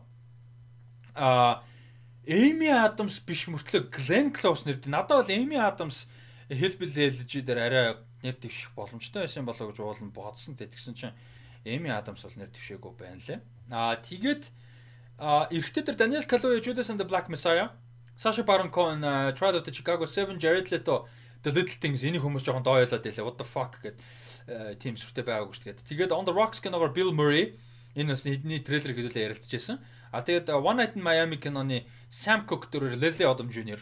нэр дэвсэн ба. Энийг бас амраа хойлоо үзэх хэрэгтэй. Ядаргатай Black Culture болонгот Энэ On the Rocks гэж энэ Rashida Jones-тэй мөн үү? Мо мо мо мо мо. Энд чинь нөгөө хиний кино байсан те? Sofia Coppola-гийн кино байсан те? Тий. Тий. Apple TV Plus дээр гарсан те. Тэгвэл бас подкастаар ярьчихсан юм аа. Тий, тий. За тэгээд Аа аа за Үгүй битэр нэг юм racist гарч санагдсан. Юу шиг Нэг юм амар racist хоёр гаш. Үгүй үгүй тэрнтэй биш зүгээр black culture таартай байх үгүй биш заавал racist байх үгүй та хамаагүй шүү дээ. Тэр нэг юм амар тийм black culture юм үздэг биш юм? Үгүй үгүй тэр бол хамаагүй шүү дээ. Энэ just for fun man. Яа яа яа. Хамаагүй гэдэгт хэлэхгүй болохгүй хаа. Яа тэгээд аа санийх туслах дүрээс нь тэгээд comedy musical киноны аа гол дүрүүд Мария Бакалова энэ нөгөө нэг Борат 2-ын нөгөө Боратын охин тоглолдог нэр дэвсэн байна. Кейт Хадсон нэг сонин киногоор нэр дэвссэн байлаа. Энэ кино амар шит гисэн. А тэгээд а нөгөө Сия гэдэг дуучин байдсан штэ. За за. Тэрний найруулсан кино юм байлаа анх найруулж байгаа кино. Music гэдэг зүгээр music гэдэг нэртэй кино. Сия Titanometer-ыг дууддаг нөхөр байсан. Тийм, тийм амар шит гисэн. Тэгээд Michelle Pfeiffer French Exit гэх киногоор Rosamund Pike а Carol Lot киногоор Энэ Carolot өнөөдөр үлээ өчтөр орсон шүү Netflix дээр. Тий, тий, тий. Тий, яг өчтөр үлээ өнөөдөр орсон. Амар харагдчихлээ what the fuck. Тий, трейлер нь амар зөв юм байлээ. Энэ энэ үзэх хэрэгтэй. Зөв юм байлаа. Энэ тэгээд энийгээр нэр дэвшсэн юм байна. А тэгээд Anya Taylor-Joy дахиад Emma-гаар. Anya Taylor-Joy хоёр төрлийн нэр дэвшсэн юм жил. Энэ бас амар гоё мэдээ байна. За тэгээд актер дээр дэнч comedy musical явж байгаа шүү дээ. Sasha Baron Cohen бураатаар. Тэгээ Sasha Baron Cohen хоёр төрөлд бас байгаа юм байна шүү дээ. Of Chicago. Тэгээ туслах тэгээд гол дур хуулийн дээр хоёр өөр кино. Тэгээ James Corden The Prom гэдэг. What the fuck? James Corden. What the fuck? А тэгээд гайхлаа. Lin Manuel Miranda Hamilton. Энэ what the fuck? Би нэг бүр хамгийн гайхсан юм. Best musical or comedy кинонд бас нэр дэвшсэн байхгүй Hamilton. Тэгснэ Lin Manuel Miranda Alexander Hamilton дүрээр нэр дэвшсэн. Шилдэг гол дүрийн жүжигчнэр. Like энэ чи тайцны жүжигчтэй тайцны жүжигийг бичлэг болгож затснаа тэрийг кино төрөлд өрсөлдүүлээ. Like what the fuck? Би нэг юус ойлгохгүй байна. Мане мане мафа мафа гэж. Амар авцалтаагүй яг мундаг жүжиг байж болно. Гэхдээ одоо motion picture тайзны жүжигийн бичлэгийг авах чишаал өөр юм биш үү? Аа тэгээд Dev Patel би энэ дээр амар баярлсан.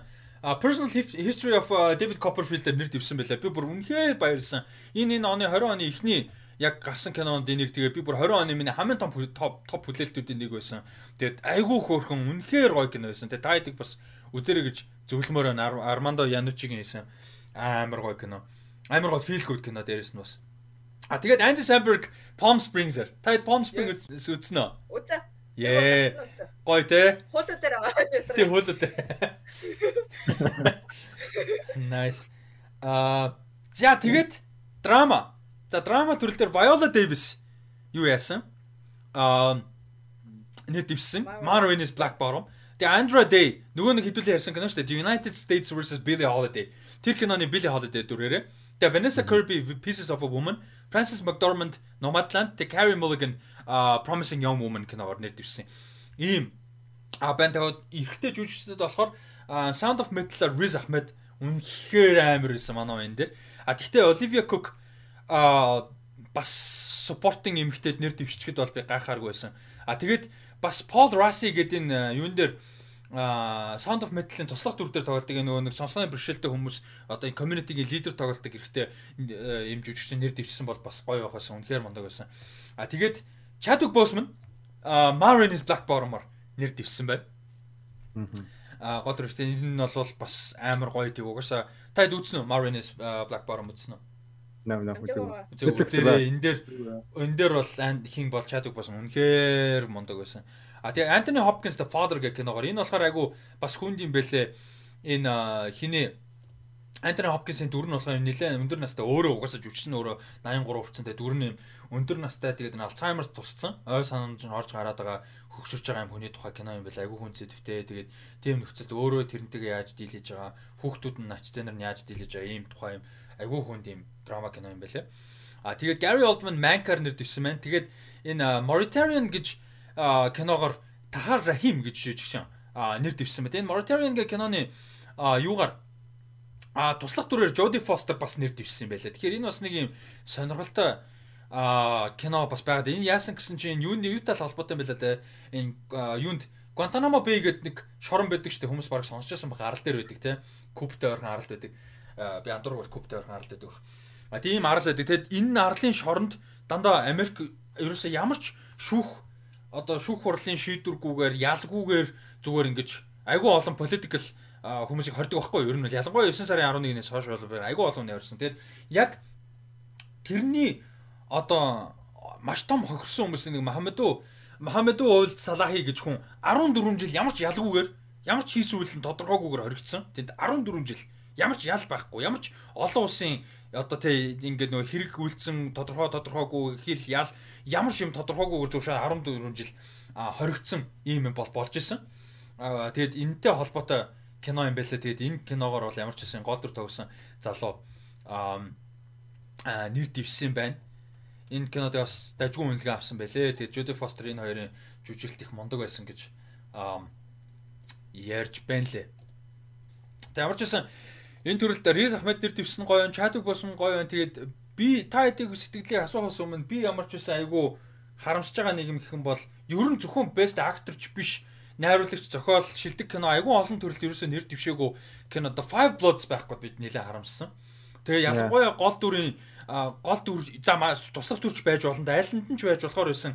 Delroy Lindo нэр дэвшээгөөд би бүр амар харамсаж байгаа. Delroy Lindo бүр fucking amazing байсан. Тэгээд Jonathan Majors амар гоё байсан ш тэрэн дээр. Яа. Delroy Lindo тэрэн дээр үнэхээр галзуу байсан. Тэгээд тэр киноны зохиол, зураг авалт, найруулга үнэхээр галзуу байсан. Тэгээд нэг ч төрөл нэр дэвшээг нь бүр амар том сюрприз болсон надаа. Тэгээд тэр чиг би Chadwick Boseman-ыг өнгөрсөн өнгөрсөн гэж сонсоо шүү тэр өөрөө үзсэн ш тэр кино. Үнэхээр гоё кино л. Тэгээд зөв төрөл амар хэцүү мэдрэмж өгсөн. Аа. Тэгээд угаасаа сайн кино тэгээд ядаж жагаад. Яа, Spike Lee. Тэгээд та хоёр үзсэн үү? Моги амраар. Үзэг байгаа. Үзэг байгаа. Үзэг бодороо яалтчгүй амар гоё кино шүү. I love Black Panther man. The Five Bloods Spike Lee-гээс The Five Bloods үзсэн одоо амар Black Culture Certified болоо ш. За тэгээд Best Musical Comedy дээр Musical or Comedy дээр болохоор а Borat 2 Hamilton what the fuck яг musical юм да. Тэгээд music кино нөгөө нэг Sia-гийн энэ амар weird амар муу үнэлгээтэй юм байлээ. Тэгээд Palm Springs тэгээд The Prom гэдэг нэг кино. Ер нь бол энэ жилийн musical comedy төрөл бүр амар муу. Амар сул байгаа гэсэн үг. Palm Springs баг ганц сайн кино нөх. Энэ дундаа бол. Борот сайн байж бүр. Энэ Borat гэхдээ masterpiece л гэдлээ хүмүүс. Тэгээ борот сайн байж магадгүй те. За тэгээд гоё аа. борот аа Брод гоё гоё. Гэтэ хоёрын үзэг болохоор. харин хоёрын гэтээ хоёр сайн гэсэн. Гэтэ Гэтэл энэ жилийн 5 киног харахад бол сул байгааз ер нь яа. Яалтчгүй. За тэгээ шилдэг драма кинон дээр The Five Bloods байхгүй. Тэгээд The Trial of the Chicago 7, Promising Young Woman, Nomadland, Mank, The Father гэсэн кинонууд а нэр дэвшжээ. За миний хувьд бол ямар ч сан The Five Bloods байхгүй байгаа жоохон харамсалтай байна. Тэгээд musical or comedy дээр ийм сулж ил Эма яагаад байж болохгүй гэж гэж бас бодчих юм миний хувьд бол. Яг гоо зүгээр үднийх Эмаг яахан цаашаа гэхдээ Golden Globe-ийн comedy төрөлд бол Эма нэр дэвшчихэр кино байхгүй. Тэгээ тэр нэг best picture drama цаашаа. Гэтэ энэ жилийн листүүд жоохон сонирн байна да ялангуяа кинонууд дээр. Яа. Ер нь одоо тэгээд ингээд эцэст нь ярихаар амар яригдж байгаа кинонууд бол The Father амар яригдж. Nomadland, Mank, Promising Young Woman, Trial of the Chicago 7, за тэгэнгүүтээ жүжигчин төрөлд Chadwick Boseman, Marion Black Bottomore, Viola Davis адилхан. Тэгээд Frances McDormand, Riz Ahmed гэсэн юм л хамгийн их яригдах юм шиг шүү дээ. Ер нь энэ янзаараа. Аа. Тэгээд supporting дээр одоохондоо яг нэг тийм favorite бол байхгүй л байгаад байна. Тэгээд ямар ч гэсэн та хэдийн бас одоо нөгөө нэг Ubifair кино үзэх гоё гэдэг чи яг тэр байхгүй. Тэр System Crasher-ыг үзсэн хүмүүст энэ бол одоо хамаагүй гоё ирж байгаа шүү дээ, энэ мэдээ тэ. Тэгэхээр яг ингээ фестивалийн кинонуудаа үзээ ядаргатай. Би одоо fucking Монголын нөгөө нэг юу илээ соёлын газар үлээ юу илээ тэрийн зохион байгуулдаг Тэрнээс одоо би бүр бүтэн жил дандаа цалинтай реклам хийдэг хүн шиг л. Байнга л Ubifair рекламч тэрнээс зүгээр амар сайн санааны тэ. Тэгээ Боротоос амар их юу номинашнтэй шүү тэгээ энэ жил. Тийм, борот шилдэг кинон дээр тэгмүүд гол дүр ирэх, гол дүр эрэхтэй эмэгтэй дээр. Бас юу Оскарын шорт Шортос гадна Оскарын шорт листийг харсан. Бас Борот. Promising Young Woman гэж энэ кино бүр байгаа юм шүү. Тийм, Promising Young Woman наач бүр алж байгаа. Яаж хийж байгаа нэг бол үзгэл хэрэгтэй юм шиг байна. Ер нь нэлээд weird гэсэн. Тэгэд төгсгөл дээр нь хүмүүс амар хуваагдаж байна гэсэн. Тэгээ бүр төгсгөлийг нь explained, explained гэсэн видео медиа хүртэл битүү байл шүү дээ YouTuber. Гэтэ надад яг анх энэ киноны трейлерыг харахад болохоор надад тийм тийм кино шиг санагдаг байхгүй нэг тийм би мөвөө санагдсан байхгүй юу? Аа, тий, тий, тий, тий. Тим мэдрэмжтэй. Тий. Yeah. Тий, тийм мэдрэмжтэй. Тэгээд би нэг нэг тийм оошогоогүй өнгөрөөцсөн байхгүй юу? Аа. Тэг зүгээр нэг амар нэг тийм зүгээр халт нэг тэгэл амар тийм одоо юу гэдэг нь жоохон трейлер маягтай нэг тийм фан маяг. Тэгээ бас comedy тий. гэж бодсон байна тий. Би тэгж л байхгүй. Мгм. Чинь харин амар хурц яваадах юм. Харин. За. А Golden Globe-ийн хувьд бол иймэрхүү байсан. За дараагийн award-уудыг дахиад 3 award-ын тов- товчхон товчхон ярина. Ерөнхийдөө. За дараагийнх нь болохоор Critics Choice Award байгаа. Энэ ер нь одоо нэг Golden Globe а бол 2 сарын 28-нд болно. Тэгээ яг хөө нэмж юм ярахад яг хөө хүмүүс Golden Globe Оскарын дараа ордог гэж ойлгодог байж магадгүй те нөгөө ач холбогдлын хувьд гэж ойлгож магадгүй popular учраас. Гэтэ яг эсэм дээр яг яг нөгөө нэг одоо чанартай байдал нь ч юм уу эсвэл хүн одоо цаашаага Оскар руугаа нөлөөлөх те о- Оскарын урд урдчилсан таамаг болгох ч юм уу тэр талдаа бол Golden Globe хамгийн хамаагүй байдаг. Golden Globe хамгийн их зүрдэг, хамгийн их сул номинашнуудтай байдаг. Тэгээд яг энэ жил бол өөр байгаа. Tina Fey Эми их юм блэ? Эми Полер. Эми Полер тэр хөтлөн тэгээ нэг нь Нью-Йоркд нэг нь LA-с хөтлөн гэсэн хоёр өөр зэрэг газраас. Тэгээд А энэ жил бол яг яг ингээ боддоор цугулж бол явагдахгүй онлайн болно. Гэхдээ бусад үед бол Golden Globe зүгээр Hollywood-ийн парти болдог. Зүгээр гарууд ингээд зүгээр popular хүмүүс, шин залууны хариулагч янз бүрийн баахан хүмүүс цуглаж зүгээр уудчих, уудаг, иддэг нэг монголчуудын нэг сонир хүлээ авалт идэж дууж идэлээдэг яг тийм хүлээ авалт болдог. Ерөөсө break дондороо уугаал уугаал тэр нөө Amy Poehler хин хоёр э, хин хоёр Tina Fey хоёр чинь хөтлөختөө нэг согтуу хөтлөжсэн санаж байна уу? Бүр ингээд эргэлттэй явж яснаа угаасаа өнөөдөр битүү согтно гэдэг нөгөө шампансагтай эхлүүлэнгүүтээ дундуура гарч ирэх болгондоо виното яваад байдаг. Тэгсэн төгсгөл нь бүр ингээд халж малцсан. Тэгээ ерөөсөө энэ Golden Globe ч юм амар зүгээр юм out there фестивал байхгүй фестивал ч гэжтэй award ерөөсөө тийм ач холбогдолтой биш. Зүгээр ингээд гарууд баг одууд цугулж уудаг. Ерөөсөө тийм юм. Гэдэм байлээ. Ямар сандаа Рики жирээс 5 удаа хөтлсөн байх вэ? Зүйл зүгээр спартагнаас Манай хүн зүгээр ингээд биер гарч ирж байгаа. За сугуудаар сан сайхан юу байна гээл. Тийм би барьц гарч ирдэн шүү дээ тэгээд дандаа би барьцаа. тий. Та нар жахаар зүгээр миний шоу үздэг. Тий, тийм болохоор Golden Globe яг зүгээр яг нөгөө нэг value талаасаа бас амар тийм өндөр үнэлгээтэй бол биш шүү гэдэг ойлголт өгч байгаа. А тэгээ 2 сарын 28-нд Golden Globe болно. А 3 сарын 7-нд Critics Choice Award болно. За энэ бас тодорхой хэмжээнд ерөнхийдөө нэлээд ач холбогдолтой яг шүүмжлэгчдийн холбооны юг өгдөг, шагналыг өгдөг. За энэ дээр товчхон товчхон гяс яриа явчих. За хамгийн олон кинонд нэр дэвсэн төрөл нь биш төрөл нэр дэвсэн кино нь Mank байна. 12 киногоо нэр дэвсэн. А тэгээд Minari 10 төрөл нэр дэвсэн. Marines Black Bottom 8, News of the World 7 за энийг үзье. А тэгээд 6 төрөл нэр дэвсэн айгу олон кино тэрийг хэлээд дуусгачих. The Five Bloods, Nomadland, One Night in Miami, uh, Promising Young Woman, uh, Trial of the Chicago 7 гэсэн кинонд нэр дэвсэн. За иймэрхүү а бол байна. Тэгээд юун дээр болохоор шилдэг кинод нь 10 кино нэр дэвшдэг. Энийг шууд ярьчих тий. The Five Bloods нэр дэвсэн байна. Би энд бол амар баяртай байгаа. Тэгээ Marvin is Black Bottom, Mank, Minari News of the World. Оо энэ News of the World бүр. А Nomadland, One Night in Miami, Promising Young Woman, Sound of Metal, Trial of the Chicago 7 гэсэн кинонууд нэр дэвсэн байна. Тэгэд одоо ингээ харахаар хардаа яг officially шүү дээ. Officially ч хайшаа за яг хөл өмөл орсон бол бид нар үзэх боломжгүй. Гэхдээ Nomadland-аас бусад бүх кино бид нар үзэх боломжтой болсон байгаа байхгүй юу? Бүгдээр ингээ. Тэгээ энэ бас ингээд нөгөө нэг стриминг эрагийн амар том давуу тал гарч байгаа байхгүй яг мэдээж ковидтай холбоотой зарим нэг юм байгаа. Гэтэ стриминг амар том давуу тал гарч байгаа байхгүй те. Ингээд award season болоход бид нар award season-ы одоо зүгээр жишээ нь Critics Choice Award-ийн best э, film гэсэн төрөл нэр дэвсэн 10 киноны 9-г аль хэдийн үзэх боломжтой болсон. Тэгэхээр бас айгуу гоо Оскар ер нь их номинашн зарлагдаад ингээд яхад бол хэдүүлээ бүр Оскарын баг гол гэсэн бүх кинонуудыг үзсэн байх боломжтой болчихж байгаа байхгүй. Тэгээ энэчнээс та хэдийг хэдийг нь үзсэн байна. Аа ер нь аль нэг кино байгаа байхгүй гэсэн юм байна уу? Хоёрын л үзсэн байна одоогор. Nice, nice, nice болж штэ. 1 2 Батцсан байгаа 3 байна гэж. 3 л үтсэн юм байна да. Окей. Тэг бас юу байсан? Оскарын нөгөө шорт листүүдийг харж байхад буруутаас нэлээд явцсан байлаа тэрэн дээр. Тэгээд энэ дэр бас нэг соник байсан. Original song гэдэг төрлийг харж байсан байхгүй? Аа. Энэ буруутны Wuhan төлөв гэдэг байсан байсан шүү дээ. Тэр одоо яг яах гэж байлаа юм бүү? Надад амар тийм сонин санагдсан. Тэр Wuhan flu гэдэг доо нэр дэвшсэн байж энэ тий. Тийм. Яг уу дэвшсэн биш. За. Аа тэгээ Оскарын юу яг нэмж мэдээлэхэд Оскарын номинашн 3 сарын 15 зарлагдана. Одоо ерөөсө сар хүрэх хугацааны дараа зарлагдана гэсэн үг. Монголын цагаар нэгтгэхийн үүрээр зарлагдах бах. Тинчэнэ бүтээсэний орой зарлана. Тэгэхээр нэгтгэн үрээр би одоо сэрүүн байна гэсэн үг. Аа тэгээд Оскар номинашн зарлагдахад бол шууд зэрэг лайв хийчих гэсэн санаатай байна. Ер нь бол аа тэгээд тэр үдэн join хийх боломжтой байл таад бас join хийгийг бодоорой.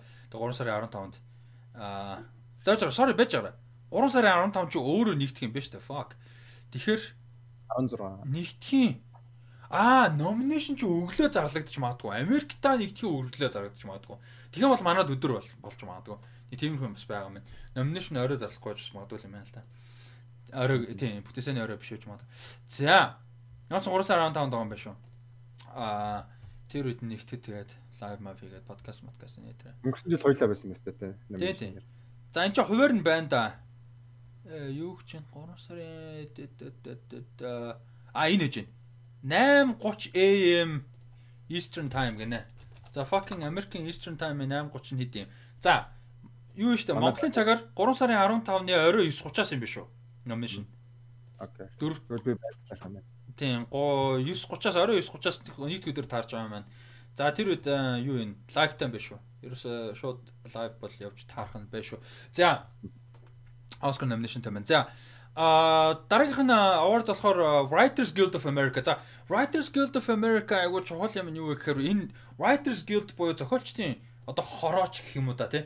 Энд болохоор бүртгэлтэй гэр одоо юудаг байдаг хүмүүс бараг бүгдээрээ академид бүртгэлтэй байдаг. Академик шүү байдаг. Тэгэхээр ер нь бол Writers Guild of America-гийн шилдэг зохиол, шилдэг одоо сэдвүүсэн зохиол, баримтат кино гэдэг төрлүүд бол Оскар руу нэлээд хүчтэй нөлөөлдөг ер нь бол урдчилж хийх боломжтой байдаг. Аа шилдэг зохиолт нь оригинал зохиолт нь Judas and the Black Messiah, Palm Springs which is nice. Uh Promising Young Woman, Sound of Metal, uh The Trial of the Chicago 7 нэр дэвсэн байна. Аа шилдэг сэдвүүлсэн зохиол. Гэтэ би яага Боротыг сэдвүүлсэн гэдгийг мэдэхгүй байна. Гэтэ Борот сэдвүүлсэн зохиол гинэ. Борот 2, Marvin is Black Bottom, А тэгээд News of the World, One Night in Miami, The White Tiger гэсэн кино нэр дэвсэн байна. White Tiger Netflix-д орсон байгаа. Саяхан орсон кино. Йоо, ногоно. Юу вэ ногоно?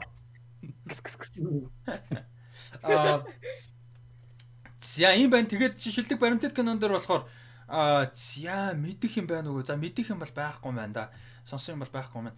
Аа тэгээд цуврал дээр за шилдэг цувралын нэр чи тэ. Аа шилдэг драма цуврал дээр Better Call Saul The Boys нэр дэвшсэн байх шүү. Тэгээд The Crown, Mandalorian Ozark байна. Аа тэгээд Comedy The Curb Your Enthusiasm, The Great, Pen 15, Ted Lasso What We Do in the Shadows гэсэн юмнууд нэр дэвшжээ. За иймэрхүү аа гоё юутай. Тэгэд энэ ер нь Writers Guild of America бас айгүй гоё. Айгүй олон төрлийн юу нэр дэвшүүлдэг төрөл э, байдаг. Тэгээ тэр нь бас айгүй гоё. За ер нь бол иймэрхүү кинонууд байгаа юм байна. Одоо ингээд яг анзарж байгаа те яг нэг яг нэг 10-аас 15 кинол бүх юм дунд нь яг эргэлдээд байгаа байхгүй. Ер нь бол бүх гол шагналууд донд тэрийг бас анзаарж байгаа гэж бодож байна. За тэгээд а өнөөдрийн яг сүүлийн award ярих юу нь болохоор за саяны юу юм бэ шүү. Critics Choice Award 3 сарын 7-нд болно. Саяны зохиолчдын буюу Writers Guild of America Award 3 сарын 21-нд болно. Одоо ярих байгаа жүжигчдийн болохоор Screen Actors Guild дэлгэцийн жүжигчдийн холбооны болохоор 4 сарын 4-нд болох юм байна. За энэ дэр яг нэг онцлог а юм юу байна? Гэс харчээ. За аа удаан юм ярихгүй. Бол бас айгүй яагаад вэ? Удаад байна. За шилдэг а жүжигчин туслах дүрд Саша Baron Cohen байна. А Chadwick Boseman The Five Bloods. Okay, interesting. А Daniel Kaluuya Judas and the Black Messiah, Jared Leto The Little Things бас энэ дээр байгаа юм шүү дээ. Leslie Odom Jr. One Night in Miami. Тэгээ эмэгтэйгээр Maria Bakalova энэ Borat-ийн охин тоглолтог бүр бодоо олгож байгаа юм шүү дээ. Тэгээ Glenn Close бас байгаа юм байна. Hillbilly Elegy Olivia Colman the Father, Yung Yoo Jung, Yoo Jung Young гэж энэ нөгөө нэг ээжд нь тоглолдог Minari дээр. А тэгээ Helena Zengel бас биш үү? News of the World-аар. System Crasher. Тий. За System Crasher үзсэн хүмүүс одоо News of the World-ыг үзгээл болж тээ ер нь. Yeah. Yeah. За тэгээд хамаагүй. За тэгээ гол дүр эрэхтэй Riz Ahmed. Yes. А Chadwick Boseman тэгээд Anthony Hopkins, Gary Oldman, Steven Yeun. Энд дээр Steven Yeun байна. Босн дээр нь Стивен юм байсангүй. А тэгээд эмэгтэй голдор дээр Эми Адамс. Оо, Эми Адамс Hillbilly Elegy дээр байна. А Viola Davis, Ma Rainey's Black Bottom, Vanessa Kirby Pieces of a Woman, а Frances McDormand Nomadland, Carey Mulligan. А sorry. Carey Mulligan Promising Young Woman. А тэгээд юуных болохоор Screen Actors Guild одоо award show-ных нь хамгийн одоо том шагналт гэх юм уу да. Одоо нөгөө нэг Оскар дээр хамгийн сүүл Best Picture үүдэг штэ. Тэр шиг яг Screen Actors Guild Award-ийн хамгийн том шагналт нь Outstanding Performance by a Cast in a Motion Picture гэдэг. Одоо хамгийн одоо шилдэг жүжигчдийн бүрэлдэхүүн гэх юм уу да. Тэ? Жүжигчдийн бүрэлдэхүүний хамгийн шилдэг одоо перформанс гэх юм. Ийм бүрэлдэхүүнээр хамгийн сайн байсан. Одоо монголоор гой найруулж биелж тухайн. Гэхдээ тийм утгатай байдаг. За энэ төрөлд одоо хамгийн том шагнал нь The Five Bloods which is fuck yeah. Тэгээд Maureen is Black Bottom Minari, One Night in Miami, тэгээд The Trial of the Chicago 7 гэсэн кинонууд нэр дэвшсэн байна. Аа, ер нь бол basically шилдэг каст гэсэн үг. Аа, энэ ер нь амар гоё жил юм шүү. Энэ кастаар яаж байгаа. Яа, яа, бүр яг юуны Screen Actors Guild-ийн outstanding cast дээр бүр амар гоё шүү дээ. Харин тий. Энд The Trail of Chicago-ны соёны каст нь ямар амар юм бэ те. Тийм шүү дээ. Амар уу те. Та үзэх хэрэгтэй гэж. Амар юм байна. Юу Майкл Китэн мэтэн бэ? Юу болоод байна? Тэгээ драма. Эд Бэтмен. За тэгээд Яя Абдул Матен, Саша Барон Коэн, Joseph Gordon-Levitt, Frank Langella байгаа Eddie Redmayne, Mike Rylance, Jeremy Strong амар гоё эхэлжээлээ. Би ихний хэдэн минутын үзээд тухайд бүр үнэхээр боломжгүй болоод дондор нь болцсон байгаа. Тэгээд үзэнгээ бодсон ба. За. За, award show-нуудын үед л иймэрхүү байна. За, дахиад хэлэхэд Golden Globe 2 сарын 28-нд дуусна. Oscar-ийн одоо киноны нэр дэвших боломжтой киноны лист 2 сарын 28-нд дуусчаа. Тэгэд Critics Choice Award 3 сарын 7, WGA зохиолчдын 3 сарын 21-нд SAG буюу жүжигчдийн 4 сарын 4-нд байгаа. За, Oscar өөрөө бол 4 сарын 25 I think. Тэгээ 4 сарын 25-нд бүтээсэн өдөр байгаа. Тэгээ манай 4 сарын 26-ны үүрээр гэсэн манай цагаар бол. Ийм а юутай байна. А хуваартай бол байна. За одоо ярих сүүлийн юм нь болохоор ярьсан шүү дээ. Өмнөх дугаараар ярьсан дугаар гинэ подкастаар ярьжсэн.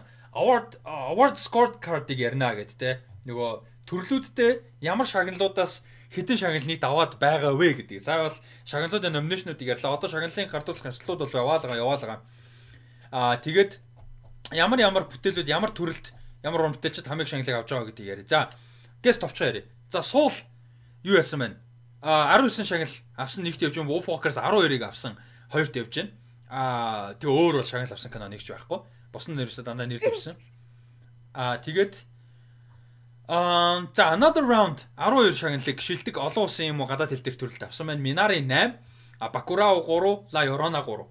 За эвлүүлэг Chloe Zhao нэгт явж ин хэвээрээ 7 удаа шагнал авсан.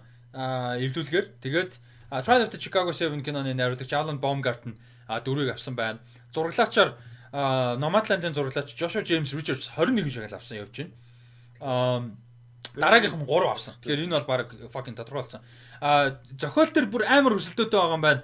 A Promising Young Woman зохиолоор Emerald Fennell 14, Chloe Zhao 11, Charlie Kaufman I'm Thinking of Ending Things киногоор 5, Lee Lee Isaac Chung Minari киногоор 7, а тэгээд Never Really Sometimes Always киногоор Eliza Hitman 5 байгаа юм байна. Тэгээд Never Really Sometimes Always бүр айгүй их яригдчихэж байгаа тэгээ award season-оор алга болчихлоо шүү. Ер нь.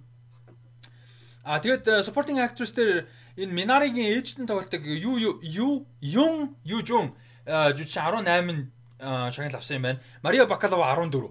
Fuck энэ Мария Бакалова ч баг Оскар авал авах юм шиг. Аа тэгээд supporting actor Paul Rassi 13. Гэхдээ саяны ярьсан нэгэнд нь ч байгаагүй. Хэдүүлэг саяны ярьсан. За skin actors байсан хараа тий. Аа тийм ээ байгаагүй маань. Ерөөсөө нэг ч нэр дэвшээгүй. Хэдүүлэн хасаа ярьсан байгаагүй. Гэтэ 13 шагнал авсан. Leslie Odom Jr. Sam Cooke дөрөөр One Night in Miami дээр 9, Sasha Baron Cohen 4, Chadwick Boseman 3.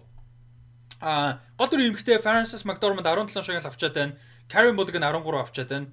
За тэгээ бүр дараас нь Viola Davis, Sydney Flanagan 2 2 2 авчаад байна. Тэр нь Francis McDormand, Carey Mulligan хоёрын хооронд илүү идэвхтэй өрсөлдөөн явах нь байна. Тэгээд гол дүр эмэгтэй жүжигчин Riz Ahmed 14, Chadwick Boseman 11, амар хайртай хоёр жүжигчин тэргүүлээ явж. Тэгээ Delroy Lindo 5 7 шагнал одоогийн байдлаар авчаад байгаа. Five Bloods гэнэгээр. Тэгээ Anthony Hopkins 2 явж байна. Delroy Lindo Oscar please нэр дэвшижээсэ. Энэ жил Delroy Lindo, Riz Ahmed, Chadwick Boseman гурав нэр дэвшижээл ёо oh my god. Um тэгээд Best Director Chloe Zhao 31 шагнал хүртсэн. А араас нь Regina King 2 шагнал. Шилдэг найруулагч бол одоо бүр бүр ингээд Chloe Zhao зүгээр ингээд за өг гэдэг ингээд сууж байгаа юм шүү. Баяра тенденц байгаа юм шүү. Одоо баг ингээд Golden Globe, Oscar, Oscar-ийн спичээ бэлдэж байгаа юм шүү. Амраас юу гэсэн бэ? Sorry. Хоёр эмэгтэй найруулагч гэхээр амар гоё байна. Yeah, yeah.